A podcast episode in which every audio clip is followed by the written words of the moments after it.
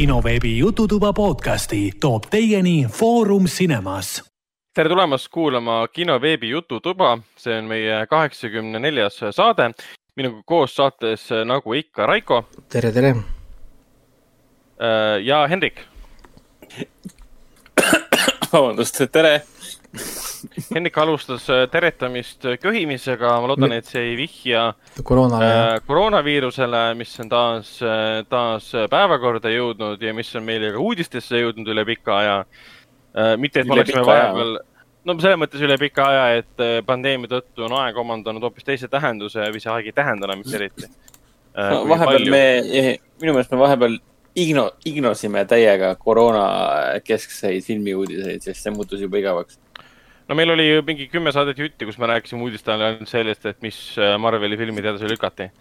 Äh, et seekord äh, ma vaatan kohe üle, meil ei ole midagi edasilükkamisest, aga meil on üks uudis küll, mis seostub, seostub siis koroonaviirusega. okei okay,, õiget kaks uudist siis, mis seostub koroonaviirusega aga liigume edasi koroonaviirusest filmide ja seriaalide juurde. ma ajasin iseenesest naerma, see on alati tore, et keegi teine reageerib sellele liigume, liigume filmide ja seriaalide juurde ehk siis nende filmide ja seriaalide juurde, mida oleme vaadanud siin kahe podcast'i vahel. ja alustame muidugi Raikost ja Raiko saab meile rääkida oma lapsepõlve traumast, mis ei seostu mhm. mitte ühegi konkreetse uh Äh, vägivallaaktiga, äh, vaid seostub ühe õudusfilmiga, mis teile hiljuti meenus ja, ja äh, traumeerivaid mälestusi tagasi tõi. Ah, nüüd on küsimus, et kas see oli, kas see oli film või oli päriselu või? jah. ei, siin jah, mul on olnud niisugune töine nädal, et vähe aega vaadata, vaadata, rohkem aega mängida, siis äh, on jah, nimekiri rohkem kui muidu Äh, filmidest siis äh, räägiti tegelikult praegult või ütleme, see Ragnar mainis, on kaheksa, tuhat üheksasada kaheksakümmend kaks aastal tehtud äh, film Burn That Steak, no tegelikult tehti kaheksakümmend üks, aga ta linastus kaheksakümmend kaks siis esimest korda. Mm.. oma Ameerikas oli siis tuntud nimega uh, The Coming ja, ja, ja, ja kohe, kui ma seda õele mainisin, siis temal kohe välgatas nimi Ann Putnam, sest me vaatasime seda päris palju, kui olime noored, aga mina olin nagu väga nagu noor, ehk siis minu mälestused olid niisugused noh, mingi klipikesed ja mingid pildikesed ja mingi noh, niisugused nagu momendid, noh mm -hmm. siis, siis äh, nendel oli väga hästi see film meeles, sest me lapsime teda ringratas, meil olid need õudusfilmide VHS-id seal, seesama see Lapsehoidja ja need Nelli poisid, see Psycho Aa, Killer seal metsas ja ja kõik niisugused vanemad VHS-id kuskilt Vene, Vene turgudelt ostetud. Ähm,, mingid veidrad hästi halva kvaliteediga, see klassikaline Vene, Vene äh, siis dublaažiga. ja see tuli tegelikult sellepärast meelde, et äh, täna tegelikult, jah, täna äh,, kolmkümmend siis äh, lindistamise päeva mõttes täna äh,, ilmub äh, Playstationitele, Xboxidele ja arvutitele ilmub äh, õudusantoloogia videomäng Little Hope, noh, videomäng on muidugi niisugune selle mängu puhul niisugune väga žanri venitav võib-olla termin, sest tegelikult põhimõtteliselt sa vaatad filmi ja umbes nagu need Netflixi interaktiivsed filmid, sa lihtsalt teed valikuid aeg-ajalt.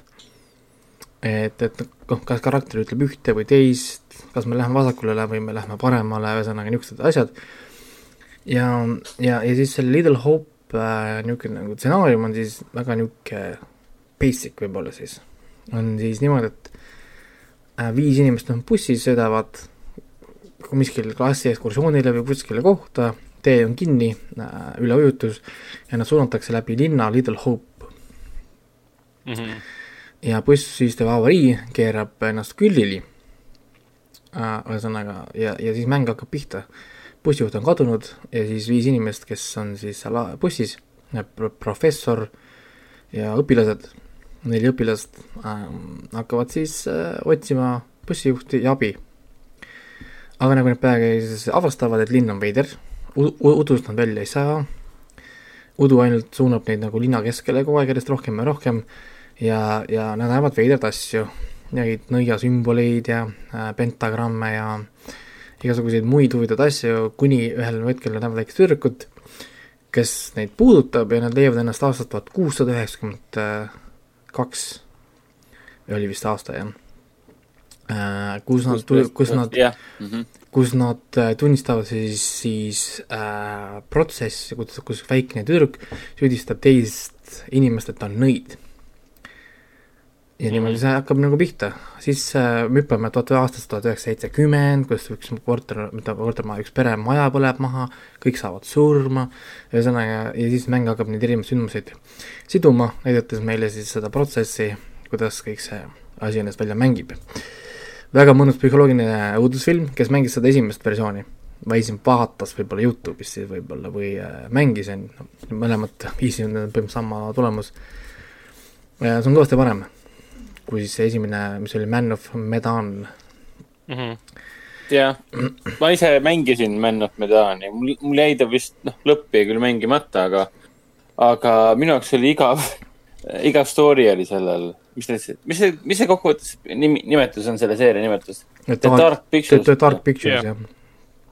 The Dark yeah. Pictures Anthology Man of Medan, et seal on kokku mõeldud, et seal on vist neli või viis episoodi hetkel on teada, et äh, neli, hetkel nad on öelnud ah, neli ja kolmanda osa nimi on siis äh, House of Ashes või noh, nagu uh. tuhamaja.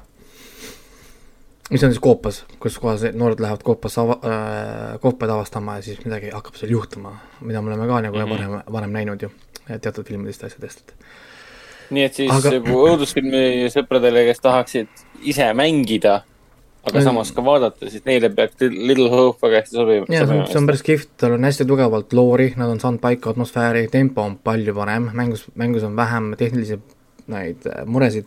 lisaks nad on lisanud äh, nüüd ka siis sellise äh, quick time event'i indikaatori, et kohe tuleb midagi, et mängija peab olema valmis. mis oli seal Man of, Man of Medani suur mure, kui näiteks kümme minutit järjest ma pole ühte nuppu pidanud vajutama, ma vaatan, ma nii-öelda noh, ei ole valmis nuppu vajutama ja siis äkki mingiks pooleks sekundiks tuleb ekraani peale mingi nupp, siis ma ei jõua seda vajutada. siis äh, nüüd see mäng no, hoiatab, hoia, hoiatab sind ette mingi kaks sekundit. sellepärast ma surma saingi. et mäng hoiatab sind kaks sekundit ette, et nüüd midagi tuleb ja siis sa pead olema valvel, noh nagu nii-öelda. aga, aga mul tuli sellepärast see film meelde, et et siin on hästi palju nõidadega seotud siis stseene, noh, sellepärast et see Little Hope on siis see üks nendest linna, linnadest, kus põletati nõidu kunagi, noh, vanal heal ajal, heal, heal pimedal, pimedal protsessi, protsessi tuhande kuuesaja üheksakümne teisel aastal. ehk siis sama aasta. oota, Salem asub siis mis osariigis tänapäeval? kas ma, Massachu-? jaa, Massachusetts. Massachusetts on osariik või? Massachusetts, tutjad. keegi oskab öelda uh,? Massachusetts, oota. Massachusetts. jah, Massachusetts, Massachusetts.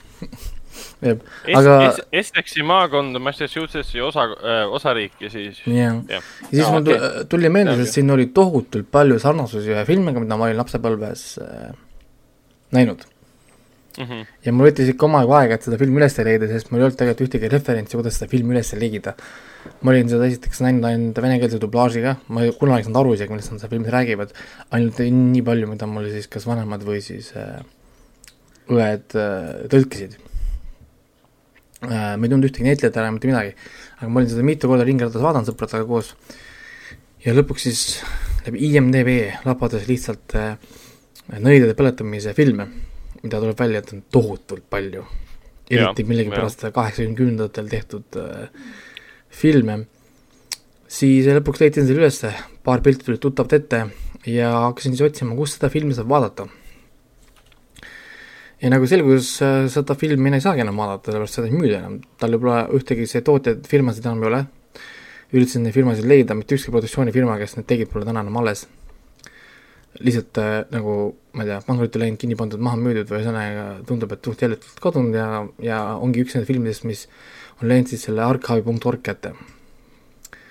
ehk siis see on nüüd see... siis ametlik kanal, kus seda nagu tegelikult ainsana yeah, praegu näha yeah, saab? see on siis see lehekülg, kus saab, lihtsalt äh, arhiveeritakse asju, mis muidu kaoksid nagu ära, a la muusika, millel autoriõigused äh, lõpevad ja ükski inimene nagu üle ei võta neid noh, pole järglaseid või pärandeid, ühesõnaga lihtsalt asjad hakkavad nagu hanguma või hõnguma, siis nemad korjavad üles ja lihtsalt säilitavad selle nii-öelda nagu noh, jätavad nagu alles. muidugi noh, alati on võimalus leida selle filmi VHS, e-base ma vaatasin, seal oli, oli, oli, oli vähemalt kaks äh, VHS-i müügil. et, et, et nagu mingi hinnaga? alla eurod olid vist, üks oli seitsekümmend senti, teine oli mingi üheksakümmend senti. aa, jah, ma küll küsiks rohkem sisse. No ma arvan, et tal ei ole ju mingi collection value't, sest tal ei ole tegelikult otseselt mingeid suuri nimesid vist haarib asju. ja, ja noh, suht tundmatud nimed nagu noh, igas mõttes nagu, et um,. ja mina siis vaatasin ta uuesti üle, ma vaatasingi sealtsamast selle archive.org kaudu niimoodi, et äh, vaata, noh, sealt saab vaadata, kas vaatad otse letist või siis download'id selle faili arvutis endale, vaatad niimoodi. vahet ei ole mm. Mhm. ja vaatasin ta nagu ära ja kvaliteet on muidugi noh, jah, selles mõttes, et, et, et äh, mustad on ikka väga mustad, et, et, et mul ikka lükkan sinna hästi selle brightness'i põhja, et ikka näha midagigi kohati. aga mõnus oli vaadata, selles mõttes, et mõnus oli vaadata selles, sellepärast et äh, noh, lapsepõlve nagu uuesti läbi elada ja teine oli muidugi see, et äh, huvitav oli, oli näha ka seda, et mida mul lasti lapsepõlves vaadata et, et äh, ma, ma olen väga üllatunud, et mul tegelikult seda filmi vaadata lasti, see on ikka tegelikult kohati päris räige film. siin on ikka stseene tegelikult, kui ma kujutan ette, kui ma laseks oma lastele vaadata praegu, näiteks seitsmeaastasel siin. no ma ei tea, magama ta küll ei jääks mul ikka väga pikka aega, noh. et homme on Halloween'i õhtu, et saaks ju proovida, paneks sedasama filmidele peale ja davai. proovid ära või? et, lastele, lastele peale, et mi-, minul oli okei okay,, küll lastele on ka okei okay.. et no näiteks see filmi alustamisstseen on kohe, kus nad kividega siis äh, pressivad surnuks ühe mehe, kellel on siis see teemon on sees väidetavalt. Ja teemon tuleb tast välja saada. ja niimoodi tehtigi kunagi, pannigi kivid alla ja, ja, ja ühesõnaga uputamised ja põletamised ja siin on siis noore tüdruku põletamine ja, ja, ja igasuguseid äh, asju on siin filmis tegelikult, mis nagu šokeerivad. ja üllataval kombel mulle endale nagu üks stseen, kuhu mul see film nagu meenus, oli see üks äh, nagu muuseum, kus on siis nii-öelda see ajalooline muuseum, kus on siis need nõia põletamise stseenid, Mm -hmm. nõia põletamise stseenid, erinevad kohtu mingid stseenid, asjad, siis seal kõige rohkem mind jäigi häirima see kujude või see vahakujude näod ja kujud. ja seal on paar väga veidrat stseeni seoses nende kujudega. ja nüüd, kui ma vaatasin seda siis, ma ei tea, kakskümmend viis aastat hiljem või ma ei tea, kui palju siin aastaid on möödas, kui ma seda vaatasin ähm,, siis esimene mõte oli tegelikult see, et ta on ikka jube hästi vastu pidanud nagu ajale. see, see film, et äh, nüüd, kui ma üritasin nagu rohkem infot selle kohta ka leida internetis, siis see film tegelikult üldse nii vähe levinud. juba sel ajal, kui ta ilmus, oli ta vähe levinud film, noh, selles mõttes, et ta oligi nagu mingi, ma ei tea, kuidas üldse nagu filmid nagu tollel ajal eriti levisid. kinode, kinodes ta vist ei käinud väga ähm,. oota, ma korra vaatan, ma panin siin paar asja endale kirja ka selle filmi kohta, et vaata nii, et ta linastus ainult USA-s. Kuigi tal on siin Soome, Brasiilia, Austraalia, Norra, Peruu, Hispaania, UK ja Lääne, Lääne-Saksamaa siis, siis selle kaheksakümmend üks aasta oma nagu pealkirja valikud. mis tähendab, et ta on seal siis ka ilmselt VHS kujul kuidagi sinna jõudnud. ja Mm,, ja jah. et, et see on jah, et, et ta noh, ja see filmiti siis Salem, Salemis, et, et see on nagu huvitav, nad kasutasid originaalseid asukohti nii-öelda ka, mis ma siis leidsin, et kasutatigi päris kohti ja, ja filmis, kusjuures oli huvitav see, et nad mainisid ära fakti, et tegelikult Salemis ei põletatud kunagi mitte ühtegi nõida. et see on ja ma olen seda ju e- et- varem ka kuulnud see. oli tegelikult nagu müüt. kas see on siis müüt, mis on nagu filmide poolt tekitatud või? vist jah, nagu, et tegelikult äh, nõudu enamasti uputati või pressiti kividega pur- äh, katki. mis aga kuna see ei ole nii atraktiivne si- ja ka rõve võib-olla siis visuaalselt, et hakata ühel visuaalselt on ju põlemine palju huvitavam kui Jah. uputamine. jaa, et selles mõttes jah, nagu aga mida ma praegu vaatasin ka, et see, see Reisjör oli päris legendaarne. Ja see oli on see- legendaarne. see B oli see BIG, aga mitte see räppar, aga see äh, no Notorious. Bert E. Gordon, et ta on praegu üheksakümne kaheksa aastane, ise elab äh, Kenosha, Wisconsinis ja ta ongi tuntud äh, sci-fi horror B-filmide poolest. King Dinosaur viiekümne viiendal aastal, Amazing. Colossal Man, Earth versus the Spider, Village of Giants, Empire of Ants.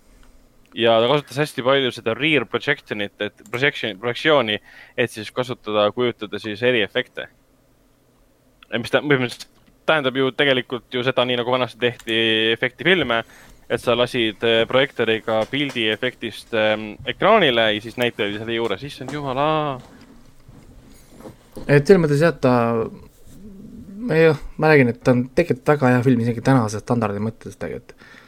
ja kui ikka üksinda kodus vaatad seda filmi, tal on ikka see väga creepy faktor on päris suur.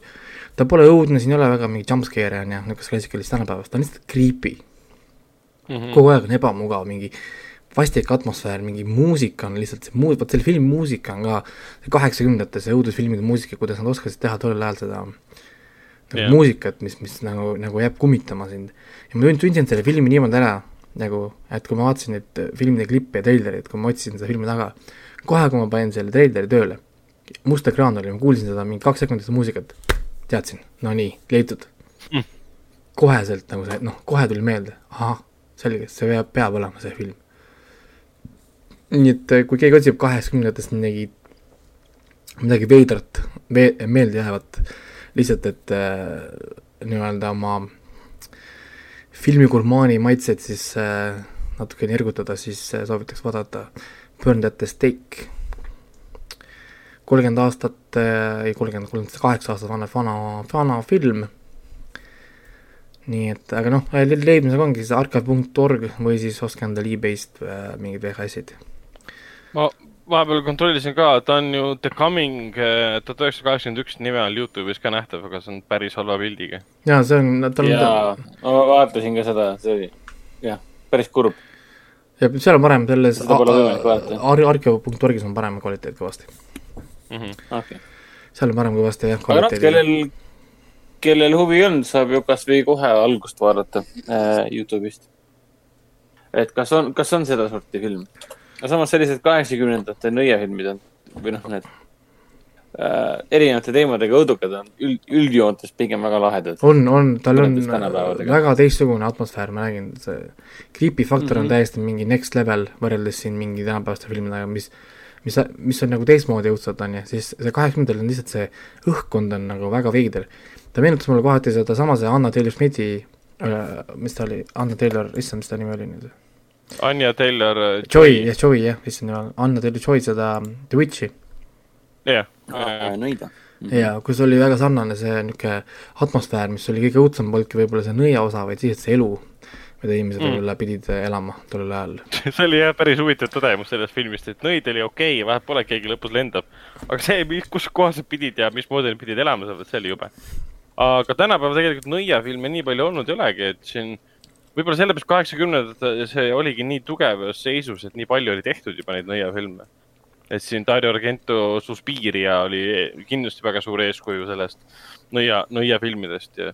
aga, aga. vahepeal praegu meile ei meenugi ega ei vahe, polnud vahepeal, kui ma otsisin seda nõiafilmide põletamist, siis kaheksakümnendate lõpust kadusid need ära ja siis väga üksikud filmid, niimoodi üheksakümnendatel oli paar tükki, kaks tuhat oli mingi mõni üksik ja kahe, kahe tuhande kümnendatel oli ka mõni üksik nagu, noh nagu siit ja sealt käisid nagu läbi äh, sellega.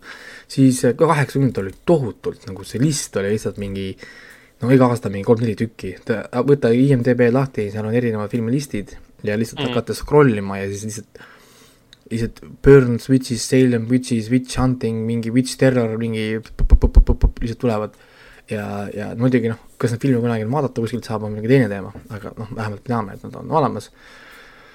Ja, ja, ja millegipärast neid tehti palju. et mul tekkis endal ka huvi ühe, ühe konkreetse filmi vastu, aga ma pole seda leidnud, kus seda vaadata, et kui ma suudan seda kuskilt välja imeda ja leida ja vaadata, eks ma siis annan teada, kust ja kuidas ja kas tasud, tasus, tasud ära ka. leidsin seitsmekümne kolmanda aasta filmi Sex of the Witch uh.. Angelo Panaccio lavastatud mm. -hmm. sünopsise, sünopsise, nagu sünopsise ei seosta mitte kuidagi filmi pealkirjaga, nii et ma ei tea, miks see niisugune pealkiri on lihtsalt, et äh, clickbait. aa ah,, aga Sussa on ka siin nimekirjas. see oli kohutav film, seda me nägime aa, see on see, jaa, legendaarne Hõhvi film. seal vist oli ka, seal vist oli ka mingi nõia teema, aga see oli nii kohutavalt igav, et ma ei mäleta mitte midagi, mis seal toimus peale selle, et seal mingid yeah.. paar rõvedat stseeni oli, ütleme nii mm.. Aga, aga muidu jah, seal oli näiteks kuuekümne kuuenda aasta oli see Picture Mommy Dead oli mingi nõiafilm ja, ja ma, ma leidsin sealt igasuguseid niisuguseid see mm. tahaks nagu kõike vaadata kohe, tahaks teha mingi massiivse mingi filmiõhtu, kus vaataks kümme tükki kuidagi mingi pff, maagiliselt ära. aga noh, seda ei juhtu, ma juba tean, ma juba tean. noh, praegu on ka hea aeg, meil on äh, kaks, äh, kaks filmi põhimõtteliselt äh, kinodes, okei okay,, üks film on kinodes, teine veel tuleb mis on mõlemad, mõlemad nõidadest, ühed on siis Roataali nõiad ja teine on siis noorte, noorte no ongi, ega, ega see ajastus mul oli ka tegelikult seotud sellega, et täna on Halloween või noh, täna, kui see mm. vaatate või kuulate. et jah, aga siis ma no, nüüd ta... räägiksin ähm, Netflixi kõige paremast seriaalist. ja ma ei räägi Aha. siin Stranger Thingsist või The Witcherist või, või millestki, ma räägin Queen's Gambit kui sa mõtled, mis see on, siis äh, ta on väga hea, väga, väga, väga hea küsimus see, see on malest rääkiv limiteeritud seriaal, ehk siis tal on seitse episoodi ja kõik juurde ei tule, sest see on põhineb raamatul, raamatul järge ei ole mm. -hmm. nii et ähm, jah aga ah,. et lihtsalt aga, mini, mini, miniformaat on kõik või? seitse, seitse episoodi kvaliteetset, väga kvaliteetset episoodi äh, ja malest. kui muidugi teile male ei meeldi ähm,, siis ärge laske ennast häirida. see on tehtud tohutult hästi, see male on siin päris, mida siin mängitakse. mina ah, üritasin seda jälgida ka, aga see on siin ikka väga next, next, next level male. kes iganes selle sarja taga nagu on noh, kindlasti pidid kasutama mingil viisil kuskilt, äh, kust iganes, päris inimesi, kes on päris maletajad ja ühesõnaga noh, nagu väga-väga hästi tehtud asi. ja põhimõtteliselt äh, see räägib siis äh, noorest tüdruk, tüt-, tüdrukust nimega Beth Harmon või noh, Bethany vist on ta päris, noh, see täispikk nimi. ja ta jääb orvuks varakult sellepärast, et ta ema äh, tahab teha enesetappu koos lapsega aga, aga, aga laps jääb ellu. ja, ja, ja tal emmal tekib äh, vaimsed probleemid, sellepärast et tema on matemaatikageenius. aga mm. nagu geeniusega kipub olema, siis asjade ta tasakaalud on paigast ära ja dep-, dep-, depressioon kipub hiilima ligi, kui sa elad maailmas, kus keegi sinust aru ei saa või keegi sulle järgi ei jõua. siis, aga tütar, tütar jääb ellu ja, ja tütar pannakse siis äh, orvude kodusse ja Urbide kodus äh, ta kohtab äh, koristajat, ei noh, mitte kori-, mitte koristaja, see on see kojamees vist on ta rohkem, ehk siis üks, üks mees töötab seal, kes siis on noh, põhimõtteliselt ongi, parandab lampe ja ühesõnaga hoolitseb lihtsalt, et see Urbide kodu nii-öelda nagu tehniliselt oleks siis korras mm. -hmm. ja siis üks päev pool kogemata näeb, et äh, ta mängib äh, keldris malet. tüdruk pole varem seda mängu näinud, tunneb kohe huvi, mis veider mäng see on noh, mees muidugi ajab ta kohe ära, sellepärast et see on, äh, tegevus on viiekümnendate lõpus, kuuekümnendate alguses. et noh, mida tüdruk huvitab matema-, noh, selle matemaatikast ja malest, et miks nagu pole sinu asi, mine, mine, mine, mine tagasi oma kristlikku äh, kooli, see on siis, kõik on äh, käi kirikus, mine kristlikku kooli äh,, ole hea abikaasa ja ole köögis. on siis see, mida võib, võib kokku võtta väga, väga lihtsalt, mida nõuti aga, aga, aga tüdruk nägi seda malemängu, teda kohe muidugi haaras see, sest ta oli matemaatika talendiga siis tüdruk, sündinud nagu matemaatika ja tugeva loogikageeniga. ja, ja öösel siis hakkas nägema laes malelauda ja hakkas siis imiteerima malemängu omal nagu peas, ise hakkas iseenda vastu mängima. järgmine, kui ta nägi seda meest, siis ta ütles, et noh, ma saan aru, mis mäng see enam-vähem on, see, see nupp vist liigub nii, see nupp vist peaks liikuma nii ja nii ja nii. mehel olid, kes sulle lõpetas, keegi, ma ne-, ja siis mees oli üllatunud, et ta suutis ühe korra, kui ta oli malemängu, noh, seda lauda näinud, suutis juba põhimõtteliselt välja mõelda, kuidas see mäng käib ja, ja juba suutis ka nagu mingil määral mängida.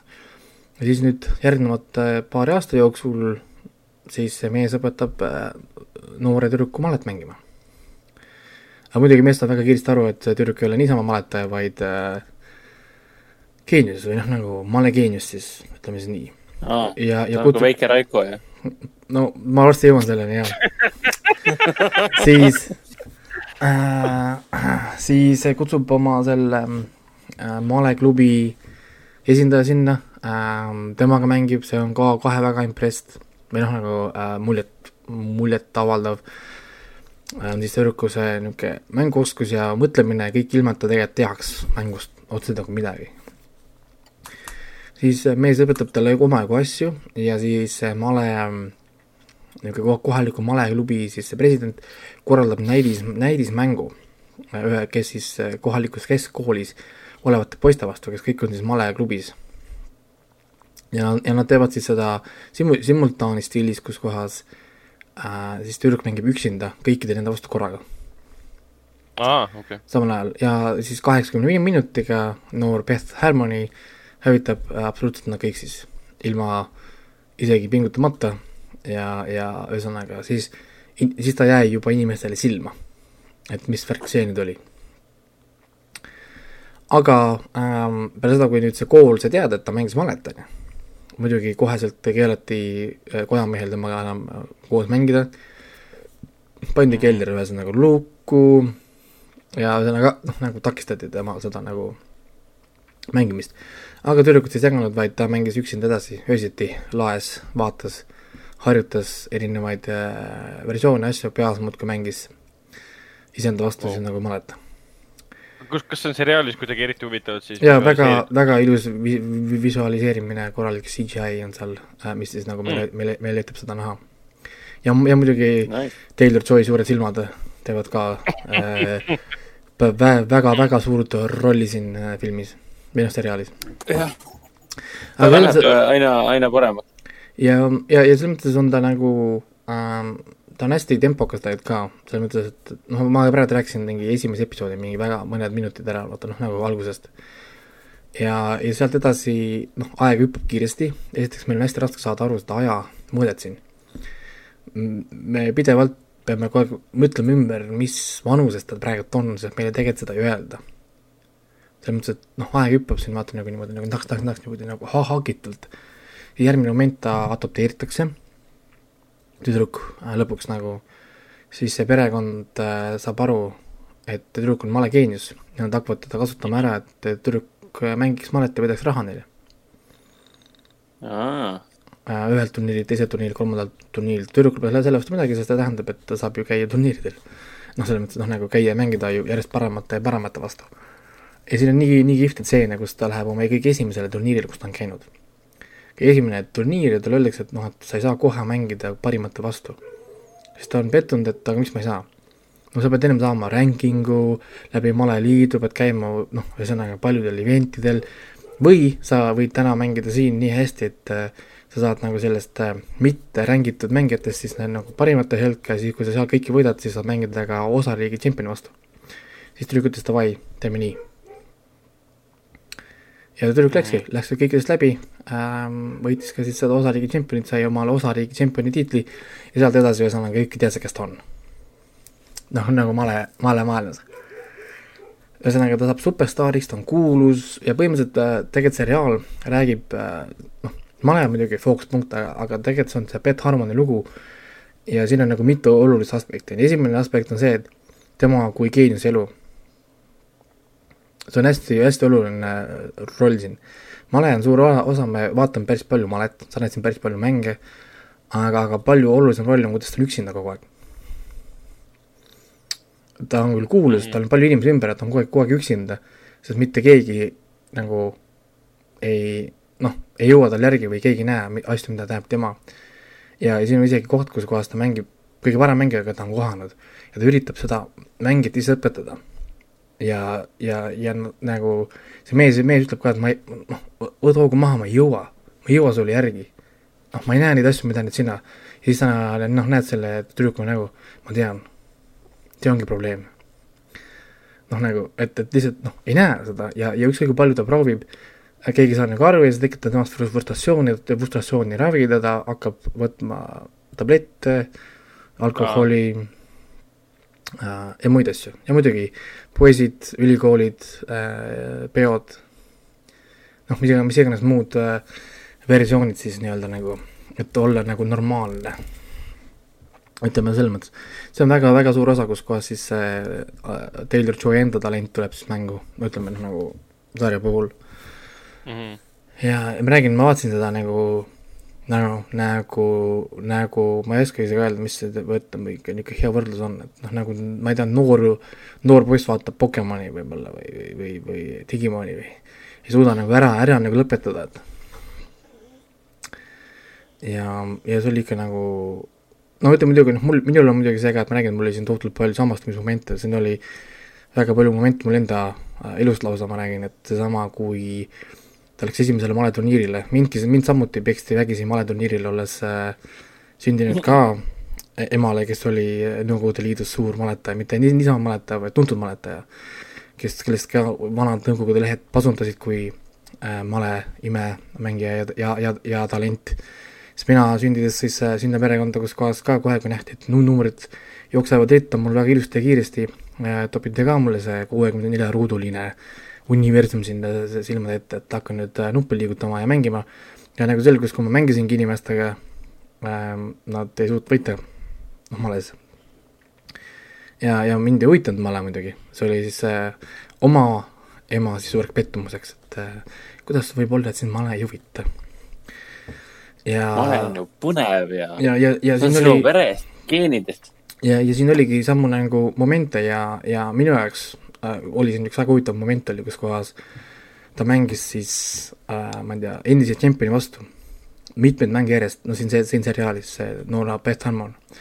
ja ta võitis seda tšempionit järjest, kogu aeg võitis. ja siis see tšempion nägi, kui vähe tema pingutas, et teda võita. noh, nagu äh, kui, kui vähe pidi vaeva nägema siis Beth Harmon, et teda võita selles äh, mängus, noh nagu males.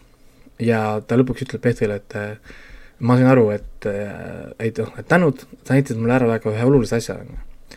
ja see oluline asi on see, et ähm, ähm, et, et male, ma ei armasta malet nii palju, kui ma arvasin, et ma seda, et ma seda teen. siis ta küsib, et mis mõttes, et ma nüüd sain aru, sina näitasid mulle seda mõõdet või noh, nagu seda suurust, mis skaalast me räägime, kui meil on vaja noh, nagu mis, mis skaalast me räägime äh, sellisel juhul, et, et olla parimate hulgas ja mul oli, minul ei ole sellist armastust selle mängu, mängu vastu, kui on sinul. ja, ja tänud wow., et see tähendab seda, et ma saan keskenduda asjale, mida ma tegelikult tahan teha, mis iganes see ka siis oleks. aga seda ja... nagu välja ei öeldud või, või? ei, see, see on nagu väga, pilkude ja paari sõnaga sa käisid läbi küll, aga, aga seesama ah. nagu asi, kus kohas siis tšempion loobub, loobubki ja läheb, läheb õppima siis ähm, elektriinseneriks hoopis. oota, mida? Jaa, ta lähebki õppima ülikooli elektriinseneriks, sest ta sai aru, et tal ei ole males kunagi ei saa olema sellist tulevikku, sest et ta on tšempion, endine tšempion, aga ta nägi seda vahet nagu enda ja siis selle Beth Harmoni vahe, kui suur see vahe nagu oli male nagu mängus mm. -hmm. ja, ja siis mina mäletan, mul oli sama asi kunagi mingi teises klassis või kolmandas klassis. mingi kohalikud turniirid olid köki-möki, noh, see oli täiesti mingi noh, mõtlesid kodus Digimoni peale, mis tänases Digimoni episoodis oli või äh, mis, mis, kuidas õhtul korvpalli saad sõpradega mängida ja lihtsalt tegid kõikidel ära kahekümne viie käiguga, seitsmeteist käiguga, kahekümne ühe käiguga, on ju. noh, mhm. mis iganes, see oli täiesti ükskõik. ja siis läksin koju ja pidin mängima ema, e-, ema vastu, ükskõik kui palju ma proovisin, ma ei, kuna ma ei saa, ma ei saanud isegi lähedale teda võita ja, ja ma ei ole kuni, ma pole kuni tänaseni päevani suutnud teda võita males ja, ja ma räägin, see oli see koht, kus mina sain ka samuti aru, et nope, see, et ma nagu olen siin hea nagu naturaalselt, see kunagi ei ole piisav äh, nii-öelda nagu võitmaks neid, kes on head ja nad tahavad seda teha, nagu. et, et nii-öelda või võistleda siis äh, maailma tippude vastu, kes ainult sellega tegelevad, kakskümmend neli tundi, nelikümmend kaheksa tundi. ja, ja, ja, on seesama asi, siin särast tuli ka välja, et, et kui ta esimest korda kohtab nüüd kedagi teist enda sarnast, ma ei ütle, kes see on, ta kohtab kedagi teist enda sarnast, kes on äh, saamata intelligendikas, kui tema on. armastab seda malemängu sama palju kui tema ja paneb sinna malemängu sama palju aega kui tema. ja ta kaotab talle, see Beth Harmon. ta esimene, esimest korda peab mm -hmm. seisma silmitsi kaotusega ja mulle nii meeldis see, see kuidas see seriaal andis edasi selle äh, nii-öelda nagu, nagu, nagu, nagu öeldakse, on siis võitjate mentaliteet. see on sama asi, mida ma olen öelnud inimestele e-spordis ja igal pool mujal, see on ainuke viis, kuidas saada paremaks maailmas, on kaotades. ainukene viis, kui sa võidad kogu aeg, sa ei saa kunagi paremaks. sa oled lihtsalt seal, kus sa oled, kuni tuleb keegi, kes on sinust parem ja ainult siis sa saad mm. paremaks. ja, ja, ja, ja, ja mulle meeldis see võitja, võitja nagu mentaliteet, mis tal oli, isegi kui ta võitis mängu ta ei, ta ei jäänud võiduga rahule, sellepärast et võit ei olnud äh, tema mõistes piisavalt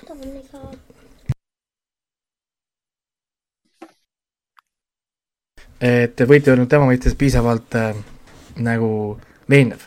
ehk siis ta küll võitis, saad aru, nagu vastast, aga tema enda jaoks mm -hmm. see võit ei olnud äh, nagu ma ei tea, kas siis su piisavalt suure vahega, piisavalt kiiresti, siis talle õhtuti veetis, et kõik oma mängud uuesti läbi mängida ja leida võimalusi, mida ta oleks saanud teha, et võita kiiremini või paremini. no vot, aga see ongi õppeprotsess, mida sa endale tekitad tänu sellele, et sa kaotad.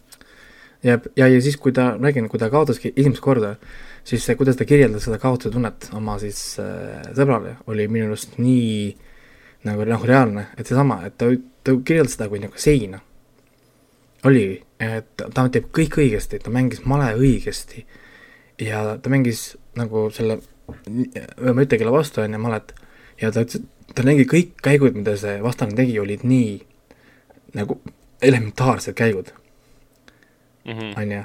aga kõik oli nii puhas, et terve mäng tal oli tunne, et ta, et, et ta ripub kuskilt nagu ääre peal ja ta kohe kukub alla, sest tal ei ole mitte kuskile minna, tal ei ole ruumi hingata. ja siis ta sai aru, et, et see on see, mida tema tegi oma, oma vastastega.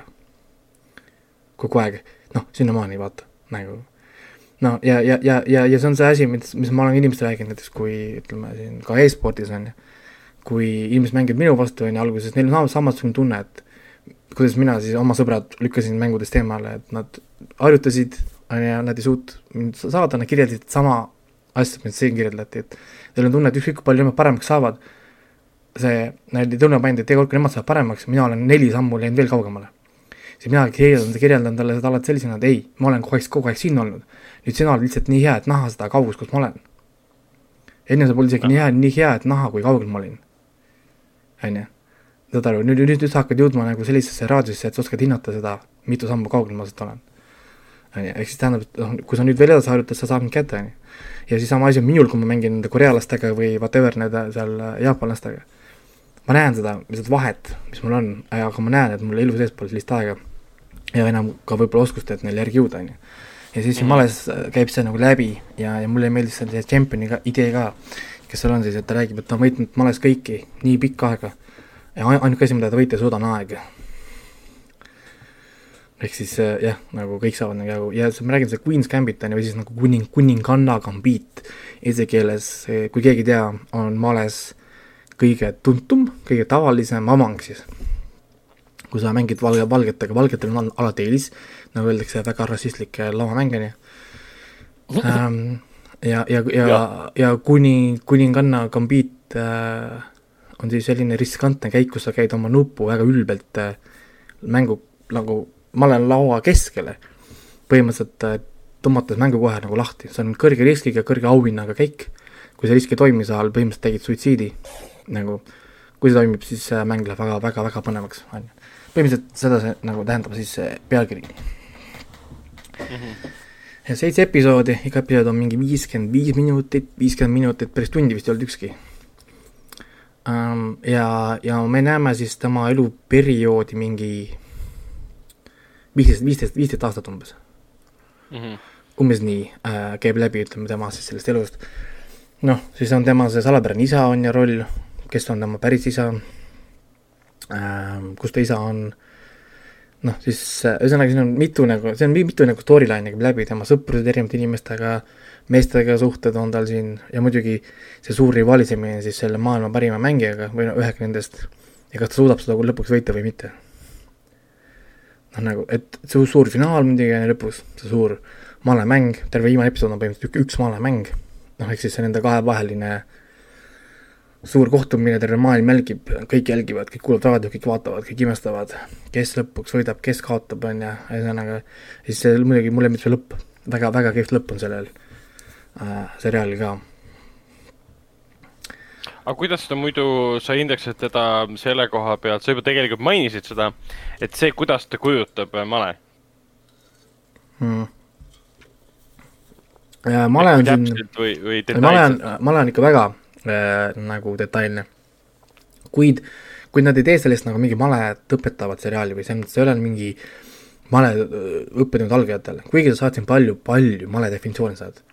siis on see nagu, nad selgitavad sulle, mis asi on Sitsiilia kaitse ja kõik needsamad need gambiidid, kuninga gambiid, kuninganna gambiid, on ju, nad räägivad sulle kõik erinevad niisugused tuntud asjad, asjad ikka ära mainitakse. aga me kuuleme neid siis või me õpime siis, kui seda õpib äh, Harmony. me õpime temaga umbes mm -hmm. nagu sama, noh, neid asju samal ajal. Nad räägivad siin raamatutest äh,, kõik raamatud on päriselt olemas, mõnda ma olen isegi lugenud äh,, noh, maleraamatud. Ava, noh, ava, avangute raamatu, kuidas avada, on ju, kuidas tulla välja erinevatest kaitsetest, on ju, näiteks see Sitsiilia kaitse, nagu see Peht Arman ütleb, oli, et ma õpin õhtu, õhtuti Sitsiilia kaitset ja siis tema, see üks sõbranna küsib, et kaua sa ühte siis maleavangut õpid, see on viiskümmend seitse lehekülge, ütleb.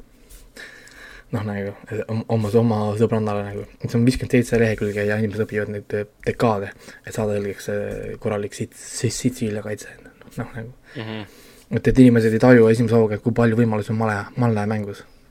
see ei ole miljonid, see ei ole isegi miljardid, see on nagu noh. et oh. noh, male on nagu roll, aga ma räägin, et selles mõttes, kui sulle male ei meeldi, see pole siin üldse nii oluline. noh, nagu see male meeldimine või mitte, nad näitavad malet, aga nad ei jää selle peale kinni, sa ei pea kunagi nagu noh, muretsema, et sa pead vaatama malemängu, kuigi oleme ausad, male on Twitch'is üks populaarsemaid spordialasid, et äh, male on põnev vaadata. ja, ja ma räägin, ma olin inspireeritud sellest malest, et ma isegi võtsin ühe, ise ühest online maleturniirist osa. Telefoni, te, telefoni äpiga siis, kahekümne kahe tuhande mängijaga siis oli siin ja ja, ja päris kihvt oli tegelikult minna, tagasi, mul ema silmad läksid muidugi särama, kui ma käisin emal külas, ütlesin, et kuule, et ma nüüd vist siis kakskümmend aastat hiljem ma mõtlesin, et mängin nüüd uuesti malet. silmad särasid. sain nelja, neljateistkümnenda koha sain, et äh, ah.. aga kas sa emaga mängisid ka nüüd või? emaga ei ole mänginud nüüd, ma tean, ma juba tean ah., ma tean, kuidas see läheb. ma juba tean, kuidas see läheb, et no see on huvitav nii... vaadata, kuhu, kuhu nagu maailm on jõudnud, et vanasti sa võtsid laua välja ja mängisid, nüüd sa, mis sa ütlesid, sa võtad mobiili välja ja võtad seda äpi ja mängid kahekümne kahe tuhande. sa jõudsid kahekümne kahe tuhande mängija hulgast neljateistkümnendale kohale? jah, see. nojah, mul ei läinud jah nii hästi, ma tegin nii palju nagu lihtsaid vigu ka, muidugi sama, et sa mängid telefoniga, sa oled samal ajal hõivatud, noh nagu vaatad ikka muid asju ja ja, ja see on ju. ootad seal käike ja, ja, ja mulle tundus muidugi, et enamus inimesed olid nagu nii, nii suvalised mängijad. no lihtsalt mm -hmm. loobiti käike välja, noh nagu ilma mingi eesmärgita, vahepeal oli, oli tunne, et mõtled üle, inimene käib sul oma nuppe ette, saab kümme minutit, lased selle aega ära, sest ta tead, tunned, et tal on plaan. ta on mingis master plaan, üritad seda välja leida, tegelikult see on mingi suvaline vend, kes lihtsalt vajutab, vajutab nuppe selles äpis, äh, kus sa mängisid, seal on igaüks saab põhimõtteliselt mängida, seal mingeid piiranguid ei ole? see on äh, tasuta äpp, äh, kõige populaarsem male äpp ka, nii et te ei pea isegi äh, nojah, siis eks seal ilmselt ongi hästi palju suvalisi mängijaid selle koha peal. ja seal oli vist viiskümmend miljonit pluss download'i näitas, oli vist sellel wow.. aga ei, minul sa müüsid selle seriaali igatahes maha, ma vahepeal vaatasin ka, et juba kaheksakümne kolmandal aastal taheti sellest raamatust romaani te- äh,, filmi teha aga see ei õnnestunud, sest autor suri äh, kaheksakümne neljandal aastal. siis üheksakümne teisel aastal hakati uuesti arendama, et Michael Apted pidi ühel hetkel lavastama, siis pidi Fernando Bertolucci lavastama, siis pidi seal Heath Ledger mängima, siis pidi seal Ellen Page mängima, siis see kõik jäi, jäi pooleli, sest äh, Ledger suri ja lõpuks siis sündis seriaal äh, Netflixi abil ahsoo, nii pikk ajalugu. ja, teine huvitav aspekt on muidugi see, et seriaali loojad on Scott Frank ja mis see teine tüübi nimi oli? Alan Scott, Scott Frank on Logani ja The Wolverine'i stsenarist. ja ah. ta on, ta on tüüp, kes lõi siuksed seriaalid nagu siis äh, Godless näiteks ja, jah, oligi Godless äh,. mingi aeg jooksis, kas see oli HBO-s või kuskil äh,. aa, Netflixis peaks ka olema praegu olemas see täitsa ja ta näiteks kirjutas Minority Reporti stsenaariumi, ta kirjutas äh,, mis ta siis äh, sai äh, parima siis stsenaariumi nominatsioonid selle Steven Soderbergh Out of Sight stsenaariumi eest äh,. tal on siin veel Fight at the Phoenix stsenaarium, Interpreter stsenaarium äh,, lavastas The Lookout'i selle George Gordon Lewitt'iga ja lavastas selle ähm, A Walk, A Walk Among the Tombstones, mis ah, oli siis see Lion Eastoni film yeah.. Ähm, nii palju siis äh,, ma siit paar, nagu sa rääkisid, ma jõudsin leida info, et äh, miks see male oli siin nii realistlik ja nii kõrge, kõrgetasemeline, ma räägin sulle niimoodi, ma panin vahepeal pausi peale, mul, mina tundsin, kui ma hakkasin füüsiliselt väsima, sest noh, see on nii keerulised käigud ja asjad, mis nad seal tegid, vaata, et noh, nagu ma tundsin, et see on nagu nii väsitav, et see on nagu, see on ikka nii kõrge level'iga nagu äh, male. Sellepärast, et selle konsultandid olid Garri Kasparov ja Bruce Pandolfini ehk siis parimad mängijad, keda sa põhimõtteliselt suudad üldse malast praegu leida, ehk siis Netflix lihtsalt näitas, mida nemad oma rahaga teha saavad. mm.. see on täitsa, täitsa hämmastav tõesti. ja siin on nagu huvitavad seosed ka, sest üks teine looja on The Witchesi esimese filmi, üheksakümnenda aasta filmi stsenarist. Witches, mille remake tuli, tuleb nüüd kinodesse, mis on päris tore. jaa, et selles mõttes nagu noh, ta on ikka too-, see on ainult kvaliteet, selles mõttes, et siin sarjas on lihtsalt nagu kvaliteet kvaliteedi otsa, muusika, see ajastu, kuidas see ühiskond suhtub naistesse, näiteks tema suhtlused, kuidas ta ema nagu räägib oma noh, enda rollist, oma abielus. Ja, ja, ja kuidas fännid lihtsalt astuvad tema juurde ja ütlevad, et ta on noh, nagu ma, ma teadsin, et meie suudame seda teha, ehk siis meie kui nagu naised. Aa, okei. Noh, ja, ja, ja samuti, et tema keeldus mängimast naiste divisjonis, vaid ta pidi mängima meestega, sest tema ei saanud aru, et miks on males naiste divisjon, millest ma, mina, mina pole kunagi, kunagi saanud aru, miks on males naiste divisjon. Ega me kaugust aa, hüppasin, miks on, miks on eraldatud? jah, ega me, ega me kaugust Jah. hüppasin, ega selles mõttes, et pole olemas ühtegi, ma ei tea, bioloogilist uuringut, mis ütleks, et naised nagu, meest, naiste ajad on kuidagi erinevad kui meeste omad. see on siis- vist jälle mingi vanade traditsioonide küsimus siis, kui inimesed arvasid, et ma ei tea, naiste aju on teistmoodi ehitatud. ma ei tea, vist jah, või, või noh, ma saan aru, okei okay,, noh, kergejõustikud ja asjad, meil on lihasmassid ja muud asjad on erinevad, see oli fine. aga me räägime, me räägime ajust, mis on selle koha pealt nagu identne. Välja arvatud, et ta ei ole identne, aga selles mõttes aju kui selline on üks. no ja, ja, ja noh, ma ei tea, selles mõttes, et noh, ja tema keeldus mängimast naistega, ütles, et mis, noh mi,, mi, miks on naistel eraldi division, mis asja, mida see tähendab üldse, mida see üldse tähendab. ta tahab ikka mängida nagu Grand, Grandmasterite vastu ja, ja parimate vastu ja, ja filmis kõik asjad on väga hästi tehtud, see rahvusvaheline lähenemine, kuidas noh, nad räägivad Euroopa meistritest ja, ja Venemaa mängijatest kui äh, robotitest, sest ameeriklased ei suuda konkureerida, mis, mis, mis oli ka Jaa, tegelikult, tegelikult tõsi ju. Fish, Fisher oli üks väheseid, kes suutis ameeriklased üldse kaardile panna, Fischer, aa Bobby Fischer jah. on ju, noh, ja, ja, ja kuidas ta ise läheb õppima vene keelt äh, selle ideega, sest ta teab, et ta peab niikuinii kunagi mängima venelastega ja, ja, ja mulle meeldib, kuidas ta õpibki, ta lähebki ülikooli ainult õppima sellepärast vene, vene keelt, sest ta teab, et ta peab kunagi mängima venelastega Venemaal. noh, Anja Taylor-Joy on juba mänginud samas äh, vene äh, juurtega karakterit ka, Liliana, mis see Liliana Rasputin. Ja, ja see- Iljana vist oli jah, Iljana ja, Rasputin. ja see, oli sama palju venelane kui, kui, pärit? jaa, see on nii hämmastav, kuidas sa saad aru, et tegelane Venemaalt pärit, Rasputin. Perekonnanimi on Rasputin. no jaa, muidu aru ei saa ju, muidu on, kas see on mingi Ukraina äh, aktsent või? ei, ei, ta perekonnanimi on Rasputin, see oli, see oli, see oli ikka päris, päris crazy. see oli päris, päris, päris loll film. noh, nagu aga kas selle koha pealt, see, kas see seriaal siis korralik kringel. aga kas Raiko, muidu see seriaal kinnistab sinu jaoks tõsiasja, et, et George Milleri otsus äh, võtta siis järgmise Mad Maxi filmi äh, noort Furiosat mängima Anya Taylor-Joy on ainuõige valik? kuule ikka, ta on, ta on, ta teeb ainult kvaliteeti tegelikult ju. kui lähme nüüd tagasi, hakkame järjest vaatama asju, mis ta teeb tegelikult.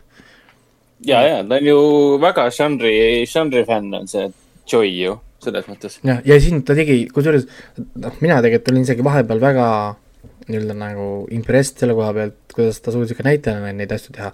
näiteks see tseen, kus nad mängivad kiirmalet, see oli uncut tseen, ehk siis äh, lõikamata tseen, seda lasti ühes mm -hmm. jutis.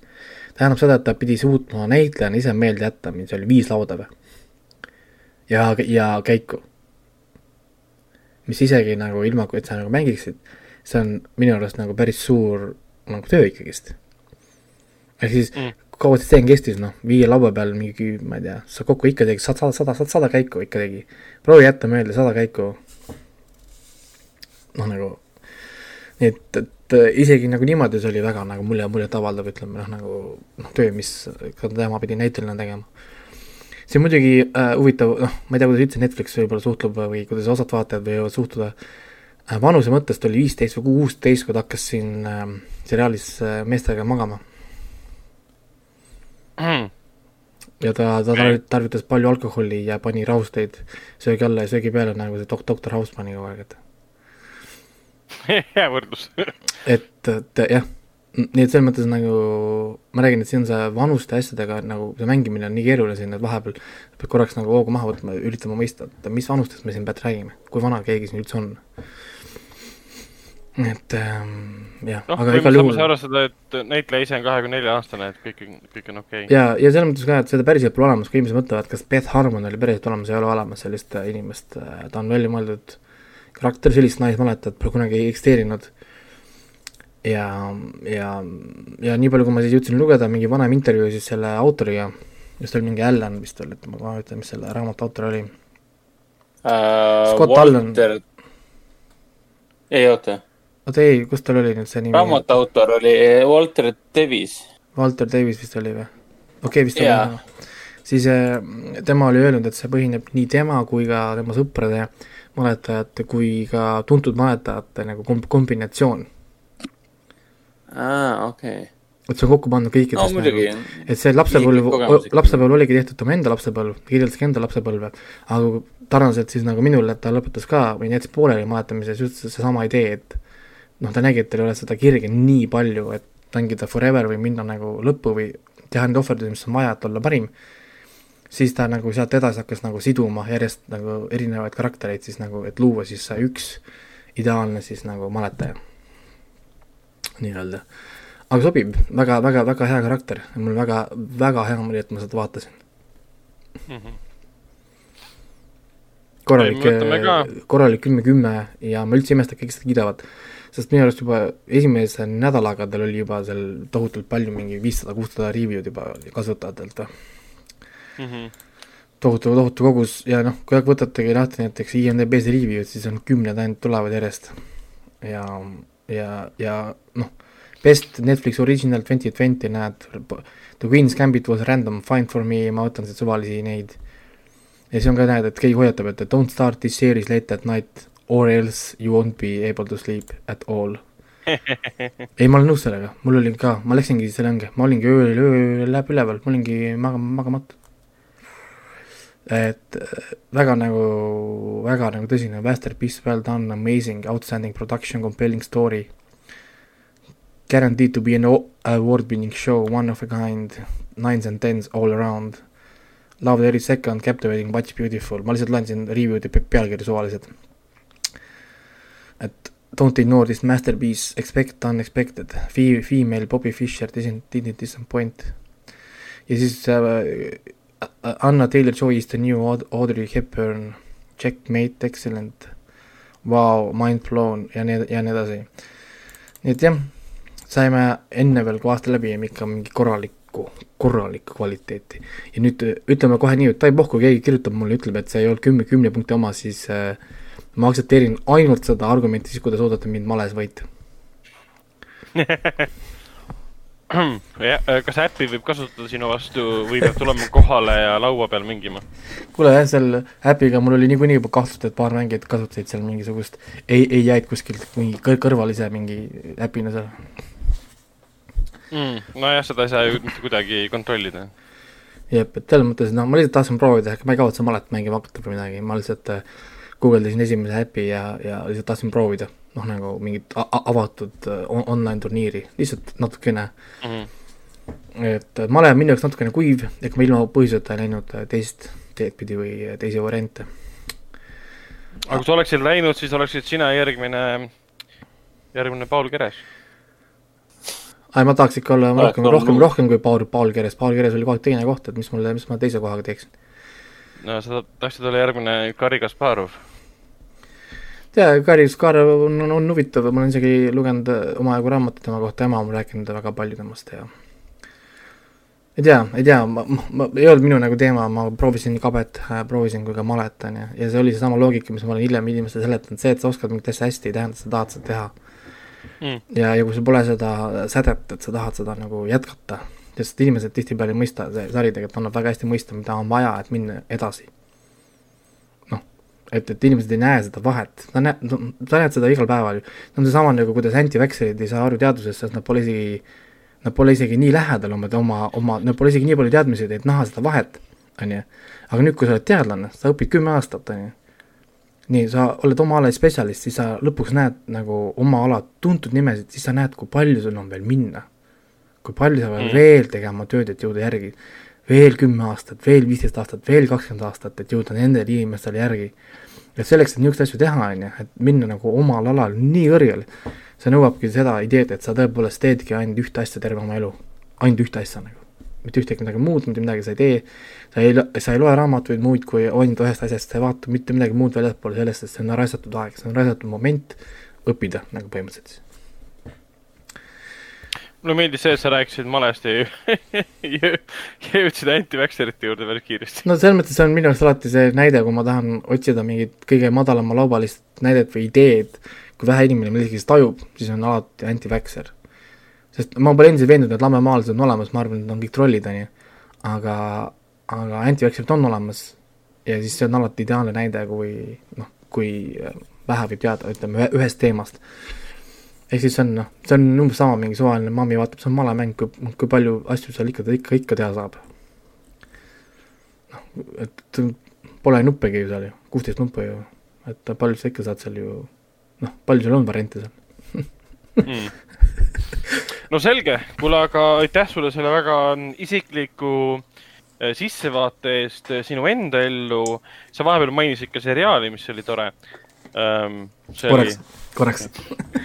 Aga ei, ma arvan, et sa müüsid eh, meile esiteks niikuinii selle maha ja meie kuulajatele ka maha ja me eh, kindlasti, mina vaatan ta järgmiseks korraks ära ja siis ma saan ka rääkida, kuidas ma ei saa endiselt malest midagi aru, aga äh, ma olen, ma olen näinud, kuidas teised saavad sellest aru. aga, aga no kusjuures nii palju on küll peale seda sarja, sa hindad kindlasti rohkem malemängijaid. Ja sa hindad nagu rohkem mm. seda kiitust ja nagu au paistet, mis neile antakse mm. -hmm. et, et, et sa näed, et kui palju seal taga tegelikult on ja kui palju need inimesed teevad tööd, noh, üldse mitte isegi need, kes ainult võidavad, vaid ka teised, kes proovivad nagu saatsid sammu pidada nendega, kellel on nagu kõik asjad nagu noh, talent, oskused, soov, kirg ja nii edasi nii et. Äh, iseenesest ma olen, ma olen, ma olen muidugi, ma ei näe, et oleks üldse selline asi, mida inimesed võib-olla võib-olla valesti mõistavad, aga mitte suurel määral valesti, et ma arvan, et igaüks saab aru, et ma olen palju keerulisem, kui ta tegelikult võib-olla esmapilgul tundub. ja no ja see on, annab ka võib-olla natuke rohkem, ma räägin niisugust sisevaadet sellele, miks filmid kasutavad malet kui niisugune odav ja lihtne viis näidata, kui intelligentne mingi karakter on sest, ja, sest enamus Hollywoodi filmides, kui mingi autistlik poiss, siis ta ei oska inimestega suhelda, aga ta on Maletu. väga hea malemängija. või, või jah, näiteks isegi animed on kasutanud seda, kus kohas, kui sa tahad näidata kahe sekundiga, et see on hästi intelligentne karakter on, siis keegi astub sisse ruumi, kus ta üldse võidab kedagi males. siis on juba selge, et ahah, selge, et ta peab olema siis tark mm.. no selge, aga, aga liigume edasi liigume edasi Hendriku juurde, kes tahab meile rääkida Vene, Vene seriaalist To the Lake, äh, mis linastus tegelikult lake. Vene telekanalites juba kahe tuhande üheksateistkümnendal aastal, aga Netflixi jõudis nüüd sellel aastal. Äh, tal ei ole tegelikult, algupärane pealkiri oli midagi muud, äh, mitte To the Lake, vaid. ta on äh, epideemia on ta vist vene keeles ja siis seal on alapealkiri see oh jumal küll, ta põhineb romaanil, mis tõlgiti ka eesti keelde. kas see seostub ka midagi Järvega või, nagu pealkirjad? ei, ei ole mitte midagi, mitte midagi Aga... sellega seoses ei ole. minu suurim segadus selle seriaaliga on see, et miks on ta pealkiri To the Lake ja sest, sest see minu jaoks meenutab seda Elizabeth Mossi karjääri, oli vist Elizabeth Moss või? jaa, ei Top of the Lake seriaal oli vist. Top of the Lake'i, jaa. mis pani Mossile karjäärile aluse, automaatselt seostub To the Lake Top of the Lake'iga. räägi, mis asi on ja. To the Lake ja kas seal on seos eh, järve juurde minemisega? kuule, aga mina olen ju ära vaadanud ainult esimese osa ja kokku on siin vähemalt esimeses hooajas kaheksa mm. -hmm. et mingit, mingit järve kindlasti esimeses osas ei ole, et see on ilmselgelt liiga vara ka uh, kui ma, kui ma väga mööda ei pane, siis minu meelest selle ähm, romaani nimi oli mingi Vongo Zero või Vango Zero. mis on ka eesti keelde tõlgitud, jah, olingi Vongo Zero. jah, mul oli õigu ja sellise nimega ta oli ka siis eesti keelde tõlgituna mm. -hmm. Äh, nüüd mõned aastad tagasi. aga sari To the Lake ise või noh, Venemaal on ta tuntud kui epideemia äh, ta tuli seal Venemaal välja eelmisel aastal sügisel, kui ma nüüd ei eksi. ja, ja hämmastav on see, et äh, noh, sarja keskmes on äh, noh, sarja keskmes on viirus, mis hakkab hästi kiiresti levima. tundmatu, tundmatu viirus, mis hävitab inimesi nagu metsiku kiirusega ja põhimõtteliselt juba mingi esimese, esimese, esimese paari nädalaga on põhimõtteliselt antud juhul, see ei ole spoiler, aga esimese paari nädalaga on põhimõtteliselt kogu Moskva juba karantiini pandud ja kedagi sisse-välja ei lasta. Mhm. kõik on nii suures karantiinis, et isegi äh, panded tulevad tänavatele ja hakkavad mente peksma ja nii edasi. et, et noh, kuidagi vaja ennast ju ära toita kuidagi, rahvas on rahulolematu ja inimesed surevad. kuigi naljakas on see, et esimeses osas on, esimene osa tegeleb väga palju sellise müstikaga või müstika, müsteeriumi äh, äh, punumisega nii-öelda, ehk siis väga palju detaile meile ei anta ära näidatakse palju, mis toimub, aga mingid väga olulised nagu võtmemomendid on sa esimesest osast nagu piloodist täiesti välja jäetud, et sa hakkaksid küsima. et noh, kas, kas või toome selle näite, et kõik räägivad tuhandetest äh, haigestunutest ja siis surnutest ja nii edasi. aga, aga, aga, aga ometigi ei toimu see suremist kui sellist nagu ei toimugi, me ei näe seda ekraanil, ekraanil, ekraanil ei toimu suremist kui sellist. aga meil ei Ja räägita sellest. aga räägitakse sellest jah, justkui, aga, aga visuaalses mõttes meile suremist kui sellist ei näidata üldse. aga sümptomid see- sellised on ka kuidagi siis meie praeguse pandeemiaga nagu sarnased või, või? kusjuures äh, väga kriipival viisil väga-väga sarnane koroonaviirusega. olgugi, et see oli ju, sari läks võttesse tõenäoliselt siis, ma kujutan ette, et üheksateist aasta, ei oota, kaheksateistkümnend, kaks tuhat kaheksateist aasta äkki lõpus või kuskil seal või üheksateist aasta alguses olid äkki võttes mm. -hmm. umbes sellisel ajal.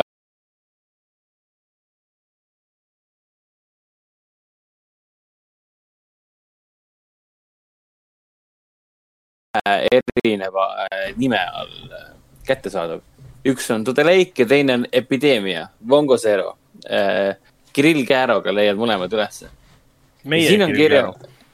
ja filmi selle sarja peaosas on siin, on Kirill Käärov, Eestis sündinud äh, vene näitleja, keda me siin päris mitmetes sarjades, filmides oleme nüüd näinud, et äh, ma saan aru, et kõige tuntum asi, millega, mida eest- eestlased tema suhtes harjunud on, peaks olema see Nuuskija nimeline mm. seriaal -hmm,. täpselt. Äh, aga Kirill Kära on siin väga, väga mõnus, ta on väga sümpaatne. ja, ja, ja Venemaal vaatangi, et ühe, ühe INDB lehe andmetel, mille nimi on Epideemia Vongo Zero, sari tuli välja eelmise aasta aprillis. Mm -hmm. aga, aga Netflixi jõudnud nüüd oktoobris, Netflixi jõudnud To the Lake äh, nii-öelda INDB profiili järgi äh,. Saabus ta alles äh, eelmise aasta oktoobris esmakordselt. et siin nagu tekib, tekitab hästi palju nagu sega, segadusi, ma ei saagi nüüd aru, et ei, mitte oktoobris, vaid novembris isegi, kaks tuhat üheksateist november. mis see nüüd tõele vastab, seda ma ei tea, aga noh, vahet ei ole. igal juhul epideemia on lahti lastud, sari on, ta on väga pinge.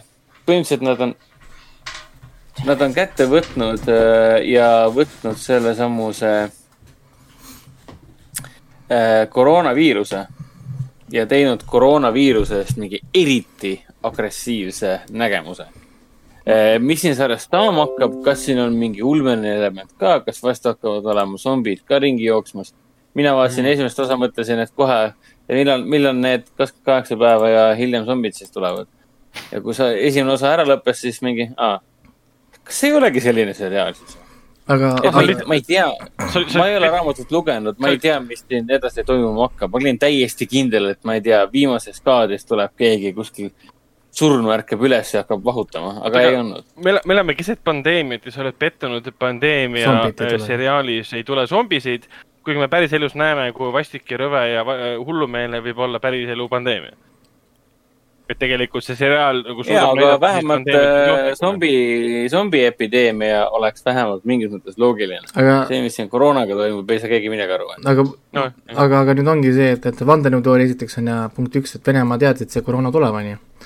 et siis oli nagu osa business, Mhm, business plan'ist, et nad tegid selle To the Lake ja, ja, ja Ja, siis ja. teine asi, mida meil alati nüüd äh, peale koroonat äh, filmides ja asjades enam keegi öelda ei saa, on see, et inimesed ei käituks kunagi nii idiootselt siis seda, seda enam ö- öelda ei saa ja ja nüüd tegelikult kõik inimesed peaksid ausalt minema ja kõik erinevad pandeemia ja zombifilmid uuesti üle hindama, sest äh, kõik äh, niisugused stsenaariumid, mis olid väga idiootsed, said nüüd kohe palju realistlikuma tähenduse, vaata. täpselt, nüüd on väga õig-, parim aeg uuesti asjad kõik uued, värske pilguga üle vaadata. et enam ei ole mõtet öelda ju ega- filmi või sarja kohta, et miks ta sinna läks või miks ükski inimene nii, noh, ei, ei läheks ju ilma maskita mingi kaitsekohtadesse või asjadesse, siis äh, täna me võime öelda, et enamus inimesi läheks äh, küll. jah, enamus inimesed läheksid koheselt vaba surma, et noh. kedagi, kedagi, kedagi, kedagi, kedagi takistada ei saa sest. see, sest see haigus ja zombi on ju äh, väljamõeldis. nii et jah, see kuulsite, te kuulsite siit, siit saatest esimesena, mitte keegi teine pole seda varem öelnud. Covid üheksateist on äh, välja mõeldud. kuule jaa, see on ju äh, täitsa on kohe ja, ja, ja ongi, ega see tõde, see on sama tõsi, kui see tõde läik on ju, nii et nii, nii niimoodi see käib. aga Hendrik, siis esimese episoodi põhjal sa vaatad kindlasti edasi ja oled asjaga rahul, nagu ma. jaa, esimese episoodi puhul, põhjal ma olen nagu konksu osas küll jah. väga pingeline, väga kenasti näideldud. kõik on väga Venemaa, juba esimese veerand tunniga oli viin laua peal, keegi jõi. kortermajad, suured äh, vene kambad, kes siis äh, jooksevad mööda öist äh, magalarajooni, magalarajooni kurikatega ringi, kõik on umbes niimoodi, et kui see üks kamp tuli seal mingi, et mis te siin teete, kuradi, andke meile süüa, siis ma mingi, ahah, see oleks nagu mina oleks praegu Lasnamäel. see on nagu, see on nagu Lasnamäel filmitud. see on nagu, mina eile Lasnamäel käisin Selveris. et noh, selles mõttes, aga väga tõsine seriaal, selles mõttes on väga tõsine seriaal. sellised, sellised siin nalja nagu sellist ei ole. et mina, mina olingi see, kes seal Selveri, Selveri, Selveris, Lasnamäe Selveris seal baaris käis ja aa, Ah, kusjuures nägi see, mul, ma korraks segan okay., sa tuletasid mulle ühe nalja meelde sellest Queen's Gambitist. üks No. üks äh, nali, tema, tema siis sõbranna on mustanahaline aktivist või noh, nagu nemad ise ütlevad, tema on siis see musta, mustanahaliste õiguste eest võitlev siis see äh, äär, äär, äärmuslane. ise nagu tunnistab seda. ja siis ta hakkab käima rikka valge mehega, kes on advokaat, vaata. ja siis see, siis see, siis see meie peategelane küsib ta käest ka, et kuule, aga kuidas sinu need äh, teised kaasvõitlejad suhtuvad sellesse, et sa käid äh, selle valge kräkkeriga, kes on veel advokaat ka peale selle, vaata. ja siis ta va- Mhm. vaata, vaatab, talle otsa, et kui nad isegi seda, seda nalja ei suuda mõista, siis äh, mul ei ole nendega midagi teha. et, et see oli niisugune päris, päris hea asi. tundus vä- vä- väga mitte Netflixilik enam. Et jaa. aga, aga kas me nüüd lähme kõige tähtsama osa, osani? jah, meie, meie, nüüd meie äh, selle, sellest sektsioonist tähendab. kas on Jah, nüüd, kas see on see, see asi, kas sa räägid sellisest asjast, mida minu Disney pluss äpp mul äh, soovitab, ma ei saa Playstationit tööle pannagi, et mul tuleks ette, et üks äh, sari on tagasi. jah, sarjaks on siis äh, Baby Yoda Show. Tei-, Jah. alternatiivse pealkirjaga on ta siis The Mandalorian. aga ma ei tea, kas keegi üldse nimetab seda Mandalorianiks, selle ametlik nimetus Baby peaks Yoda. olema ja tegelikult fännideks ongi, Baby Yoda Show. ei no mina nimetan seda lihtsalt man-, Mandoks. Mando Mando. Mando, and the Baby Yoda. tülikas tüta mm -hmm. Mhm. ja kaks idiooti. ma ei tea, kes see teine idioot on kolm, kolm idiooti on tegelikult kokku. Jah, aga igatahes Mandalooriani teine hooaeg eh, ehk siis üheksas episood, chapter, üheksas peatükk siis eh, tuli nüüd kolmekümnendal oktoobril Disney eh, plussi, mida me siis tänu, tänu Raiko mahitsusele ja ambitsioonidele ja kavandatele eh, viisidele saime, saime näha, sest Eestis Disney plussi endiselt saadaval ei ole. mingil põhjusel. episood, episood ise on viiskümmend üks minutit pikk, mis teeb sellest ühe kõige pikema siis äh, Mandalooriani episoodi. sest nagu me oleme rääkinud ka, siis Mandalooriani esimene hooaeg äh, võib-olla üllatas kõige rohkem sellega, kui lühikesed olid episoodid, aga kuivõrd palju nende minutite jooksul tegelikult nendes toimus. ja uues Mandalooriani episoodis, mis on teise hooaja esimene episood, toimub ka väga-väga palju. ja endiselt jätkatakse samas stiilis, ma ei tea, kas Raiko vaatas, vaatasid ära või? ei ole vaadanud, ma pole neid okay. Vaatan tema arvatavasti ma... ootan paar episoodi ja siis hakkan tulema tagantjärgi. no ega me, ega me Me nii kiiresti ei- ei pea väga sisuliselt, sisuliseks minema, sest ma, ma pigem täna, täna on alles, või noh, alles, alles täna tuli välja kolmekümnendatel, et enamik pigem- meie kuulajatestki pole seda jõudnud vaadata. ei, muidugi, ma pigem, pigem üldistan, et ta jätkab samas stiilis, et iga episood on nagu omaette lugu, omaette film, kus on siis selline overreaching arc loodud, kus sa saad aru, et see läheb kuskile. ja, ja mida ma pean ütlema uue episoodi põhjal, see ei ole otseselt, mitte otseselt ega kaudselt, see pole üldse spoiler, see on pigem äh, sihuke musing äh,. Äh, et äh, ta on järsku väga no heas mõttes Star Warsilikuks läinud äh,. selles mõttes heas mõttes, et ta ei ole muutunud, ah kurat, ma vaatan jälle seda Star Warsi, kus on kõik need korduvad asjad. pigem ta kasutab neid lahedaid elemente, mida me Star Warsis tunneme, aga esimeses hooajas neid asju oli väga-väga vähe, et kui sa Star Warsist midagi ei tea, sa üldse ei seosta Mandaloriani Star Warsiga, aga uues episoodis oli ütleme, siuksed musikaalsed cue'd, siuksed teatavad kaadrid, siuksed teatavad olukorrad jaa. meenutasid mulle. ja seal on hästi, esimeses osas Hmm. oli jälle hästi, palju siukseid callback'e. mulle tegelikult mitte hästi, seal oli üks Hmm. callback tegelikult, olgem ausad. see teeb veits sama murelikuks, et sa ütled, et siin on äh, Star Warsi vihjeid sees, sest mina äh, olin tegelikult väga suur fänn, et Mandalorian hoiab ennast eemale äh, Star Warsist või noh, nagu niisugusest Star Warsi stiilist mm., vaid tal on oma asi.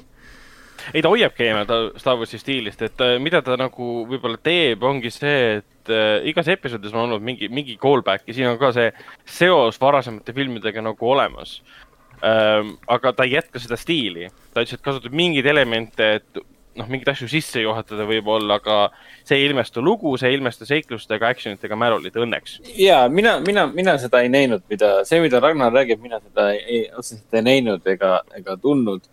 No välja, välja arvatud mõned seigad, aga samas see on- see ongi Star Warsist nagu tänu Star Warsile saabunud, nagu sündinud seriaal, et see, et seal midagi seekord ootamatult äh, liiga Star Warsilik on, on minu jaoks nagu pigem loomulik no eelmises, eelmises hooajas oli samamoodi, et kohati nagu vaatasid, et kuule, see läheb nagu liiga tuttavlikuks nüüd või? ja siis nad unustasid selle justkui ära, mingi läksid edasi.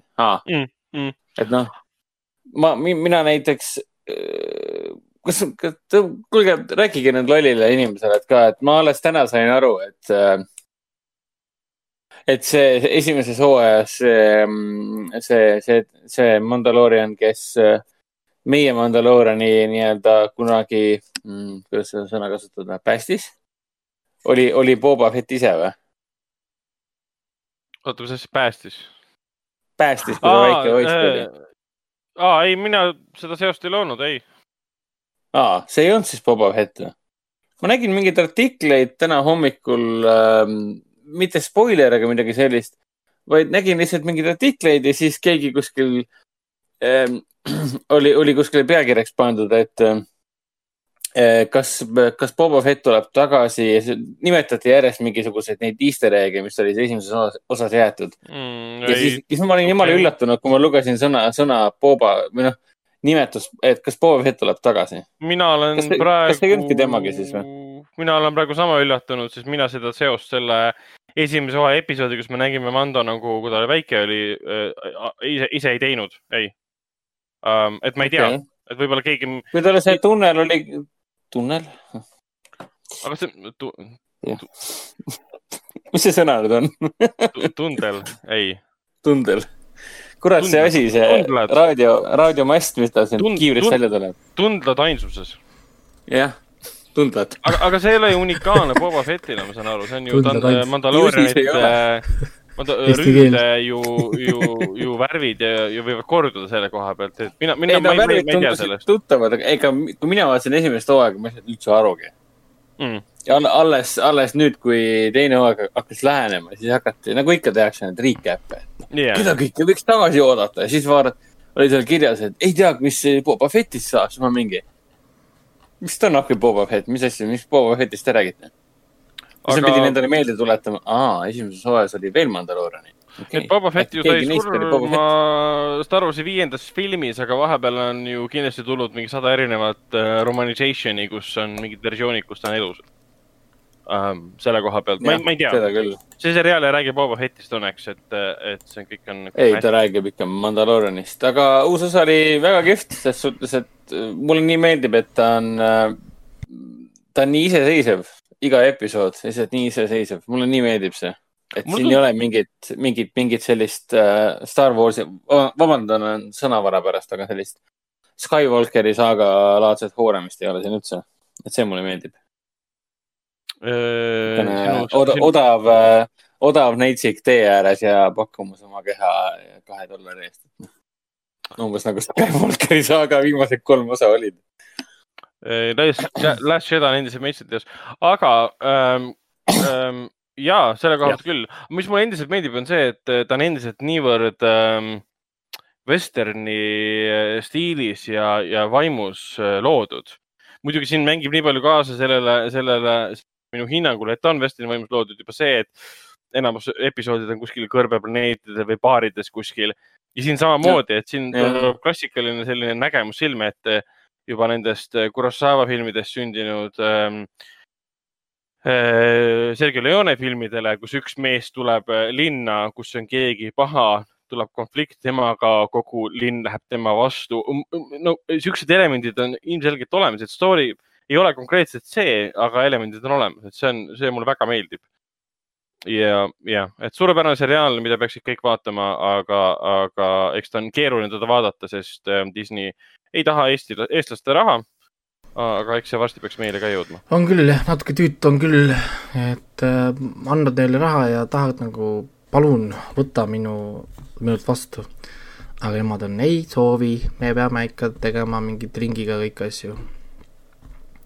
täiesti, täiesti arusaamatu, võib-olla PlayStation viie saabumisega äh,. kuule, siin on jah, siin on nii palju kuulujutte, et, et ma nüüd olen veitsa hoogu maha tõmmanud ja ootan, kui see masin reaalselt nagu saabub ja saab hakata uurima. kuigi ma nii palju saan öelda, et ma olen juba katsunud seda äh, masinat siit ja Ütle, ma- sealt, nägin ka paari äppi, mis seal on, mis kinnitavad ühte võib-olla suurt kuulujuttu, võib-olla mis meil, millest me ka täna räägime. võib-olla natukene korraks. kas seal on mingi oma streaming service peal või? aa, see ja, ja, ja ma saan aru, millest sa räägid, okei okay.. ma ei saanud aru, millest ta räägib. Raiko refereeris meie enda uudist, mida mina lisasin. aga sinna me varsti jõuame. ja, ja et siin jah. on ja mis ühesõnaga jah, siin no natukene kinnitati asju ja huvitavaid asju, et üht-teist on natuke toimunud, et äh, aga noh, kusjuures selle Mandalooriani, Mandaloorianiga on täna olnud küll niimoodi, et äh, kõik minu need igasugused miimiäpid on küll pinda käinud sellega, et jagavad lõputult nüüd äh, Mandalooriani esimesest episoodist tulevaid miime ja muusikaga seotud asju ja see yeah. uskumatu, et et kui raske on nagu vältida seda spoilerit, sest ma pole seda episoodi näinud, aga nende klipikeste ja ja, ja, ja kihvidega, meemid. ma olen, ma olen juba näinud mingi pool tundi sealt vähemalt ära, jah, sest Baby Yoda oli äh, väga mm, keskselt kohal, kuigi olgem ausad, ega ta episoodist episoodi otsa midagi ei tee kunagi, ta lihtsalt on umbes niimoodi, ta on nunnu ja teeb, ja siis ta teeb seda häält ja siis on tõlge pandud kuu. aa, issand kui nunnu. mingi roheline vana mees põhimõtteliselt, mingi viiekümne aastane hällis. Ragnaril oleks, äh, beebi. Ragnaril oleks äh, last vaja. mul oleks Baby Yodat vaja. ma vaatasin USA-s mingis poes müüakse mingi neljasaja dollari eest äh, elusuuruses Baby Yoda. no kui, kui see äh,, kui elu, see elu, elu suuruses. et, et Jaa, äh, noh, no kui sa, kui, kui sa tahad osta, sa võid alati ju sinna poe kanti minna rahumeelsele protestile, siis on võimalik saada tasuta. jaa, ütlen Black Lives Matteril on akna sisse, võtan kaasa Yoda. jep, okei Jah., järgmine päev eh, Ragnar paneb eh, Facebooki, et, et ta on kuradi Tallinna lennujaamas, sõidab kuradi New Yorgi poole. tulen tagasi, ma sain lapse. praegu teen talle äh,, teen talle, teen talle Instagrami konto, hakkan. sind lasta, sind lasta tagasi Eestisse, kui sa tuled Ameerikast äh, Covid kahekümne viiega sealt tagasi, ma ei tea, mis äh, Covidi, Covidi pealinn. haigus võtab, jah. võtab sealt äh, oo oh, jaa, oo oh, jaa.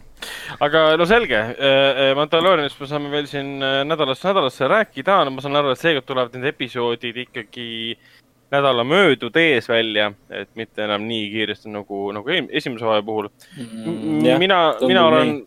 edasi vaadanud siin The Haunting of äh, Bly Manorit, ta on mul küll ikka aeglaselt läinud. et kui esimest hooaega ma vaatasin niimoodi, et ikka mitu, mitu episoodi jutti mul oli raske kinni panna, siis äh, kuues episood on sihuke palju, kuues, teine hooaeg tähendab, on palju meditatiivsem ja, ja rahulikum, mitte sugugi halvem tegelikult, lihtsalt teistsugune. Siis kuues episood äh, jälle tõmbas tuurid maha, et ma viiendast episoodist nagu ootasin niivõrd palju äh, tuuride osas ja, ja kuues jälle võttis aeglaseks. et, et ta meeldib mulle, aga ta on niivõrd teistsugune, et mul on teda raske võib-olla seedida, et eks ma pean ta lõpuni vaatama, mul on vist nüüd ongi kolm episoodi minna. siis ma saan lõpliku hinnangu anda. siis ma ma proovin hakkasin, ka kiiresti lõpuni saada sellega, et ma ei ma ei tea, miks ma, mul on sam-, mul ei ole kuuendani, ei ole veel jõudnud. No mul on, pool on vaadatud. Aga siis- siis- mitte sellepärast, et. siis ei saa ju väga hea ole olla ju. sellepärast. ei ole, Raiko, ära ütle niimoodi. et kui ikka, ära ütle nii hirmsaid asju. või siis tekitab mingi ükskõiksuse või, või, või asja, sest ma ei kujuta ette, et sa jätaks pooleli näiteks The Witcheri või midagi. et noh, kas oleks võimalik, et sa vaatad Witcherit kolm episoodi, siis ah, ma ei viitsi praegu vaadata või? ja, aga Witcherit ma vaatasin ka siis, kui ma olin äh, jõulupuhkusel ja seiklesin äh, Narvas ringi ja siis ho- hotellis vaatasin äh,, hotellitoas õhtuti vaatasin kõik Witcherid ära, et no mul, mul, mul jäi ju kus sa oled ja mis sa teed ka muidugi, et mul on siiamaani see Race by Wolves lõpuni vaatamata ja mulle see väga meeldib, minu arust see on fantastiline. On vä? ja mul on lõpuni vaatamata siiamaani, aga see ei tähenda, et oleks halb. see on lihtsalt see, et, äh, kikime Ragnari välja, aitab küll, aga mis. Oota nii, oota, nii aga- võtame lahti paneme mute. pane Ma võin, rääkida, panid, panid mute'i. Raiko jah, okei okay,, väga hea. ja, okei, Raiko, Raiko on siis uus saatejuht äh, ja jätkame siis ilma Ragnarita. võime teda trash talkida ka tegelikult, et nagu mis, mis värk see Ragnariga on ikkagi? veider tüüp natukene. see, et on tema mute ei tähenda, et tema meid ei kuule. kurat, Ragnar, sa kuuled meid, Oskar Raisk. oi, oi, vabandust, vabandust, vabandust. asi läks isiklikuks. mis värk selle. Ragnariga on, sa peaksid teadma kõike, mida ta mõtleb ja tunneb iga ettevõte ju saab sama asi ju. Mhm. ongi. ma olen sinu peas, onju. ma olen sinu sees. selles mõttes, et, et No. ükskõik mitu korda ma vaatan te seda, teie neid ekraane kõrvuti, onju, ma ei harju ikka sellega kunagi ära, et see on sama nägu. ik-, ik-, ik-, ikka on sama nägu jah, sama inimene. kuigi tegelikult, tegelikult, tegelikult olgem ausad, enam ei ole üldse, üldse sama näo ja häälega. kunagi olite. kunagi vanal ah, me olime veel vanasti, vanasti veel noored ja ilusad ka, nüüd on kõik vanaks jäänud. nii, Ragnar, sa tahtsid meile rääkida äh, aa, oot ma Asja tahtsingi on,, mida sa vaatasid. ma tahtsingi küsida sinu käest selle Secret of Sakara tuum kohta. jah, võtsin Netflixis ette uue dokumentaalfilmi, peaaegu kaks tundi pikk, Secrets of the, of, of the Saqqara Tomb, mis on päris, päris äge. lihtsalt, kuidas seal Egiptuse arheoloogid, egiptoloogid, tõlkijad, nende hieroglüüfide tõlkijad, eksperdid ähm, avastavad siis seal Wahdi, kes on siis mingi tähtis kuju, alguses hästi palju siis viidatakse, et keegi ei tea, kes ta on. leitakse Saqqara piirkonnas siis äh, hauakamber, mis on peaaegu et perfektselt, no mitte perfektselt, see on palju öeldud, aga ikka väga hästi säilunud. ja see on mingi üle nelja tuhande neljasaja aasta vana ja, ja seal on siis nende, tema, tema perekonna siis ähm, riis, või noh, säilmed on alles, selles mõttes maetud sinna igasugused erinevad kujud.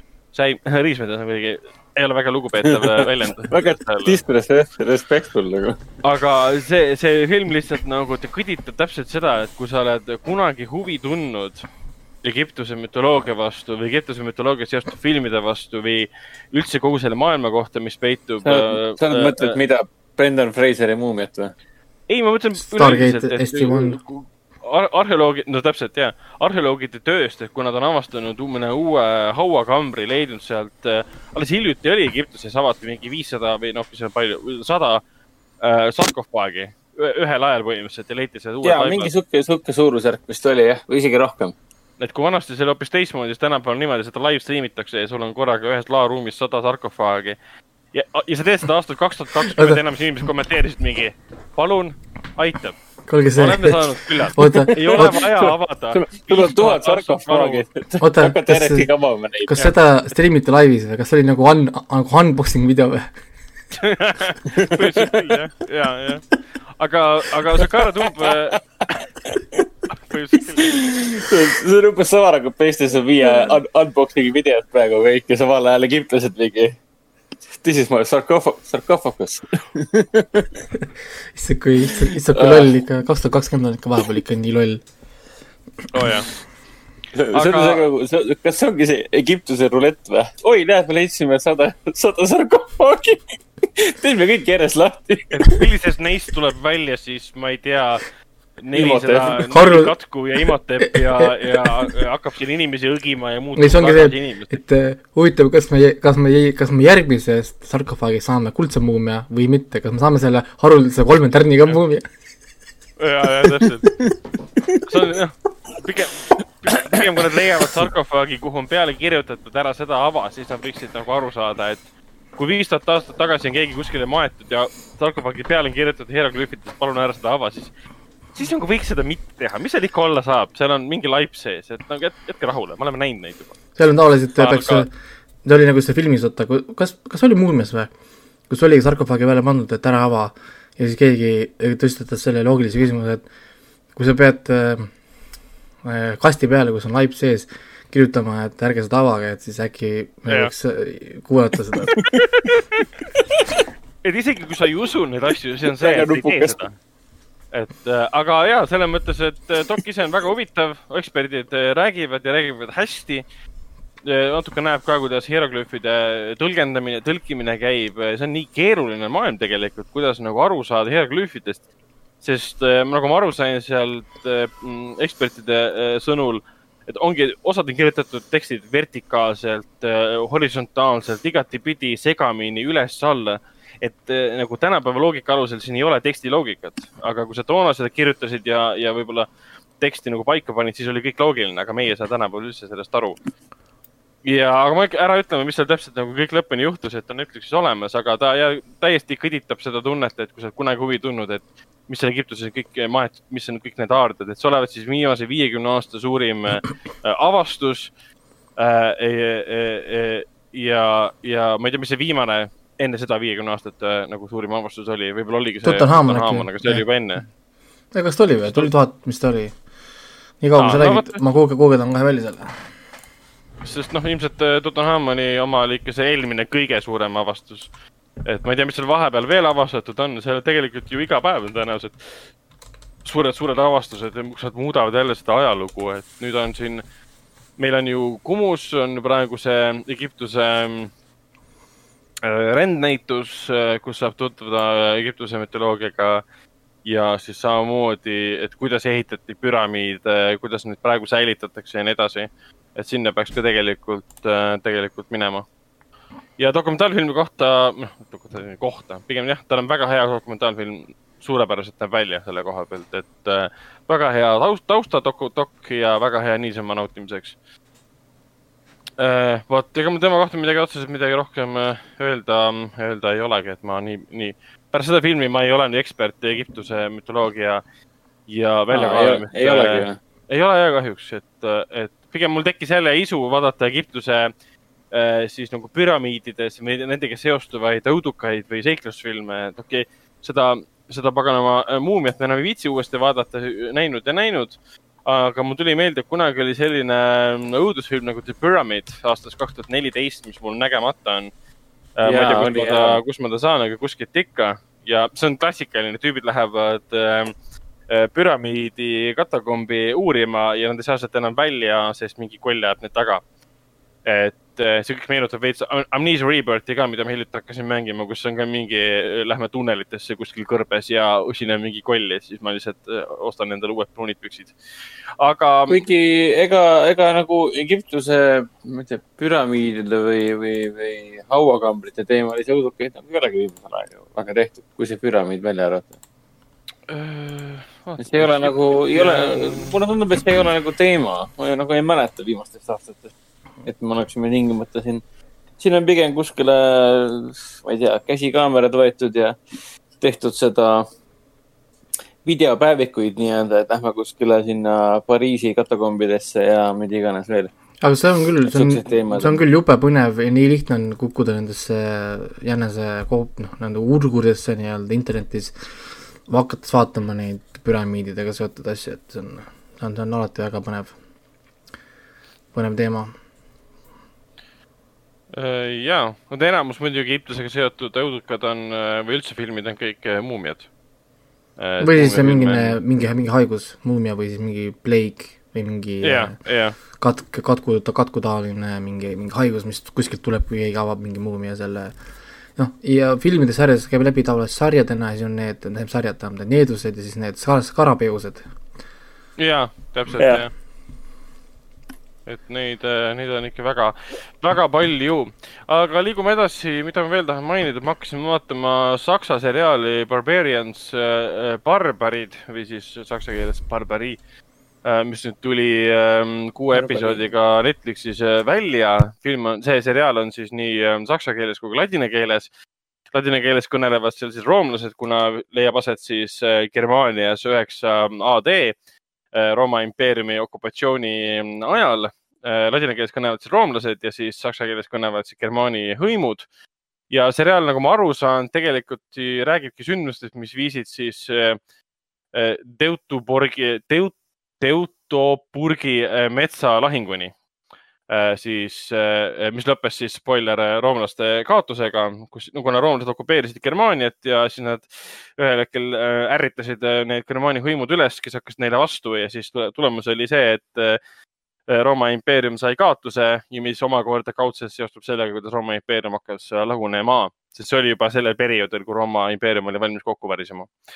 ja kuidas Aa, seda öelda? see, siin peaks siis olema see üks tegelastest peaks siis olema see, võib-olla nad jõuavad siis mingi siis teises hooajas sinna ka, et sest sellele, kas Roomale ju, Rooma, Roomale pani ju üks Rooma suurimaid vastasi tuli ju lõpp, kõige lõpus, enne kui ta lõplikult ära langes, oli ka üks mingi Germaani hõimu suur liider, aga ma ei mäleta enam, mis ta nimi on ma vaatan, et selles Barbarite, äh, selles cast list'is teda, seda nime mulle tundub, et ei ole.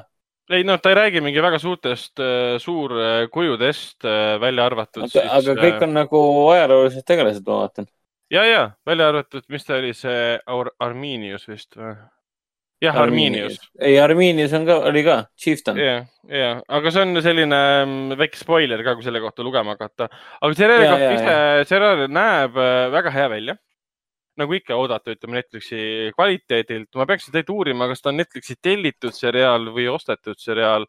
Netflix on üks produktsioonifirmadest, jah, Netflix tootis äh, kahasse siis Kaumantiga ja levitas seda. ja Aha, minu arust on. nii et see ei olegi varem kuskil välja tulnudki siis? ei, minu arust ta näeb, äh, noh, oodatult, äh, oodatult fantastiline välja eriti kui sa kujutad veel seda Rooma okupatsiooni aega ja Germaani hõime mis natukene häirib, on muidugi see, et teil on Germaani hõimud, äh, kes elavad hüttides ja palju jälle jooksevad seal ringi. ja, ja siis mehed on kõik, ütleme, vanemad mehed näevad välja nagu tõesti Germaani hõimu inimesed, et sa saad aru, et need inimesed elavad hõimudes sellel ajal, saad aru, et välimuse põhjal. ja siis tulevad mingid noored inimesed, äh, kes ilmselgelt on osad nagu peaaegu peategelased ja sa vaatad, mis nad näevad välja nagu modellid oma siniste silmadega, puhaste hammastega, kammitud juustega, et see natuke häirib. ja siis tuleb naistegelane, kes näeb lihtsalt pilt ilus välja, modell, kellel on ka hamba, hambad puhtad, soeng on korda tehtud, puhtad riided seljas ka veel, sa mõtled nagu, ma saan aru, et te tahate nad välja tuua peategelastena, aga see ei ole okei okay. ja see ei tähenda muidugi seda, et selle üheksa, üheksa AD keegi hoolitsenud oma välimuse ees, muidugi hoolitses. Mm. aga meie arusaam väli, välimuse ees hoolitsemisest on väga teistsugune võrreldes keegi, selle aasta. keegi kunagi küsis Viikingide saare kohta vist oli, et naised yeah., naised kandsid riinahoidjaid. aa, seda ma ei tea. ja, ja siis, muidu ja siis tõi välja lihtsalt, et lihtsalt nagu fakti, et, et see tuli palju hiljem, noh, naistel mm et aga noh, seal no. sarjas kõik äh, kandsid samu-, samuti, noh, muidugi see hoolitsetud värk, et pestud, pestud juustud ja valged hambad, et see on äh, noh, et seda ei näe isegi tänapäeval, noh, nagu no täpselt, jah. Et... aga noh, viikingid ise nagu nägid, nägid nii fantastiline välja ja need näitlejad ka tegelikult, aga siin natuke nagu pisikesed asjad häirisid. aga üleüldises mõttes äh, roomlased ise nägid kõik nagu räiged välja ja kui nendega võitlema ja kakle, kaklema asuti, siis äh, kõik väga usutav aga lugu põhimõtteliselt saabki jah alguse, alguse sellest, et ähm, roomlased siis okupeerivad Germaani alasid, nõuavad siis andamit iga, iga nädal või iga kuu ähm,, kuni see viib ühe traagilise sündmuseni, mil üks hõim otsustab äh, no nad saavad tõuke, ütleme pere, sellise hõimu noorematelt, kes ei, ei talu seda, et äh, roomlased suruvad peale nõudeid neile nende enda maal. ja siis üks hõim otsustab, et nemad äh, al alustavad nii-öelda mässu ja üritavad siis teised äh, hõimud sellega kaasa võtta ka.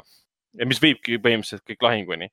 et see on väga üldine kirjeldus sellest, ma ei taha erinevaid detaile ära, ära mainida ja võib-olla kõige suurem selline keskne teema ongi, puudutab seda Armiiniust, kes, nii palju ma võin öelda, et see ongi nagu basic plotline ongi see, et sul on, sul on Rooma Garrisonis või kuidas neid nimetati, on siis üks äh, juhtidest, üks, äh, üks Garrisoni juhtidest on tegelikult kunagine äh, selle konkreetse Germaani hõimu liidri, selle hõimu liige ja siis selle liidri poeg ja, ja tema, tema nüüd Rooma, roomlane, kui ta roomlastes üles kasvanud ja võitleb siis roomlaste nimel.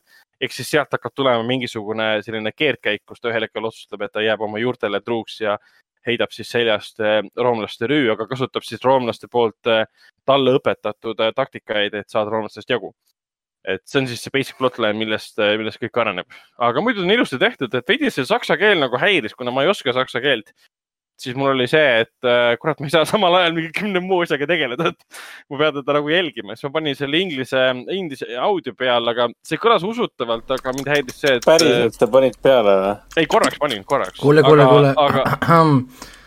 see, ma isegi ei oska öelda midagi, mul lihtsalt läks, jooksis kokku kohe, kui sa ütlesid, et sa panid ära originaalse audio pealt, et. ei, ma korraks no, panin, tahtsin, tahtsin, tegin seda viieks minutiks. Vene, Vene, Vene, see on strike two ja Hendrik. siis ta kadus ära neid sellepärast, et, et Telia, Telia mõtles, et sa räägid liiga palju. jah, ei, ma tegelikult panin jah viieks minutiks peale, et näha, kuna ma ei ole varem üldse pannud, ma ei ole kunagi Netflixis seda katsetanudki, et mismoodi ta töötab ja ta kõlab hästi, aga kui sa vaatad tegelasi kõnelemas, lihtsalt, et see, see, see suu, suu ei liigu see õigesti, see on, nii häirib tegelikult, et sisse minna asjaga. aga sa saad aru, et need inglise häälnäitlejad tegelikult on kõvasti vaeva näinud, aga see lihtsalt ei ole usutav, sest ta ei ole sünkroonis äh, sellega, mida inimene kõneleb. jah, et ma minu enda. mingisugune nii, ütle edasi, räägi mu lause. ei, ei, kui sa, lihtsalt saksa keel on kohati väga imelik keel, kui sa ütled mingi pika saksakeelse sõna, mis on mingi jumal teab mis, siis äh, ja samal ajal on see tõlgitud inglise keeles mingiks kolmeks erinevaks sõnaks, siis sa ju näed, et see ei tööta. no ja, et äh, nagu minu arust ainukene aktsepteeritav koht, kus inimene paneb dublaaži peale, on taikeelsed asjad, sest sorry noh, iga asi tai keeles lihtsalt on mitteusutav lihtsalt. ma lihtsalt ei usu neid ühtegi, ühtegi karakterit, kui nad räägivad ta, tai keeles. ehk siis sa nimetasid praegu terve rahvus äh,, rahvuskeelt mitteusutavaks? jah. Tilvidit. okei okay,, ma loodan, et me nüüd cancel ei saa selle peale, et ei, aga sakslastega on ju see küll, et nagu vaata, mingid lihtsad sõnad on olemas, et nagu ja, ja siis ma ei tea, kui meie keeles on päike ja siis on inglise keeles on sun, siis sakslastel on kohe mingisugune ich kommt nii sonne, no what the fuck no. Need on kõik liiga pikk nii-öelda. aga see on halb näide, see on halb näide sellepärast, et inglise keeles, saksa keeles ongi vist sonne on yeah. just päike. jaa, aga muidu ma saan aru, mis sa mõtled, see on see, mis on minu arust prantsuse keele mure, et äh, prantslastel on nii kiiresti räägivad, ehk siis nemad ütlevad mingi kolm sõna või neli sõna ja siis proovid seda inglise keelde tõlkida eesti keelde, siis sul on mingi kaheksa-üheksa sõna vaja. Siis mm -hmm. noh, eks siis need dublaažid näevad veidrad välja, kuidas nad proovivad nagu suruda seda teksti sinna samale nagu ajafraami või noh, fraami, issand jumal, eesti keel, oh my god, ajaraami Äh, mis, mis siis nagu on siis see prantsuskeelne kõne. nii et see on see dubleerimise masterclass alati ja Jaapanis on ka ju, inimesed vaatavad terve elu Jaapani animatsiooni dublaažiga, mis on minu arust äh, väga huvitav viis, kuidas seda teha mm.. Wow. aga jah, Barbarians on, on tore, ma esimene, esimene episood on vaadatud ja ilmselt vaatan edasi kriitikud pole tema vastu väga hellad olnud, öeldakse, et seda ei, kuidas üks pealkiri juba oli, et see ei vääri isegi binge watch imist.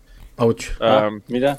päriselt või? Binge, binge vaatamist või järjest, järjestikulist vaatamist. mis on eestikeelne vaste binge, binge'ile? ma ei tea, sõltuvus või? ei ole järg äh.... pingeerimine. Pingeerimine, jah. kas sa pingeerisid selle sarja juba ära? ei, mina veel ei ole pingeerinud väga huvitav oleks tegelikult, tegelikult, tegelikult teada, mis on eestikeelne vaste. et kui keegi teab, palun andke meile teada, sest ma tahaks teada, kuidas oleks siis eesti keeles korrektne. mul on varem öeldud, et ma kasutan liiga palju neid ingliskeelseid sõnu, sest ma päev kirjutan tegelikult iga päev inglise keeles, siis mul on vahepeal nii raske nagu see sõna, mul ei tulnud enne meelde, kui ma ütlesin seda impressive. mul ei tulnud reaalselt meelde, mis on eestikeelne vastaja sõnale impressive. Et siis noh ma tahaks teada, kuidas on see binge imine või, või kuidas ma peaksin seda eesti keeles ütlema. kas me ütlemegi binge imine või? või, või, või mis on see nagu korrektne siis eesti keeles, et hoiame eesti keelt ikka elus, kasutame õigesti no,, siis oleks, oleks hea teada, kuidas. alati saab mingi väärtsõna välja mõelda ka vot, aga ma ütlen ära, et ma olen vaadanud siis veel, hakkasin uuesti vaatama sellist filmi nagu Oblivion, Tom Cruise'i ulmefilm aastast kaks tuhat kolmteist, see oli ka meie kinodes. see on Joseph Kosinski, väga huvitava karjääriga Joseph Kosinski lavastatud. Kosinski on see vend, kes tegi siis Tron Legacy, Troni filmile järje, ta tegi siis selle Only the Brave nendest tuletõrjujatest, mis ajad pidin nutma. ja siis ta on teinud nüüd ta hiljuti ja täpselt, nüüd ta tegi siis hiljuti viimase filmi Top Gun Maverick, mis on siis Tom Cruise'i Top Gun'i filmi äh, järg, mis tuleb järgmine aasta välja, üks nendest paljudest filmidest edasi lükati. ja Oblivion oli tema, tema teine film ja see oli omal ajal tegelikult üsna ala, alahinnatud, et kui esialgu välja tuli, siis ta oli noh, box office'is kukkus läbi. Saja kahekümne miljoniga ta tehti, kakssada kaheksakümmend kuus teenis tagasi, kriitikud ka temast väga nagu sillas ei olnud, ma mäletan, meil ka siin öeldi kuidagi halvasti filmi kohta aga ma panin ta lihtsalt sellepärast tööle, et ma nägin, et ta Netflixis on ja mul oli, ma, väga raske teda kinni panna, sest ta näeb, eriti yeah. kui sa vaatad 4K ekraanil äh, äh, hea valguse ja kõige sellega, ta näeb nii ilus välja, see on täiesti yeah., noh. mul, mul on muidu... see atmosfääri pärast on see film alati meeldinud, eriti see yeah. M kaheksakümmend kolme äh, loodud soundtrack. Joseph Trapanis oli vist selle soundtrack'i yeah. looja hullult pööraselt hea soundtrack'i ja seal... ülikaunid vaated ja see on nii hingepaituv film lihtsalt. seal kasutati isegi väga sarnast äh, tehnoloogiat, äh, mida praegu rakendatakse, robustsem versioon sellest, mida praegu rakendatakse siis Mandalorianis. et seal on, oli ka, kuna seal lugu leiab aset planeedil, mis, planeet Maal, mis on hävitatud ja siis viimased maal olijad, keda väidetavalt on siis nagu head inimesed, on kaks tükki kes elavad siis nagu pilvede kohal sellises, sellises majakeses, mis on ühendatud maaga, kus nad siis igapäevaselt, üks lendab välja, Tom Cruise, et siis hoolitseda droonide eest ja masinate eest, mis võtavad planeedilt maa veel viimase näiteks vee ära, mis võtta annab sealt, et siis ära minna planeedilt maa, kuna see on hävinenud. ja see, kuidas nad seda kujutasid, seda ja filmisid seda nii-öelda äh, äh, pilvede kohal olemist, kuna see on eriti valge ja eriti hele kõik oligi, kui sa vaatad võttepilte, võttevideoid, siis ongi lihtsalt see, et oli ehitatud seesama äh, tohutu suur 4K LED ekraanid nii-öelda oli pandud sinna ümberringi võtteplatsile ja sealt näidati seda siis, äh, mitte kosmost, aga siis pilveid taevast. ehk siis nad said mm -hmm. naturaalse valguse, mida tekitab päike pilvede kohal ja siis lihtsalt valgus ja nii edasi. see nägi kõik väga ilus välja filmis ka ja, ja lugu, noh, enamus inimesed teavad juba, millest see räägib kõik, et sul ongi Tom Cruise on üks, üks tehnikutest, kelle ülesanne on siis äh, hävi, planeet Maal, mis juhtus, hävitati juba mitu, mitukümmend aastat tagasi või isegi rohkem, mitusada aastat tagasi justkui, justkui siis äh, tulnukate, tulnukate rünnaku poolt, kes ühe, ühe, ühele esmalt hävitasid edasi kuu, mis kuu hävinemine omakorda tekitas äh, katastroofilised sündmused maal, siis looduses. Ja siis tulid sinna scavenger'id, kes siis hakkasid võitlema kõikide teistega inimkonnaga, siis. Inimkond pani vastu kasutasid tuumapomme ja siis see muidugi viis selleni, et maa on kasutuskõlbmatu, inimesed kolivad ära praegu on siis Maa orbiidil Titani nimeline kosmoselaev, kuhu inimesed on kogunenud kõik, mitte Titani, vaid Demet või Denet. Titan on siis uus planeet, kuhu nad kolivad. ja siis nad, viimane, viimane asi, mida nad planeet Maal teevad, ongi siis see, et nad korjavad ära planeedi nagu ähm, veel joodavad veevarud, et siis minna uuele planeedile. see on siis basic plotline, aga muidugi ta on see filmis võib-olla suurim miinus on see, et tal on liiga vähe lugu niivõrd pika ja ambitsioonika filmi jaoks. aga see lugu, mis on seal, ta on tegelikult siiras ja tore. ta on väga-väga klassikaline, kus üks mees teeb igapäevast tööd ulmelises keskkonnas ja hakkab ühel hetkel mõistma või tegi, tegi, pigem küsima küsimusi, mida ta ei osanud kunagi varem küsida. Eh, et ta ei saa täpselt aru, miks ta seda teeb, mida ta teeb, mis tegelikult juhtus, ta saab aru, et midagi kuskil tegelikult valesti, kõik need lood, mis talle on räägitud, ei vasta tegelikult tõele ja kuskil on mingi muu tõde peidus. ja see pööre, ma ei hakka seda ära spoil ima, et kui, Raiko, ma ei tea, sa oled näinud? ikka, ikka olen näinud, ma kunagi kirjutasin review ka, kus no. ma no, võt. võrdlesin seda natukene seda preemisid selle filmiga Moon. aa, no täpselt ja, kus on ka nagu üksik, üksik, üksik inimene põhimõtteliselt. Moon oli masterpiece mm ja, ja selle koha pealt mulle, mulle noh, teist korda vaadates ka väga-väga-väga meeldib, et mulle meeldib Tom Cruise'i näitlejatöös on näha, et see inimene, ükskõik, mis tema eraelus toimub, naudib näitlemist, ta naudib seda aktiivset rolli, mis talle on antud, ta naudib oma kuulsust. ja seda nagu igas nagu kaadris äh, näha, kuigi kohati on näha, et film on ehitatud ainult tema ümber, tema staari kuju ümber, aga see ei ole nagu isegi häiriv element, et Olga Kurilenkol on ka siin üks pisike roll äh, mitte, mitte pisike roll, aga noh, ta ei tee siin filmis väga palju peale selle, et ta tuletab Tom Cruise'i karakterile meelde, et me oleme tuttavad äh, konstantselt. aga siin filmis on nii palju võluvaid elemente toredaid asju, et, et seda oli tõesti raske kinni panna ja kes vähegi tahab, siis Netflixis on ta olemas ja ma ei hakkagi ära spoil ima kõike, mis seal toimub, aga see pööre, kui sa selle peale kohe ei tule, et igaüks tuleb selle peale, et mingi pööre on tulemas, aga see pööre oli päris huvitav. Äh, et mis konkreetselt seostub meie peategelasega. et äh, jah, selline, selline film vot, aga liigume edasi kino, kinofilmide juurde. nüüd kolmekümnendal oktoobril alustasid siis Eesti kinodes äh, sellised filmid nagu õudusfilm Tule mängima, Come Play, kus mängib Gillian Jacobs, oli Gillian, jah, oli küll.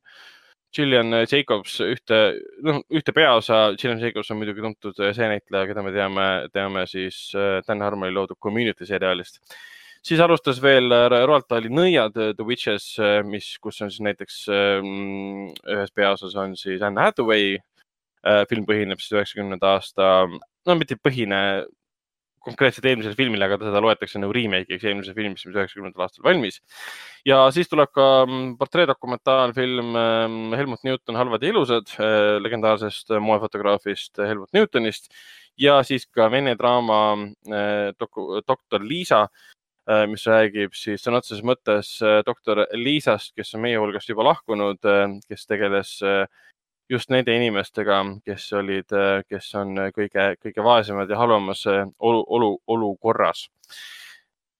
vot ja need olid siis Foorum Cinemas filmid. Artises, Artises linastub nüüd David Vsevivi dokumentaalfilm, Helen Lotmani lavastatud film meil nüüd kolmandal äh, novembril äh, on ka siis filmi produtsent Reisjör ja David Vseviov ise ka kohal, äh, tulevad publikuga rääkima. Ja loodame, et, loodame, et kõik sellega laabub, sest noh, siin on, on palju sündmuseid korraga toimumas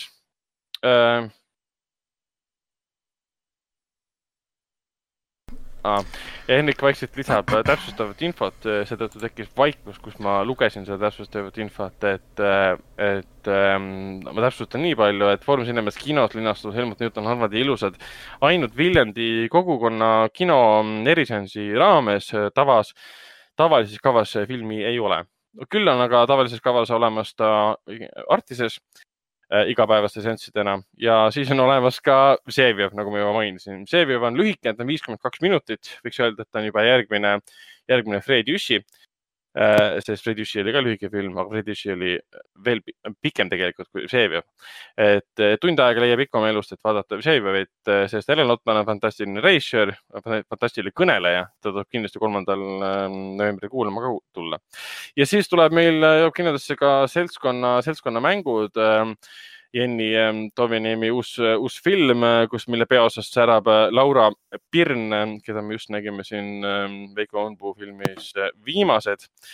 ja siis äh, meil alustas veel ka siis samuti doktor Liisa, Kreeka dokumentaalfilm Kodomat kohtas Wagnerit, mis on väga südamlik ja tore dokumentaalfilm tarmukatest inimestest, kes võtavad halvast olukorrast parima et sõna otseses mõttes kasvatavad tomateid äh, Wagneri abiga.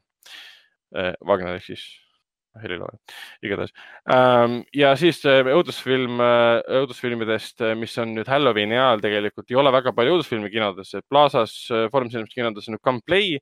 ütleme nii, et Roald Dahli Nõiad ei ole õudusfilm, ta on fantaasiafilm aga kuna koroona tõttu on tõesti Halloweeni ajal vähe õudusfilme, siis ongi Come Play ehk siis Tule mängima on Foorumis ja Artis kinos saab näha teine, teine lambuke, millest me rääkisime eelmises saates, kus peaosas, ühes peaosas särab siis Michelle Huisman, keda me teadsime siis droonide mängu Dario Nahalisena ehk siis äh, Second Sonide äh, juhina. film on väga, ütleme nii, et film näeb välja nagu The Witch ja, aga lugu on umbes nagu Midsommar ehk siis ta on, tundub nagu olevat hallides toonides, aga räägib siis kultusest.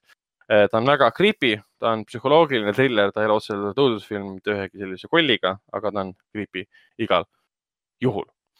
ja siis meil alustab nüüd neljandal, viiendal novembril juba esilinastused Päris ja, Päris ja tunnid. Persian Lessons, teise maailmasõjajärgsel ajal aset leidnud lugu neljakümne teisel aastal, kus siis üks Belgia juut pääseb natside poolt mahalaskmisest ainult tänu sellele, et ta valetab, et ta on justkui pärslane ja oskab farsi keelt. see paistab silma siis koonduslaagri üle, ülemale kes siis võtab ta enda kõrvale, et õpetaks talle pärsia keelt. aga no probleem on selles, et see, see inimene ei oska.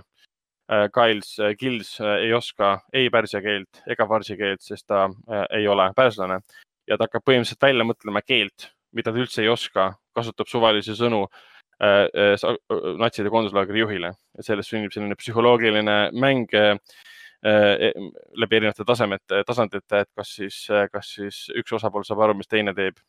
Ja see on fantastiline film, mis tuli väga ootamatult kinodesse. Mina jäin temaga väga-väga-väga rahule, soovitan ka teile. ja siis meil jätkuvad veel põleva tütarlapse portree seansid, mida nüüd saab näha veel siis laupäeval, laupäeval kolmekümne esimesel ja siis veel esmaspäeval, teisipäeval ja kolmapäeval siis rohkem filme ei linastu, ehk siis nüüd on viimased hetked mil saab seda näha.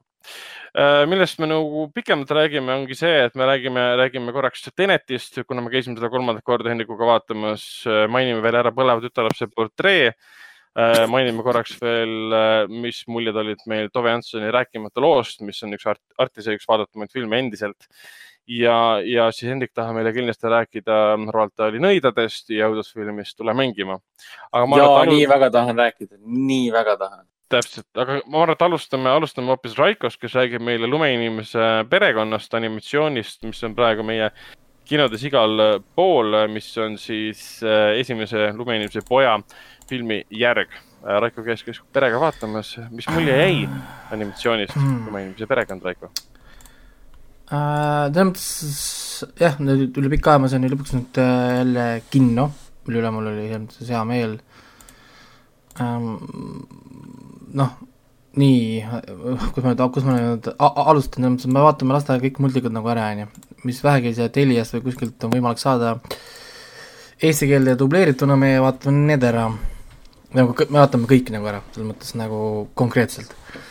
siis üks niisugune, mida me siis mm -hmm. kogu aeg uuesti ja uuesti oleme vaadanud, me oleme siis Teliale palju raha andnud, et seda rentida, tänaseks ma oleks võinud seda filmi muidugi ammu juba kolm korda osta, on ju on äh, siis äh, see lumeinimese poeg. Ja minule alati meeldiski sellepärast, et ta on väga lapsesõbralik. tundub veider asi, mida öelda, on ju, animatsiooni kohta, sest see peaks olema ju selline loomulik positsioon, kui sa teed äh, noh, animatsiooni. aga üllatuseks on nagu see, et kõik ei ole tegelikult üldse nii lapsesõbralikud.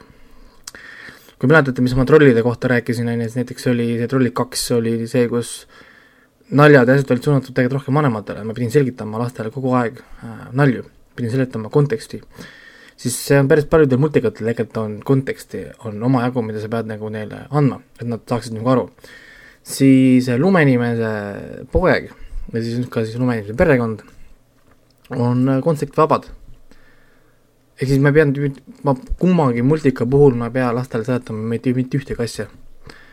kõik on iseenesestmõistetav ja loogiline. jah, kõik on mõistetav, et äh, ja, ja story on, või noh, story, narratiiv, lugu, lugu. on äh, väga lihtne.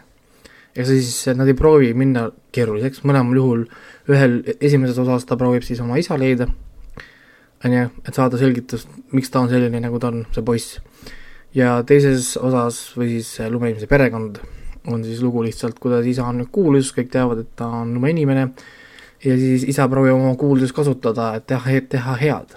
ja selleks ta valib siis Alaskal asuva nafta äh, puurimise äh, niisuguse nagu protesti, et takistada selle puurimist ja et põhimõtteliselt, et päästa keskkonda siis äh, nafta puurimisega kaasa tulevatest halbadest keskkonnamõjudest.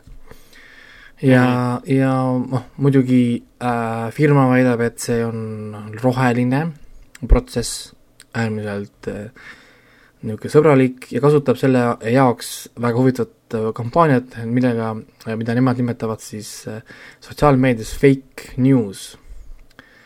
Mm.. siis nagu libauudis, ehk siis ja, ja kuidas siis selle firma juht siis konkreetselt ütlebki välja siin ühel koosolekul, et kui me piisavalt kaua seda korrutame, et meie protsess on roheline ja me näitame reklaame igal pool ja me tellime reklaame igalt poolt, kõik näevad neid reklaame kogu aeg, et me oleme rohelised, siis me lõpuks olemegi rohelised, olenemata sellest, mis me tegelikult äh, oleme. on ju, see oli väga huvitav, võib-olla niisugune kerge löök siis siin äh, reaalsetele sündmustele, mis siis erinevates kohtades maailmas toimuvad. ja, ja noh, muidugi see protsess ei ole absoluutselt roheline, see on äärmiselt keskkonnakahjulik, isegi rohkem kui muidu, sest nad tahavad kiiresti naftat kätte saada ja mida kiiremini sa tahad seda kätte saada, seda rohkem sa pead lõhkuma, hävitama, ühesõnaga paha, paha, paha. ja siis peategelane siis lumeinimene, äh, siis see doktor, kes ennast lumeinimeseks õigemini siis muutis, tema ei usu, et see on äh, roheline protsess, protsess ja läheb siis üks öö siis vaikselt salaja uurima. nii-öelda sealt läbi väravate alt ja, ja väga uhke niisugune tseen, kus ta siis kõike sealt luurab ja ja näeb seda protsessi ning kaob ära jäljetult. Tema videod kustutatakse Youtube'ist ära, mis läksid siis viraalseks. konto pannakse tal kinni, ühesõnaga, ja lumeinimene ongi kadunud mille peale siis äh, lumeinimese poeg äh,, siis äh, tema abikaasa ja esimese, esimesest osast tuntud siis need loomad, kellega siis lumeinimese poeg saab rääkida, istuvad suurde autosse ja alg-, algab seiklus, tuhandemiiline sõit äh, Alaskale ja siis äh, tuleb leida üles isa. mis juhtus? Ja sellest põhimõtteliselt film nagu räägibki.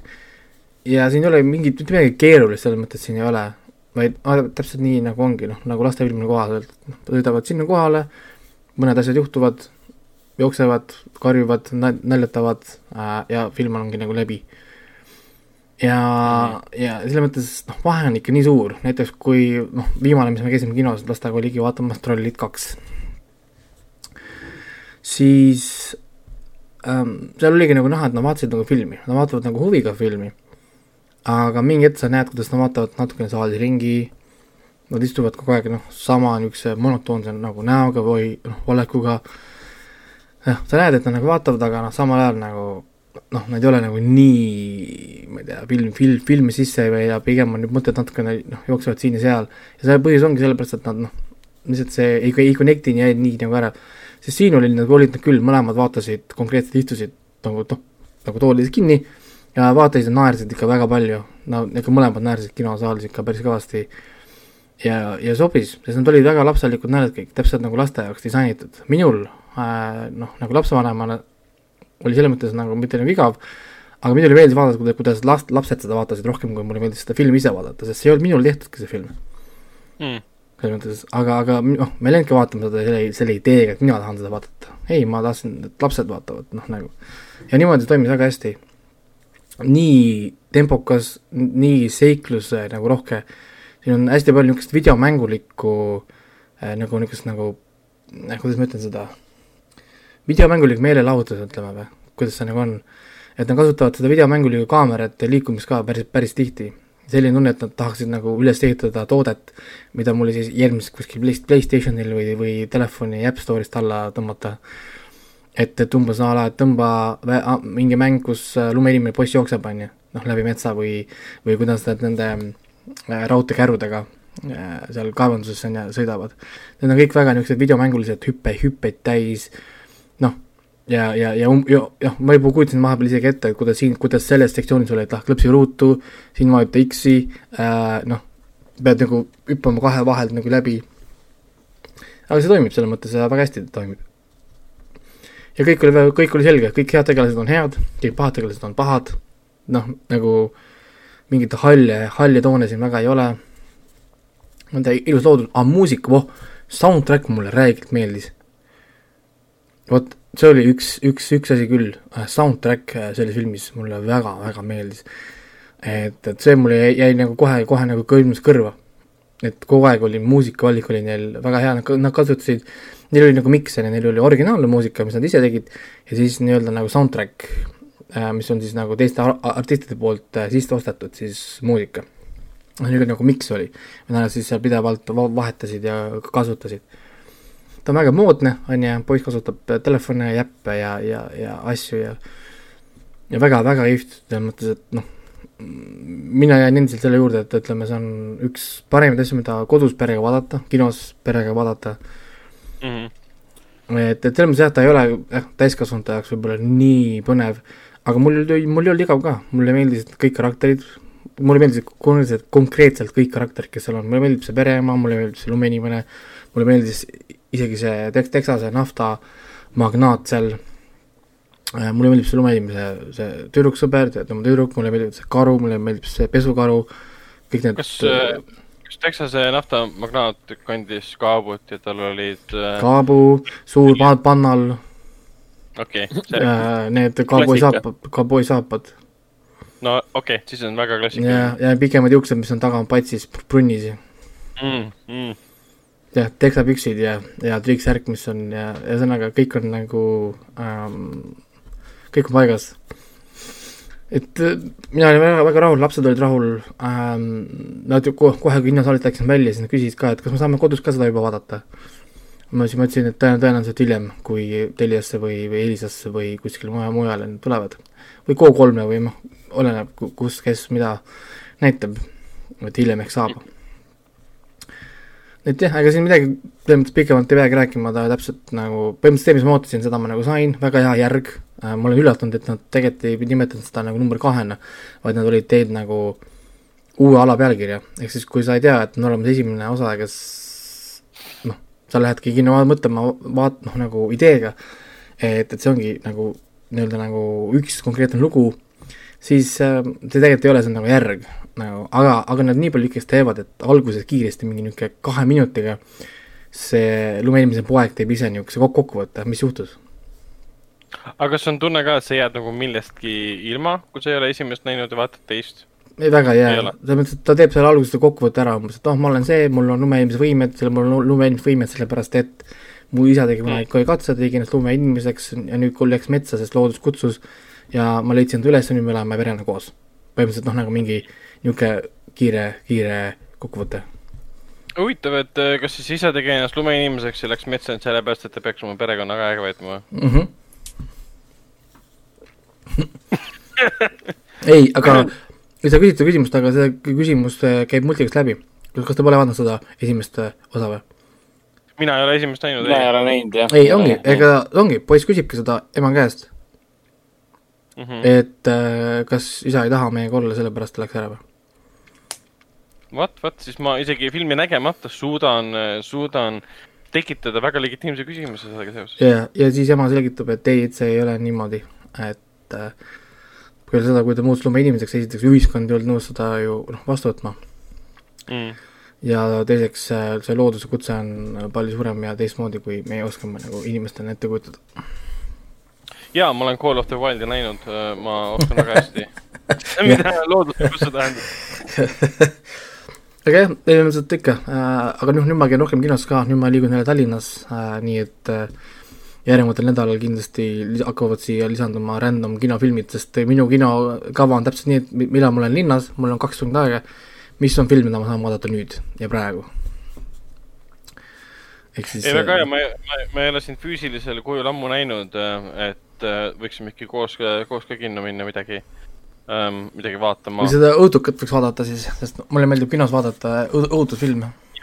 ja no Hendrik muidugi saab meile kohe rääkida, kas, kas on seal midagi oodata, et võime, võime äkki minna, lähme hoopis vaatama Artisest siis seda teist, teist laadi õudusfilmi, teine Lambuke. aga Hendrik, seda teist lambukest tahaks nagu rohkem näha, jah. Ai, ai, okei, väike, väike Spoiler. referents, väike väike Hendriku arvamusele filmist äh, Tule mängima ehk siis äh, Come Play. jah, noh, lugu on iseenesest päris vahva. filmi peategelane on autistlik väike poiss, kellel pole üldse sõpru. kas ta mängib malet? ei, malet ei mängi, aga mida ta teeb, on see, et ta vaatab kogu aeg käsnakalla kantpüksi äh, multikaid oma telefonist või tahvelarvutist. Et kogu filmi üks põhiteemaks ongi tegelikult äh, nuti, nutiekraanid põhimõtteliselt siis, on see vist õige sõna või? jah, nutiekraanid äh,. sest äh, ühel hetkel see meie väike autistlik poisikene avastab, et, et miski suhtleb temaga läbi tema nutiekraanide. ja see miski tahab hirmsasti, hirmsasti, no nii hirmsasti tahab tema sõber olla. Et kui tavaliselt me peaksime kutsuma siia noorsoopolitsei ja siis äh, kellegi kuskil äh, foorumis vahele võtma, teeseldes äh, väikest tüdrukut, siis äh, antud juhul on tegemist hoopis ebamaise olendiga kes, kes tahab tulla meie maailma. ehk siis mingis mõttes väga klassikaline lugu on kokku pandud.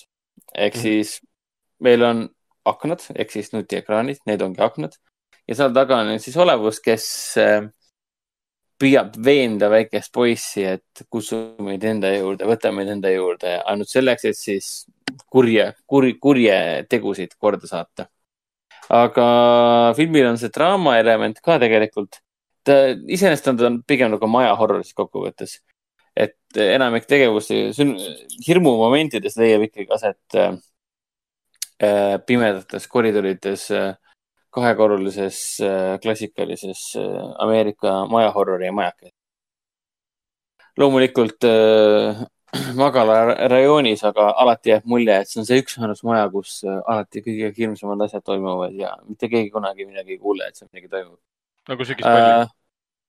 nagu sügispall või? mis asja?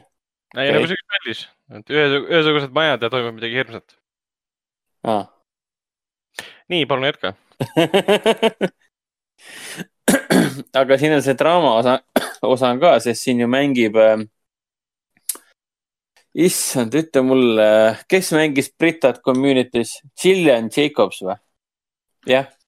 ja ma olen siis tema siin... nime siin tutvustuses maininud vähemalt. ja siin, siin peaosas on siis Gillian Jacobs Community'st äh, ja siis seesamune äh, John Gallagher Jr äh, Newsroomist. mina tean teda kõige paremini Newsroomist äh,. see on nagu head näitlejad tegelikult, pigem teleseriaalidest tuntud, aga vahepeal teevad ka siin filme innukalt ja andekalt äh,. aga noh, filmi, ta on kõige ägedam asi, mis selle filmi juures ongi siis see, et nagu, et hääl on antud äh, autistlikule peategelasele, see mulle meeldis iseenesest. sest äh, temal on see üks kiiks ka, ehk siis ta ei räägi filmi jooksul ta ütleb lõpuks vist ühe, ühe sõna või, või ühe mhm. lause tähendab. aga enamik filmis ta vaikselt tundab enda ette, olles ikka autistlik poiss selles suhtes ja ta suhtleb ainult läbi äh, nutitelefonis oleva äh, äpi. et ta valib sõnu, kui ta tahab kellegagi rääkida, siis ta valib sõnu, valib need kokku ja siis tuleb lause kokku täispikalt nii-öelda. et see ongi põnev, et sinu peategelane ei, ei räägi, sõna otseses mõttes ei räägi. ainult teistega ja robotliku häälega nii-öelda läbi nutitelefoni. aga noh, siin tulebki siis draama sisse, et ta on üksik poiss ja tal ei ole sõpru ja siis on tema vanematel on suured probleemid, isa on tööl kogu aeg ja ema on eluaeg pingutanud selle nimel, et oma autistlikku poissi õpetada, kasvatada, aga kogu aeg on väga raske ja siis tuleb mingi monstrum ka veel, kes tahab kurje, kurje tegusid korda saata mis puudutab õudust, siis ta on pigem, pigem igav, kui nüüd päris aus olla. sest ma olen ikkagi elus palju õudukaid näinud ja ma lootsin, et sellest gameplay'st ehk siis tule mängimast, tule mängimast äh, tuleb midagi, tuleb midagi erilisemat, sest mingid kriitikud juba kiitsid. Äh, aga siiski kahjuks mitte.